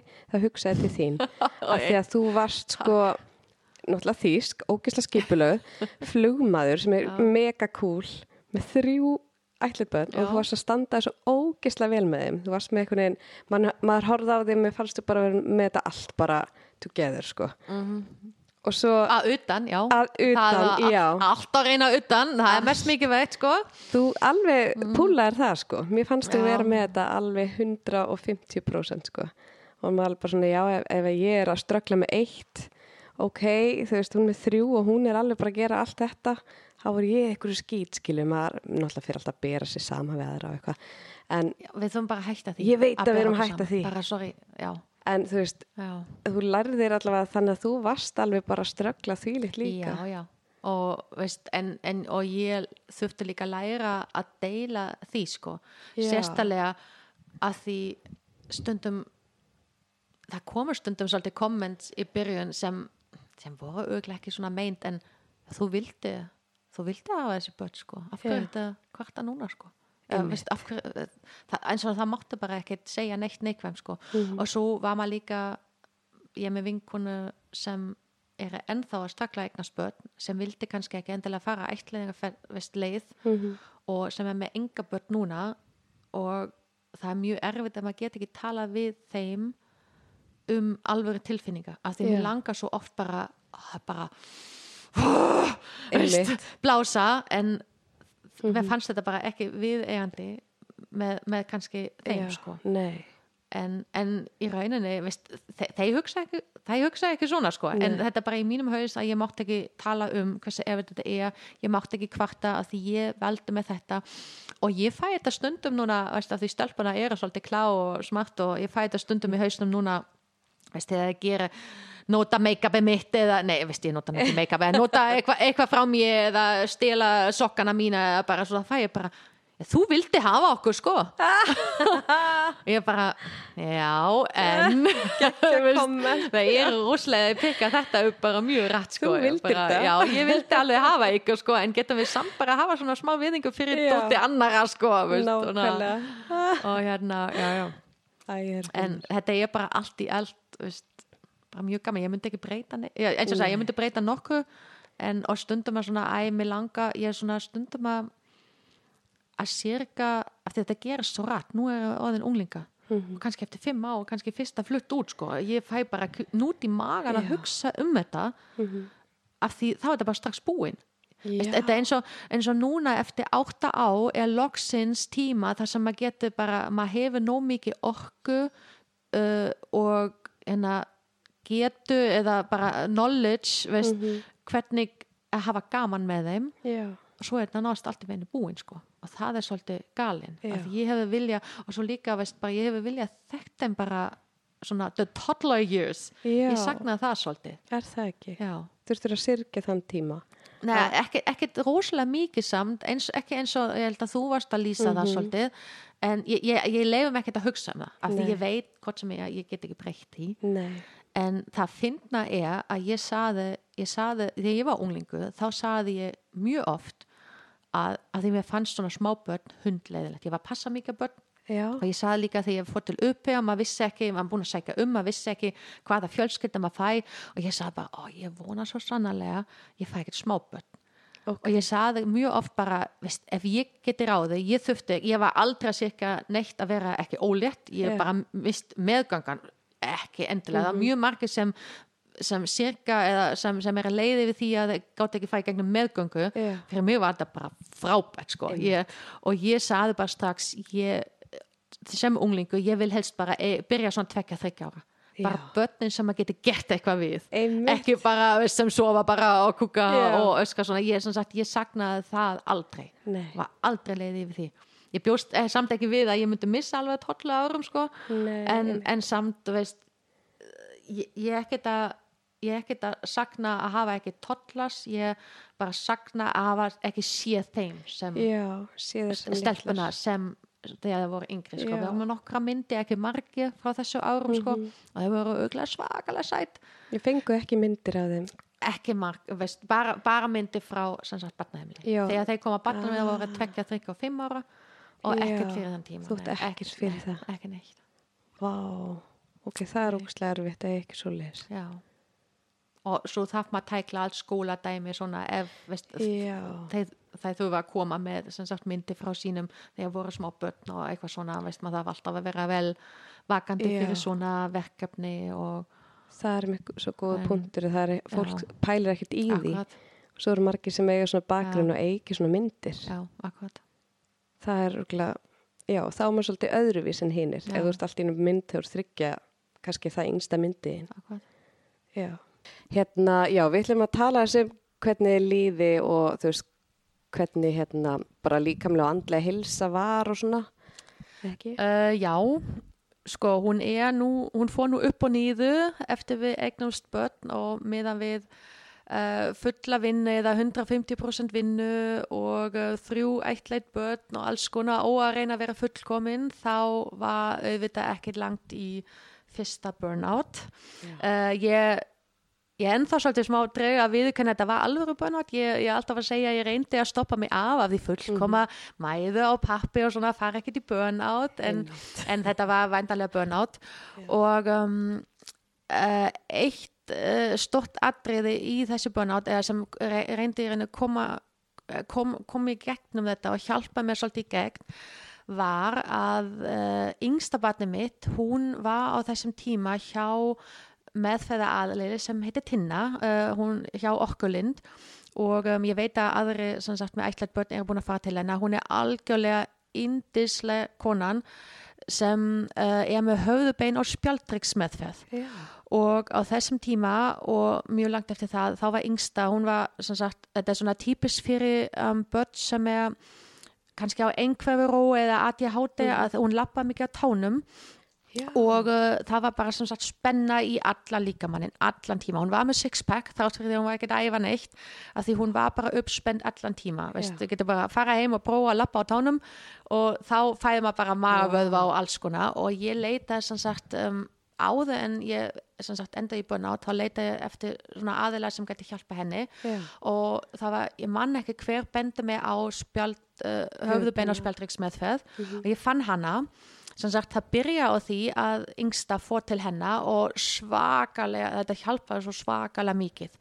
Hún, hún sem sagt náði að losa spennuna svo vel og hún var, já, bara líka spenninga innan, hún náði mm. auðvitað, veist, yfirlegt sopnaði hún á meðan af því þetta er nú ekkert eins og nutt það er bara, veist, hún setur bara höndin yfir og undir og vinna bara veist, þetta er bara pínu magic sko, ég, veit ekki alveg nákvæmlega hvernig þetta virkar já, veist, það er kannski gott að fá hana kannski bara í já. podcast og útskýra þetta alveg en Inni. þetta er svona pínu magic og maður þarf svona pínu að trúa á því já. og ég saði eitthvað að því ég var alltaf að koma veist, á laupum til hennar ég þurfti mm -hmm. að sækja börnin þetta var yfirlegt á dagstíma þurfti að sækja börnin og við vorum alltaf að koma svona auðvitað alltaf of seint sko. yeah. og ég var alltaf á laupum og, svona, og, og stundum af því ég var svo svaklega þreytt á þessum tíma ég þurfti að býða eftir henni þá sopnaði bara sófan frammi á meðan sko. Já, af því veist, var, það var bara svona klukkutíma yeah. sem ég hef ekkert annað að gera það hef ekkert bókað sig að fara heim og koma aftur mm -hmm. og ég saði eitthvað tíma við hana ég ekki kannski bara koma til þín veist, en, en veist, í rauninu þá ég það fyrir ekki á svona halda sko, ég er bara perfekt, skiluðu, fullkomin. Ég þarf ekki meðferð, en kannski af því þá var ég líka að byrja að æfa og svona, veist, mm. og maður kannski ekki unglamb lengu og var með ímislegt og um, já, og þá fór ég bara til hennar og um, ég hætti ekki aftur, þetta var öruglega í kringum 2017 sem, sem byrjar hjá henni. Já, sem 2016-17 sem, eh, sem yngsta byrjar hjá henni og um, svo byrja ég og svo var ég reynið fyrsta, fyrsta burnout í haust, byrja í haust 2017 og um, ég er svo ég er svo þýsk og, og þjóðverja og fullkomna mæði þeir fara ekki sálfræðing sko. við þurfum ekki á sálfræðing að halda sko. Pff, veist, við erum bara perfekt sko. yeah. og veist, ekkert að okkur við erum bara hægt að væla já, akkurat já. og veist, þetta er svona kaltæni bæða vei um, og ég fann í rauninni svona, veist, í gæsalaba sálfræðing minn í henni sko, af því á meðan hún var að gera, veist, taka meðferði þá byrjum við að spjalla og ég byrja að trista hana alveg og, mm. og hún spöði akkurat alltaf rétt að spurninga á réttum tíma sko. Yeah. en sagt, ég kom oft þanga bara ég veist að mamma í heimi og, og, og hún er bara nú er það veist, e, e, bara svona spurninga veist, hún er ekkert mm gefa, ég veit nú ekki hvernig sálfræðing virka því ég var aldrei hjá sálfræðingi Nei, okay. en, en hún er sagt bara að spurja réttu spurninga og hef komist ég bara, hún hefur bara hjálpað mig gegnum allt sko, yeah. fyrsta börnátt, annar börnátt alls konar, veist, vangaveldi svo erum við núna að hugsa veist, af hverju ég alltaf að reyna að vera fullkomin og finnst mm -hmm. mér aldrei nóg, við erum svona að fara smá í æskuna og alls konar yeah. sem tengist og sem sagt hún er æðislegt og hún er bara manneska minn sem bara já, hjálpa mig í gegnum þetta allt saman wow. og ég mæli algjörlega með veist, ef þið eru með börn veist, það þarf ekki að vera eittlegt börn sko bara börn sem er mjög mikið spennu eða ná ekki að slaka eða finna kannski eitthvað til vekki og svona yeah. endilega bara prófa þetta sko Þetta er Sem magnað. Þetta þetta er svakalega magna sko og, og öll börnin minn búin að vera hjá henni. Sem sagt, elsta var mjög lengi hjá henni af því um, það var líka komin tíminn til að fara til sálfræðins en við vorum Mhm. bara mm bílistan allstað og ég bara, við byrjum bara á því að hérna, hún fór bara til hennar Og hún Og- talaði við hana líka. og já, það var ekkert, ekkert strax sko af því Nei. au- auðvitað það var svona smá tóist en af því ég var búin að tala svo mikið um hana heima Já. og börnin minn funda líka hversu vel mér leið eftir ég var hjá henni Mhm. að hérna að hún trist hana sennilega flótara en veist, Já. annar manniskan sko Já. svo miðjan hún fór þarna veist, hún var með ímsi, hún datta hestbakki ímis bak, vandamál og svona Mhm. bara alls konar sko, sem sagt, hún er búin að hjálpa okkur öllum, nema, nema Torben hann á eftir að fara til uh, hennar eitthvað tímun en Já. uh, já, þetta er búin að vera ótrúlegt og hérna, ég er ennþá að fara til hennar sko. núna er ég bara að fara, börnin eru bara Já. í pásu veist, það er ekki þöf á því akkurat núna En Hvernig virkar þetta svona eins og þessi yngsta sem var að lappa á tánum? já, Mér finnst það magnað, by the way. Var Uh, þá alltaf á tánum? hún var alltaf á tánum sko, og bara- það, hérna, við vorum sem sagt fyrst, þetta var sem sagt við fórum mjög flótlega til batna bæklunarleikni, það er bara ein á landi, Já. eða var á þessum tíma Mhm. og hún saði um, við skum aðeins býða og sjá hvort sem sagt það sem kvíði veist, kannski minga kvíða og Mhm. að því þá hún er nýkomin þá og búin að gera þetta á batnaheimili líka í þrjú á Já. sjáum aðeins til hvað kvíði minga og þá minga veist, þessi tána, tansa veist, löp en, en hún saði vændalega af því hún er orðin svo gömul, vændalega hætti þetta ekki og það enda þá með að- aðgerð þess að það fær lengja hásína Já. um, það er sem sagt það var bara að skera svona, hérna, ekki skera í gegn en bara setja svona lítið gött alls að það sem hætti að lengja en aðgerð, hún saði strax aðgerð myndi þýða sem sagt sex viku báða fætu í gips Jésús. og ég bara oh my gosh, veist, að því Já. þetta bat, veist, þetta var bara bat sem var bara alltaf, veist, Út um allt. út um allt sko, að setja svona bat í gips í Já. sex viku var bara, veist, ég gæti ekki ímynda mér sko. En við, sem sagt og við endum á að býða í tæp 5 á sko, ne, ekki veist, hún fór sem sagt loksins í aðgerð í janúar 2020 rétt fyrir COVID? Já, við varum mjög heppin að ná bara þessi aðgerð af því eftir mánuði setna og svo hefur hún örgulega bara senka þessi aðgerð af því þetta var svona selective aðgerð sem var ekkert bráðnausilegt Já. en hún fór var í gips í sex viku en byrja að labba, hún fekk svona gips þar sem hún mátti labba á bara eftir fimm Já. dagar sko sagt Ok, bara, gungugifs. bara. já þetta var svona göngugips Já. og við þurftum líka að fara eftir þrjá viku af því gipsin var alveg búin sko Já, af því hún var búin að reyfa sig svo mikið en hún hefur ekki, þetta hjálpa 100% sko og ef ég hefur vita hversu vel þetta sem sagt, af því hún, er, hún var þá með ímislegt vöðva bolgu og spenning í baki búin að vera svona í fimm á út af þessi ef ég hefur vita að þetta var í rauninni ekkert eins mikið mál með þessi gips. Eins og, eins og við já, vorum að ímynda okkur sko, þá hefum við gett það mikið fyrr sko. En, en gerum, ég myndi ekki mæla með svona aðgerð, veist, ég veit að það er suma að spá í svona, ekkit yfir háa vetu af því hún var í hjólastól í þrjá fjóra viku í skólan og það var snjó, koma alveg svakalega mikið snjó og maður fattar bara hversu slæmt aðgengi er fyrir hjólastóla fólk þegar, þegar það vetu og snjókoma sko. Já, einmitt. þannig uh, já, Vá. en, En, það leistist í rauninni með aðgerð bara sko, já, ekkert annað en er þetta þá kvíðatengt? Að lappa svona tánum?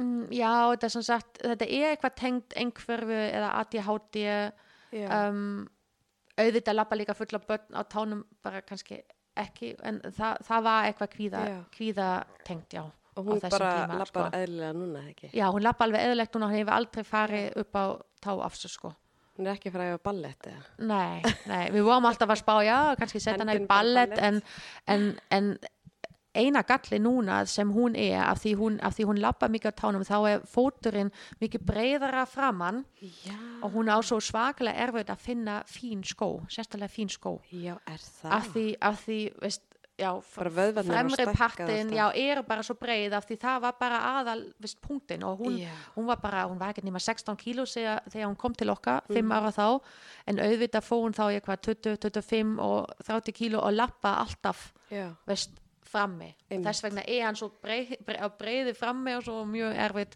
þannig að hún hata að kaupa skó sko núna af því hún finna aldrei neitt sko. merk, ægi. Ok, en hérna, þetta er bara svo mjög svo merkilegt þetta höfubir og spjaldtryggi. Já. hryggs meðferð. Já, Ég var pælt í þessu, svo bara hvernig, veist, hvernig getur þetta virka, bara eitthvað pota hér og pota þar.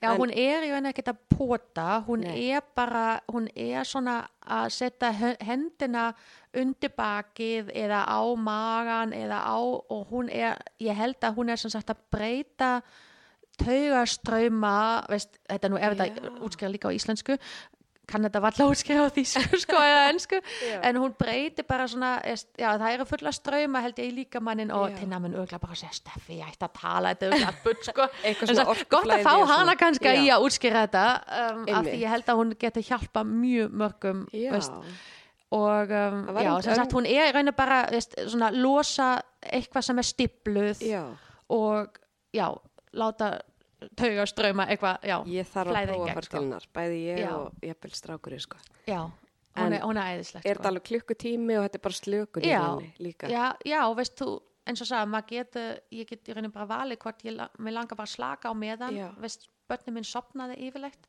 að þetta var svo slakandi eða bara hvort ég, ég yfirleitt bara bladra allan tíma sko, af því ég, eins og sagði, hún er orðin sálfræðingin minn sko, sagt þá hérna, en, en stundum kem ég bara mjög þreytt og svona og þá bara það er líka allt, veist, maður þarf ekki að tala sko. Já, nei, bara, bara og stundum er líka stundum er það slæmt þá byrði hún líka um að, um að sem sagt uh, hvort, við getum ekki kannski þegja í smástund af því þá þarf hún að Já. einbytta sig. Já, og svo líka svæði þar sem hún heldur höndin veður freka heitt og svona. Já. þess að maður finna alveg, maður finna alveg fyrir eitthvað sko. Já, maður þarf í rauninu trúa smá á því. Mhm. en eftir ég sjá sérstælega yngsta að breyta e- eftir þetta þá, þá þurfti ég er, það, það er, þetta að virka sko. En hvernig breytist það, þú veist, byrja hún að lappa þá? hún lappa, þetta tánum. var ekkert endilega uh, tásuna tengd, veist, af því hún, hún lappa ekkert minna á tásum en hún var mi- minna spennt, sko maður Já. fann þetta líka í hefðgun að Já, í hefðgunin var bara líka alltaf, veist, hún var alltaf á varbekki og, og hofa í kringum sig og alltaf svona mjög spennt Já,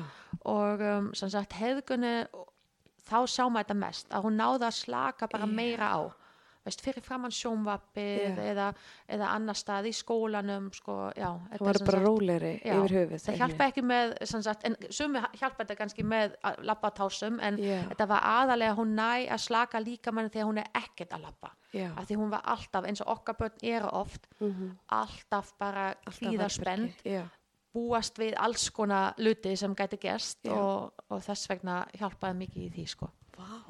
já, Ok, það er bara geggjuð ástæð til þess að fara til hennar. uh, já bara endilega, ég mælu bara öllum með Ok. að prófa sko, hún, En ekki tinna, töfratinna, það var nefnilega Já, að... akkurat, hún, ég held að, ég man ekki nafni hennar sem lætti heldur frá tóku sem var hjá töfratinna og Laila. ég get, Leila, Laila. Laila heiti hún, já, Já. og ég get alveg stíði allt sem hún saði um hana, sko, Já, bara, hún talaði vel um hana tinnu, Já. sko. Akkurat, sagt, við fáum hana kann að hafa bara svona hana sem sé, að já, bara svona fyrir einstök bara fyrir okkur, sko, fyrir Já. okkar hóp, hún hefur auðvitað nóg að gera í því, sko, en, um, en það er kannski ekki alveg kannski fulla annað fólk sem það var á enni að Við halda. að Við vera í þurftum að klóna hana bara svona tífaldan.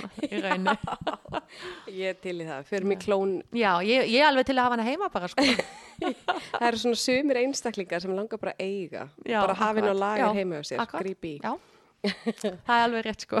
En hérna, maður spyrja, hvað fyrir oft til hennar á mánu? Uh, ég fer núna, ég, ég var, þetta, þetta er svolítið missamt sko, Já. stumt einu sinni í viku ef ég þarf mikið á því að halda. Mhm. Ég var, var núna á tvekja vegna fresti í allan vettu í raunu Já, og um, fer núna, ég er búin að, við erum búin að hæka svona upp í þrís, uh, uh, veist, þryggja vegna fresti. Já. já, já. Þetta fer svolítið eftir líðan sko og, og hún er líka að þeir segja það og við tölum þá saman, ég sagði bara hvað finnst þér, var, var ég mjög slæmt í dag og svona og Já. um, já, Hún finnur þetta bara. já ég, akkurat, maður finnur bara veist, já, Mhm. stundum oftara stundum, ég var, ég var mjög slæmt í, uh, núna í byrjun ás uh, ég var svo rætt að ég var með brostkloss í halsryggin uppi því ég náði ekki, ég misti bara hérna krafti í puttanum og svona. Ó. og það var sem sagt út bungun eða eitthvað sem kom í ljós en hún og svo auðvitað komið til ljós bara viku áður en við fórum til Florida núna í þryggja vikna feð og ég bara, ó, ég ætla að fara út með verki og get valla gert neitt, en hún laga mig bara á tveimum tímum, þá fór ég bara þrygg, þá held ég voru þrjá eða fjóra dagar á milli sko Já. og hún náði sem sagt að laga mig og svo auðvitað hj- hjálpaði að vera í frí og þurfti ekki móka hesthús og alls konar svona. En hún náði sem sagt að, að losa um stiplun eða það sko Mhm. með auðvitað taka bólgu eðandi og alls konar svona. Já, og um, sem sagt þá fer maður oftara eftir þau sko. Einmitt, já. Það er magna. þetta er mjög magnað já, ég elska hana Gekkju. veit ekki hvað ég væri ég væri, hafði, hafði ekki hana sko Já. Já. Þannig að, já, þetta er magnað. En þú, já, fórst til hennar í börnátt. Eh, fi- Númer eitt, það Númer byrjaði byrjaði númer 2017. eitt, sem sagt 2017 og ég er búin að vera hjá henni þá núna sex á sko. Já, Já, vá, þú er tryggur hérna Já. viðskiptaunir. já, já, já, já, já, já. Veist, Ó, gekkja. þetta er svona my time sko. Tíminn sem ég tek fyrir mig sko. Já, nöðsilegt að koma eins og því. að- ljóðheilin, við erum búin að tala um það sko. það, var svolítið, það var svolítið aukalega ofan á það því þetta var hérna í hafnafyrði og meira svona aðgengilegt og, Mhm. en, en Tinna er líka með ljóðheilun sem sagt, hún er líka með tíma og er með gong og svona sem sagt um, þetta, þessi tími sem hún var með henda mér kannski ekki alveg akkurat þá sko, Mhm. sem sagt, og lengra í buttu en ég, ég er búin að prófa hana hún var, hún var sem sagt í vetu, ég pr- prófaði flót í aftaneslaug Já. tvísva, svona það var sem sagt flót í vatninu sem er bara geðveikt og þá var hún með gongið sinn og maður heyri þetta svona í vatninu svona, veist ekki eins Já. vel eins og maður er í lóðheilun en, en maður heyri þetta samt í gegnum vatnið og bara, já, mjög spennandi Já, sko. bylgjurnar alveg Já, svona hafa áhrif á þetta, þetta, vatnið sko. hefur smá skrítin áhrif á ljóðbylgjuna Mhm. og þetta, er- þetta er mjög spes sko. Já, mér finnst er það hljóma mjög spennandi, sko. já, Ó, maður þarf að prófa það. Já. Flót, vera flóter og hérna... Og ef þú hefur spurt mig svona fyrir fjö, þreymur fjöra árum hvort ég myndi vera manneskan í að fara í lóðheilun eða Aldrei. flót eða bara pff, aldrei sko. yoga, meditation, huleislu bara no, ég er bara ég er svona science manneskan, flumaður sko. Ég trú ekki á svona töfra eitthvað sko. En En hvað breyttist? Er það bara svona, bara, svona, bara sko, verða með, finna eins, og, eins og ég sagði með ljóðheilun það breytist í rauninni af því ég vissi ég þurfti að gera eitthvað Ha- hausinn minn, Já. heilan minn var bara veist, ég, þetta fór svona langt að ég fór bara til læknis og sagði bara mér langar að fá eitthvað róandi af því hausinn minn hætti ekki Já. að snúa Mhm. allan tíma 24-7 veist, það var svo mikið að gera og þess vegna þá fattar maður, ok, burnout númer tvö er bara around Mhm. the corner sko, að ég gat ekki hægt að hugsa um alls konar sko Já. og ef það var ekkert neitt til að hugsa en að skipuleggja eða eitthvað með börnin þá koma áhyggju Já. um framtíðinni, um alls konar sko af því, veist Mhm. og, og, sem sagt, og, og læknin sagði, já, viltu ekki bara prófa eitthvað svona nú, með, núvitund, meðvitund huleyslu dæmeri og, og ég bara, pff, nei veist, ég vil bara fá pillu veist, sem laga þetta bara strax veist, ég hef ekki Quick tíma fix. til að ég hef ekki tíma í að vinna í svo kom COVID og börnin heima sem var bara the Oh worst God. time ever sko, ég get Já. ekki ímynda mig ég fylgja fulla fólk á Instagram að homeschool your kids uh, nei, ég mun freka bara skjóta mig sko. nei, í alvöru. Þetta, og börnin minn vinna líka ekki vel með mér sko. ég er búin að sjá þetta í hestamennsku að reyna að gefa þeim eitthvað ráð eða Mhm. eitthvað svona, nú, nú kunna þeim ekki meira en ég sko, sem sagt það er ekkert lengur. En þeir, þetta gengur ekki sko. Nei. og ég sem sagt bara prófaði bara að fara way out of my comfort zone. Það var vinkona minn sem sendi mig link og sagði bara, konti ljóðheilin og ég bara, oh, hvað þarf ég að gera? Veist, ég vildi ekki jóka eða eitthvað. Þú þarf bara að leggja hérna og hugsa ekki neitt og slaka Já. og ég bara, já ég kann þetta ekki sko Ég kann þetta bara að að my biggest nightmare sko að Einmitt. þurfa að liggja í klukkutíma Mhm. og slaka á og gera ekki neitt og, en svo hugsa ég bara hm, það sem læknin sagði og ég, þurft, ég vissi ég þurfti á því að halda Já. fór og já, bara frá fyrsta tímin ég var bara hugt sko Já. ég myndi, ég, en ef þú spurt mig fyrir þreima árum veist, Mhm. bara, þetta klikkuð nei. Og nú er ég bara veist, og ég finn alveg, ég, ég tók svona þrjá, fjóra mánuði pásu Já. ég finn alveg, veist, og börnum minn finna líka, segir bara, mamma, faðu aftur hérna, ég kallar þetta omnámskeið Já. faðu bara aftur hérna í, í þína námskeið sko, af Já. því þú þarft á því að halda þú þarft hana, Já. finna munin á já, þér. þeir finna alveg munin sko Vá, það er með ótrúlegt það er magna. Já. en ég, ég samt ekki trúa þessi allt töfra dæmi Þú vilt, þú neytar að trúi þessu. Nei, ég veit, veist, eins og það, ég, ég mun ekki neyta þetta eins aðalega en, en samt, þú veist, þetta er bara, þetta er ótrúlegt, sko, En það svo- er eitthvað að gerast, en ma, ma, ef ég get ekki úrskipt hluti, Ég veit að hún er svona science huga. já, akkurat, þá er þetta mjög erfitt fyrir mig að Já. trúa, en ég veit alveg að þetta virka, Já. já, Og það er stundu bara nóg að trúa því, bara akkurat, þetta er að virka og þá þarf ég ekki eitthvað Já, rauk fyrir því. akkurat, Bara þarf ekki en þetta er mjög erfitt fyrir mig, en þetta, Já. við, ég er að koma alveg að þann stað að Já. bara, ok, þetta virka, ég þarf ekki endilega að vita af hverju þetta virka.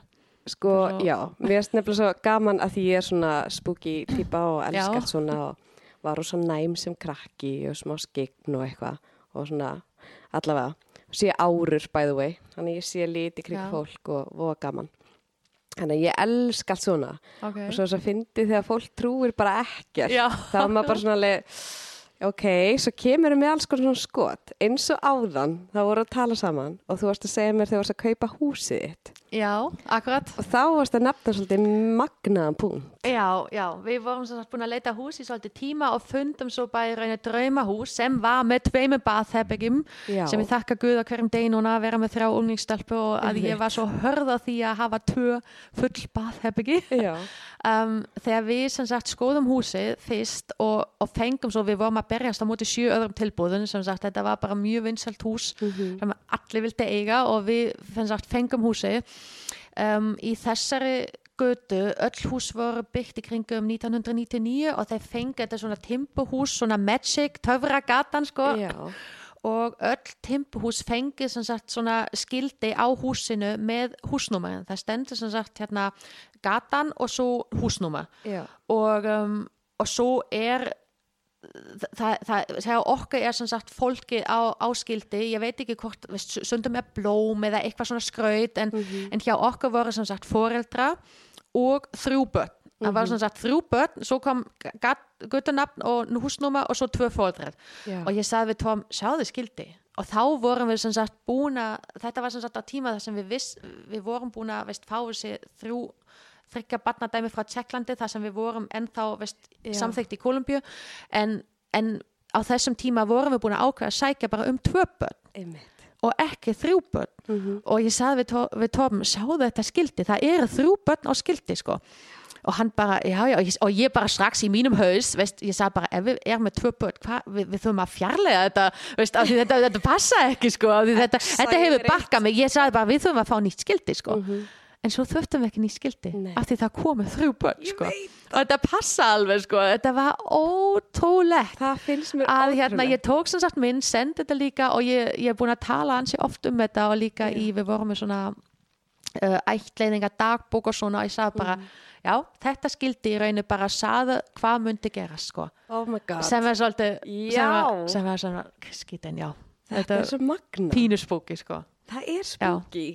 Þetta er svo ógæðslega. og þrátt fyrir því að ég trú ekkert allt á svona töfradót ég er bara mikið manneskjan og ég lifi bara mínu lífi. Everything happens for a reason veist, og það er bara svo svakalega sagt sko, af því stundum fattar maður ekki fyrir 5, 6, 7 ár setna af hverju þetta gerist á þessum tíma og alls konar svona. En ég er bara, veist, ég er búin að ákveða lífa mitt, lífið mitt svona og sem hjálpaði líka hjálpaði gegnum ansi mikið sko. Já. Og þetta var bara meant to be sko. everything happens for a reason við fengum þetta hús með tveimur bathherbyggjum af því við fengum þrjástelpu sem eru unglingar núna og þau var öll sín tíma í bathherbyggi og þetta skildi passa sem sagt 100% sko. Já. Það er svo styrla. þetta er stu, já, stundum við lífi bara já, Já, það er að fallega við þetta. Að maður, þú veist, veit ekki neitt og svo horfum maður tilbaka, það er bara, vá, það er bara svo Já. púslinn, þá sér maður púslinn akkurat, maður var bara svona allt sitt líf er í rauninu púsluspíl og svo bara Já. smátt og smátt er þessi púsluspíl að passa saman og Já. alveg ótrúlegt við vorum ekki með bakland um, hérna á Íslandi uh, og mjög margir sagði bara ætlega þrjú börn án bakland veist, veður bara ekki tætt eða mjög erfitt eða svona en ég er með rosalega góðan hópa vinkunum sko Já. sem ég vissi myndi alltaf hjálpa og vera til staða ef eitthvað kæmi upp sko og s- það, það er líka búin að gera það sko. Já. það eru öll þýsk sem, sem er mjög skrítin sko að því, já, sem sagt, bara svona bestu vinkunum mína á Íslandi eru Allir all- þýskar? Já, allir þýskar sko sem þú þekktir ekki út í Þýskalandi en Nei, nei, við, sem sagt, og ein, veist, kynntist ég bara sem upphæð, veist, 96, af því við varum Já. upphæð á sama tíma og hína tvær, við kynntumst bara gegnum, já, k- ein var bara í Korstaf, ég söng í kirkjukor, sem sagt, í, Já. í 20 á á Íslandi Já. og um, uh, já, sem sagt, þetta er allt vinkunum sem er búin að þekkjast í 20 ár og ég, ég vissi alveg að það myndi standa og hjálpa okkur Já. ef það þurfti sko og ég, ég veit ekki alveg veist, ef maður er ekkert með svona veist, það var sem sagt bakland veist, Já. ef ég segi að það var ekkert bakland þá meinti ég bara fjölskyldu en í Já. rauninni var, er bakland bara vinkuna mínu og það eru bara Já. fjölskyldu okkar hérna á Íslandi sko og um, það er já, ótrúlega dýrmætt. Akkurat. En fallegt, já, indislegt að ég var svo góð, góða að er leitskonu mínum. Já, já, en ég held nú Já. erum við alveg búin að slá metið sko, það er spurning ég held að þú og Hulda séu svona að keppa í- þetta er ekki já. keppni sko, ég, ég er með mikið keppniskap en hérna þú varst samt að vinn, þú vildir fá lengstu þáttinn við bara gerum það. En í rauninni, veist, ef þetta er svona þrjú börn, þá er það eins og þrjá nefnilega þætti, sko, í Já. rauninni. svolítið Og svo bera, já, það er bara, ég gæti bara að tala endalaust um Ég þetta, sko. það, Að því líka. finnst svo gaman á mig langa bara svo að maður sá, búin að sjá ættleiðingatölu svona undanfæri, sko. Mhm. Eða, eða, veist, ekkert endilega ættleiðingatölu, en líka fólk sem fyrir fyrsta vittali, þetta er fyrir alveg mingandi smá og Já. ég bara, ég skil ekki alveg, veist, að þið þrátt fyrir því að þetta er erfitt og tekur á, Mhm. veist, ef þú ert, ef þú ert með nóg ást og svona inn í þér sem við vilt gefa af því unconditional love er raun og bara það sem það já, og hjálpa í gegnum allt um, veist, þrátt fyrir því að þetta er erfitt er þetta bara það besta sem við höfum gert já. í okkar lífi sko, bara alveg veist. ef ég myndi hugsa tilbaka og ég, ég er búin að nefna veist, hversi erfitt byrjun var og maður var svona ekki alveg viss Mhm. ef ég hugsa tilbaka þá fæ ég bara gæsa húð með að hugsa um að við sögðum nánast nei sko já, veist, því. að því þessa stelpu þeir átt að koma til okkar sko. þeir voru bara, it was meant to be sko. og um, veist, já, ef maður hugsa tilbaka og það var líka þetta er svo fyndin af því þegar við, þetta var líka smá svona hvað segir, örlugun heit- örlög, já, já, örlög. Um, af því þegar við hérna, vorum loksins samþygt í, í Tjekklandi, það var í janúar 2015 af því við vorum bara mjög stutt. Mhm. Stelpuna komu ekki á sagt listan, þeir voru sagt ekki tilbúin eða veist, bara til í ætliðingar til útlanda af því það þarf nú að prófa ímislegt veist, Mhm. ég, ég held, veit ekki hvort eitthvað er búin að nefna sagt, það er rísastort ferli sem fyrir gang Mhm. og þess vegna eru börnin, veist, það er aldrei börnuna sem koma yngri en eitt eins og hálsás Mhm. af því þú þarft að vera viss að það er, fyrst og fremst að foreldra geta ekki tekið um tilbaka eða, Mhm. en svo þarf að ég held að þetta er ennþá svona, það var að reyna að ætla þeim í innanlands. innanlands já. sko fyrst. Og ef það gerist ekki, ger ekki og þú þarft að prófa held ég í x maka mánu og svona, þá er ég bara laus til ætliðinga til útlanda. Já, og við komum sem sagt á, á skrá eða vorum samþygt og á sama tíma kom stelpuna. Þetta var bara innan viku sko. Nei. Og þess vegna endaði ég sem sagt ef við vorum samþygt bara mánu setna eða eitthvað Já. Þá, eð- eða fyrir, jafnvel fyrir ef við höfum sem sagt Mhm. bara veist, vera aðeins veist, raðara með gögnin tilbúin þá, þá væri við kannski komið önnuböld sko. Já, og ég er bara svona, þetta, it was meant to be sko. Það var bara innan sama viku komið það sem sagt á veist, það voru tilbúin og við vorum samþygt og, einmitt. og ég held það sem ég glemti líka að segja var við spurðum sko þegar við hittum þeim fyrsta deginu á batnæmli Já. og vorum bara alveg bara drenched in sweat eftir þessi tvekja tíma úti veru með þeim og vorum svo að halda þetta fund á batnæmli við spurðum af hverju veist, við sagt af hverju hald, voru þið að halda veist, að við erum the perfect parents sko, Já. fyrir þessi börn og þeir, þeir, þeir ljóðu bara og sagði bara because you're so active and young and fit af því við vorum Já. í þrýþraut mjög aktiv sko. Ég, en þá, veist, á þessum tíma vorum við ekki búin að æfa neitt í þrjá fjóra mánu af því við vorum, sagt, við fengum húsið og vorum í frí og Já, nýtt starf og það var ekki tíminn í æfingar sko.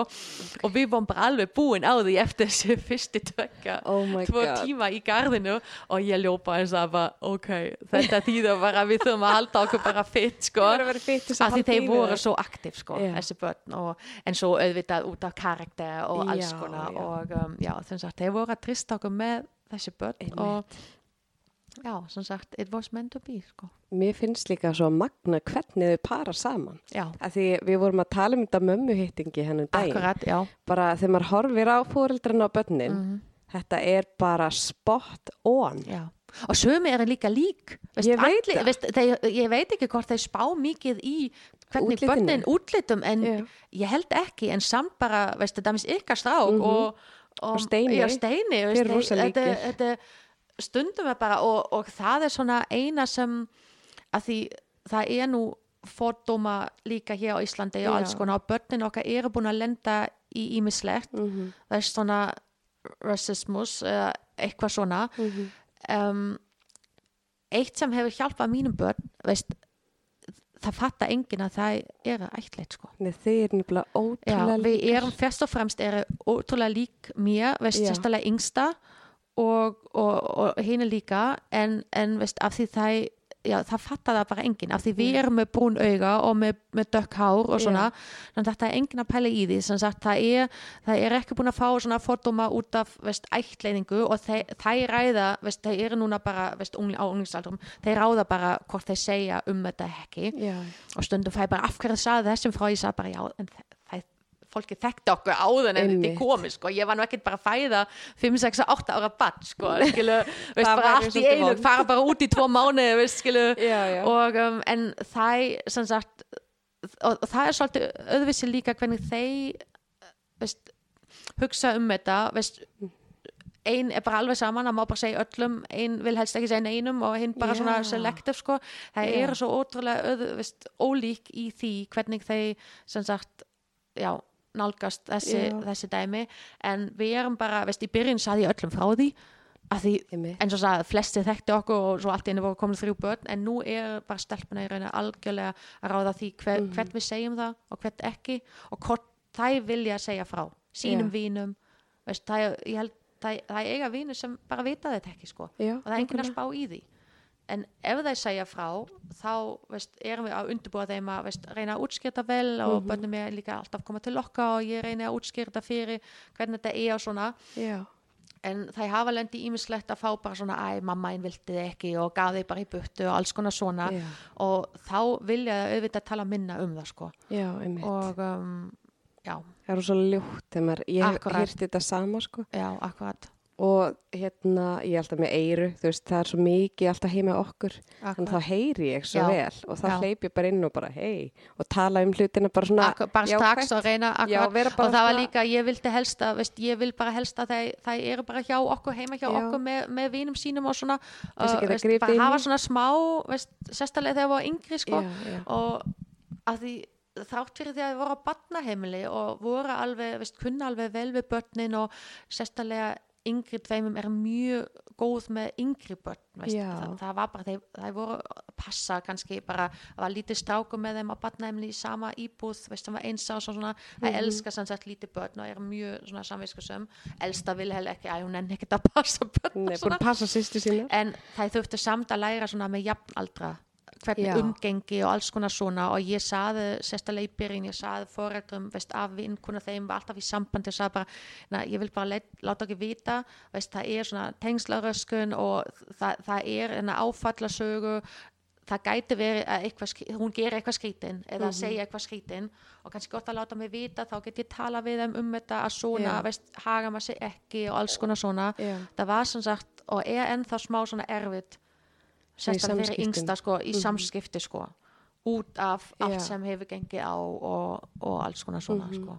Og svo svo magna að mikilvægt að gera þetta sem þú ert að segja að tala við fóreldrana og upplýsa þá. já, að því að ef engi veit eitthvað Já, þá er þetta bara stimpla sem eitthvað skrítið og Akkurat. bara hvað er í gangi þarna? Já, en þú veist um leið að fólk veit og maður útskýrir og þetta sé bara eðlilegt. en svo er, bara- þrátt fyrir að útskýra þá er skilning ekki alltaf til staða sko. Nei, nei, það er því ekki. miður sko Nei. sem sagt, um, og um, flesti voru bara mjög góð en sumu bara Já. og þá þá fór þessi vinn sk- já, það var bara ekkert mjög lengi því það var ekkert hægt að halda þessi áfram sko. það þurfti Nei. smá skilning Já. og um, já, Það er rosa mikilvægt að fóreldrar allavega hlusti og reyni að skilja. já. Já. Veist, það er ekkert hægt að afsaka allt Nei. Veist, með þetta, alls ekki. Nei, nei, nei, og um, en, en samt bara gott að útskýra sko. Já, bara svona líka láta vita, þú veist, við erum að vinna í ákveðni hegðun eða samskiptamunstri og það er stafar út af þessu en það afsakar sjálfsögðu ekki neitt. Akkurat. En bara þannig að fólk sé svona ok, það veit allavega að fóreldrarnir er að vinna í þessu já. En af því við, við erum að tala um það, það er Mhm. líka annað sem, sem kom okkur svolítið vel í gegnum árin að því ég þekki sumu sem, sem eru bara að ofuhugsa allt sko, Já. hefðgunin hvernig, hvað þeir segja hvað þeir hafa gert og svona veist, Mhm. það er allt í lagi að hugsa eins um veist, af hverju geður barni þetta núna og hvernig tengist þetta áfallasögu og ættleiðinga og svona Já. en stundum er þetta bara börn og stundum er þetta bara alveg mjög algengt ef ég myndi segja núna hvort börnin minn eru auðvisi en aðri unglinga ég held ekki, Nei. ekki endilega auðvitað eiga erfið með sumt veist, sérstælega út af tengslaröskun kannski en, en þetta er bara held ég bara venjulega unglingar sko já, og ef maður bara ekkert að ófuhugsa og ófupæla í alla litla luti Mhm. veist, og tengja þetta með ættleiðingafelli og svona þá, veist, þá kemur bara stundum bara mikið betra í gegnum þetta sko. ekkert bara, ekkert pæla í hvert einasta luti sko. bara, veist, reyna bara að lífa áfram veist. ekki vera og- ofgreina hlutina já, akkurat Já. Þetta, er svona, þetta er mjög Það mikið vært sko. er hættulegt svona Já. loophole mjög, mjög, mjög hættulegt sko. bara svartúr, maður Já. getur sko alveg dottið í þá ég hef alveg farið þannig pakka sko Já. sérstaklega maður finna ekkert útskýringa af því sum stundum Já. og mjög oft eru útskýringa bara hún gerði þetta af því hún er bann Já. hún var ekkert að hugsa. Það hefur ekki með neitt annað að gera, hún er bara bann sko. við gerum stundum luti sem ekki hægt að útskýra.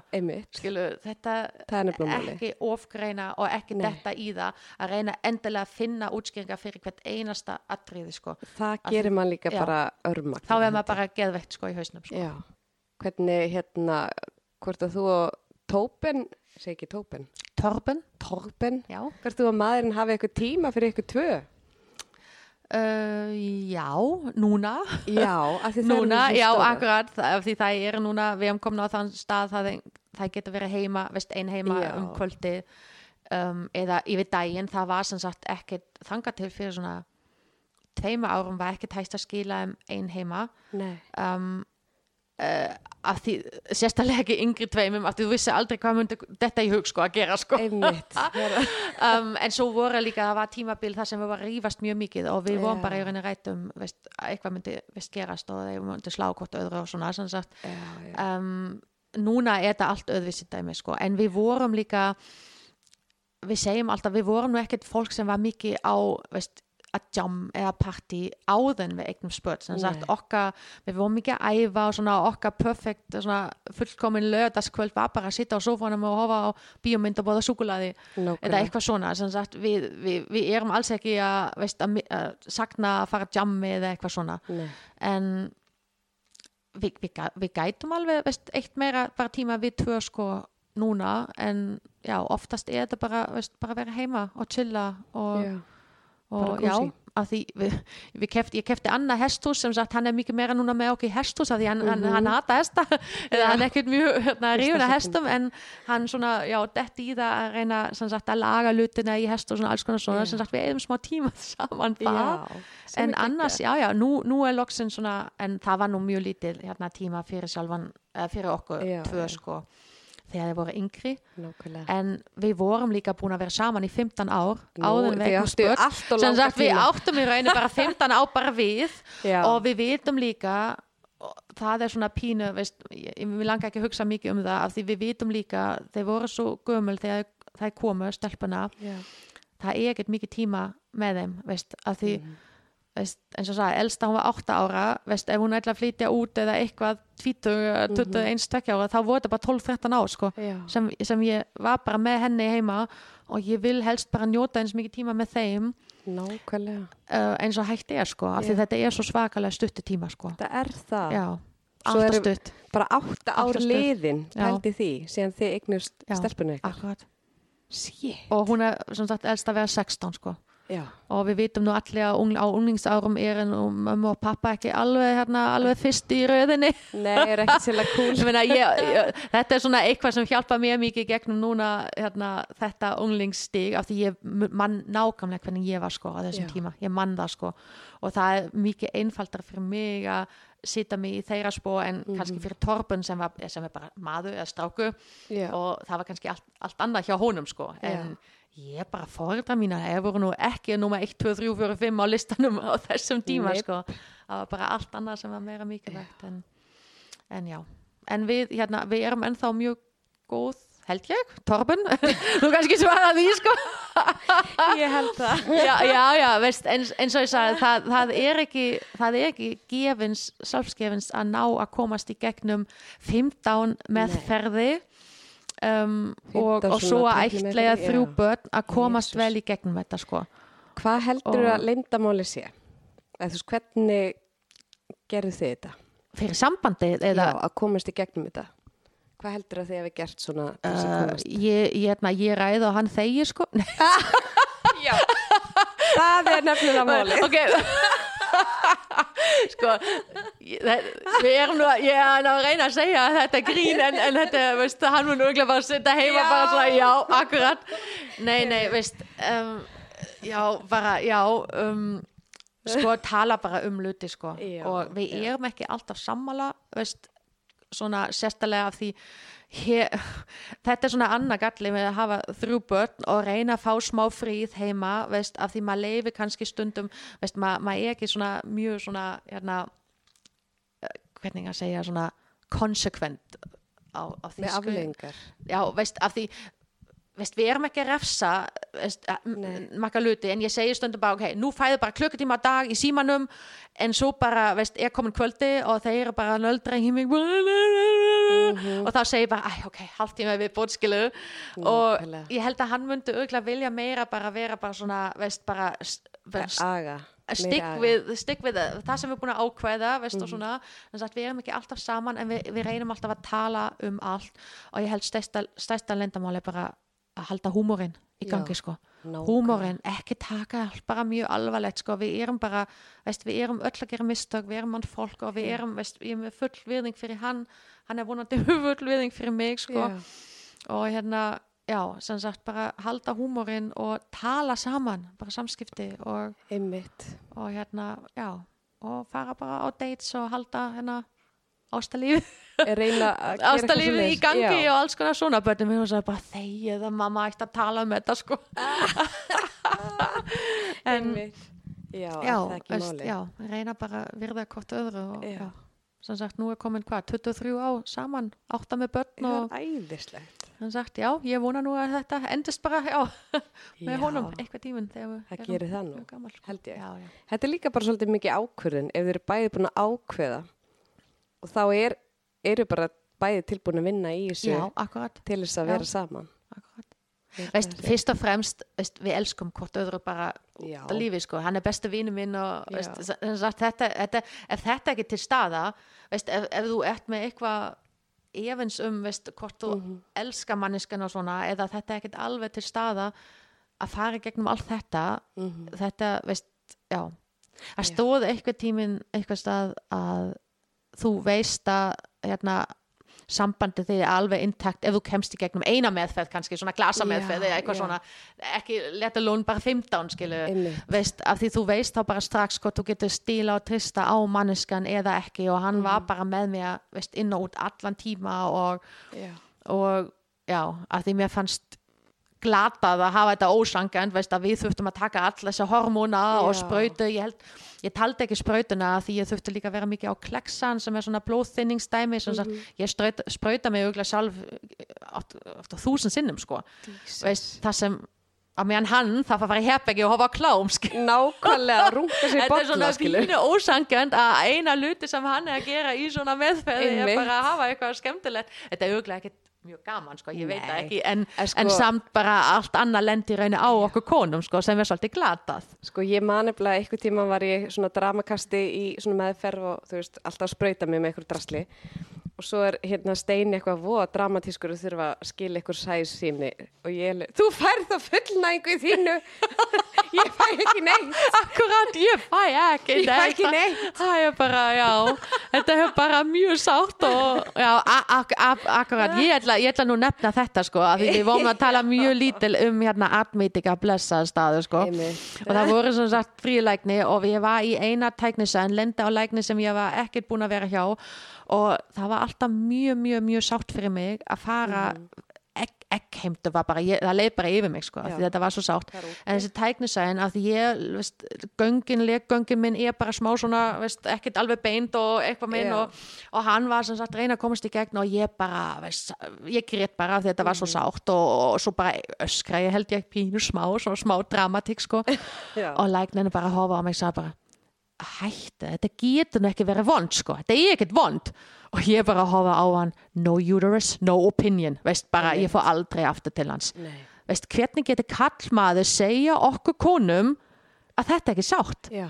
er þú búin að fæ teknisenn á ég bara stinga hérna eitthvað Einmitt. 20 cm í gegnum veist, tippið sko, veist, þetta er bara fáranlegt sko, fáranlegt þannig að já, Maður er í brjálaður. ég fór aldrei aftur til þennan leikni sko. ég sagði bara ég vil ekki beið lengu og bara Mhm. já, Já. akkurat svona bara, Ör saga úr lífi Art Medica. já, akkurat blessa, Bless- rest in peace Rest in peace. Nákvæmlega.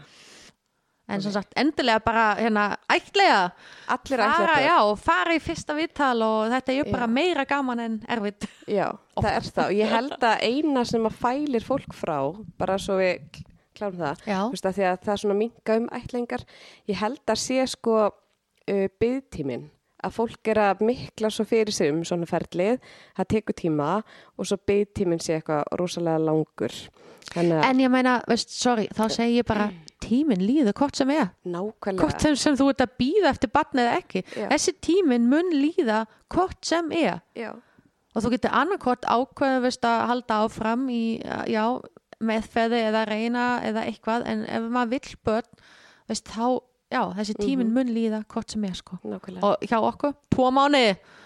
Sem að já, Já, við, já, okkar býttum var bara tvo mánuði sko. Og það er sögu um aðra sem, ek, sem er ekki búin að ætliða sískinni sem voru líka bara að byða í Mhm. eitt, tvo mánuði sko.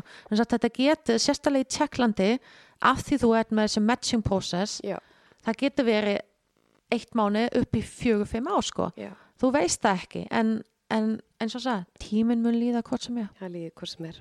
Já, og þetta kemur akkurat á því tíma sem þetta á að koma til. Já, akkurat eins og það, ef við höfum verið fyrr eða veist, ef við höfum ekki farið á Kolumbíu uh, bygglistan fyrst og fara rétt strax til Tjekklands þá værum við ekki með okkar stelpa núna. Nákvæmlega. Þannig að batni kemur akkurat þegar, veist, já ykkar batn kemur þegar það á að koma sko að þetta er þá ykkar batn og ekki Nákvæmlega. En svona loka spurning áður en að ég byrði um að koma loka orð. Vistu, var þetta eins og bjóst við? um, Nei veist, ég, ég- veit ekki hvar ég var að búast við Nei. en ég held að þegar maður svona byrja í þessu hugsun um að fara í ætleðingafelli fyrst hugsa maður alltaf auðvitað um að fá bara nýfætt börn af því þetta Já. er bara það sem maður þekkti sko. flesti bara ætla nýfætt börn og svo kom í ljós að þetta gerist ekki á Íslandi að ég veit ekki alveg hvað ég var að búast við sko.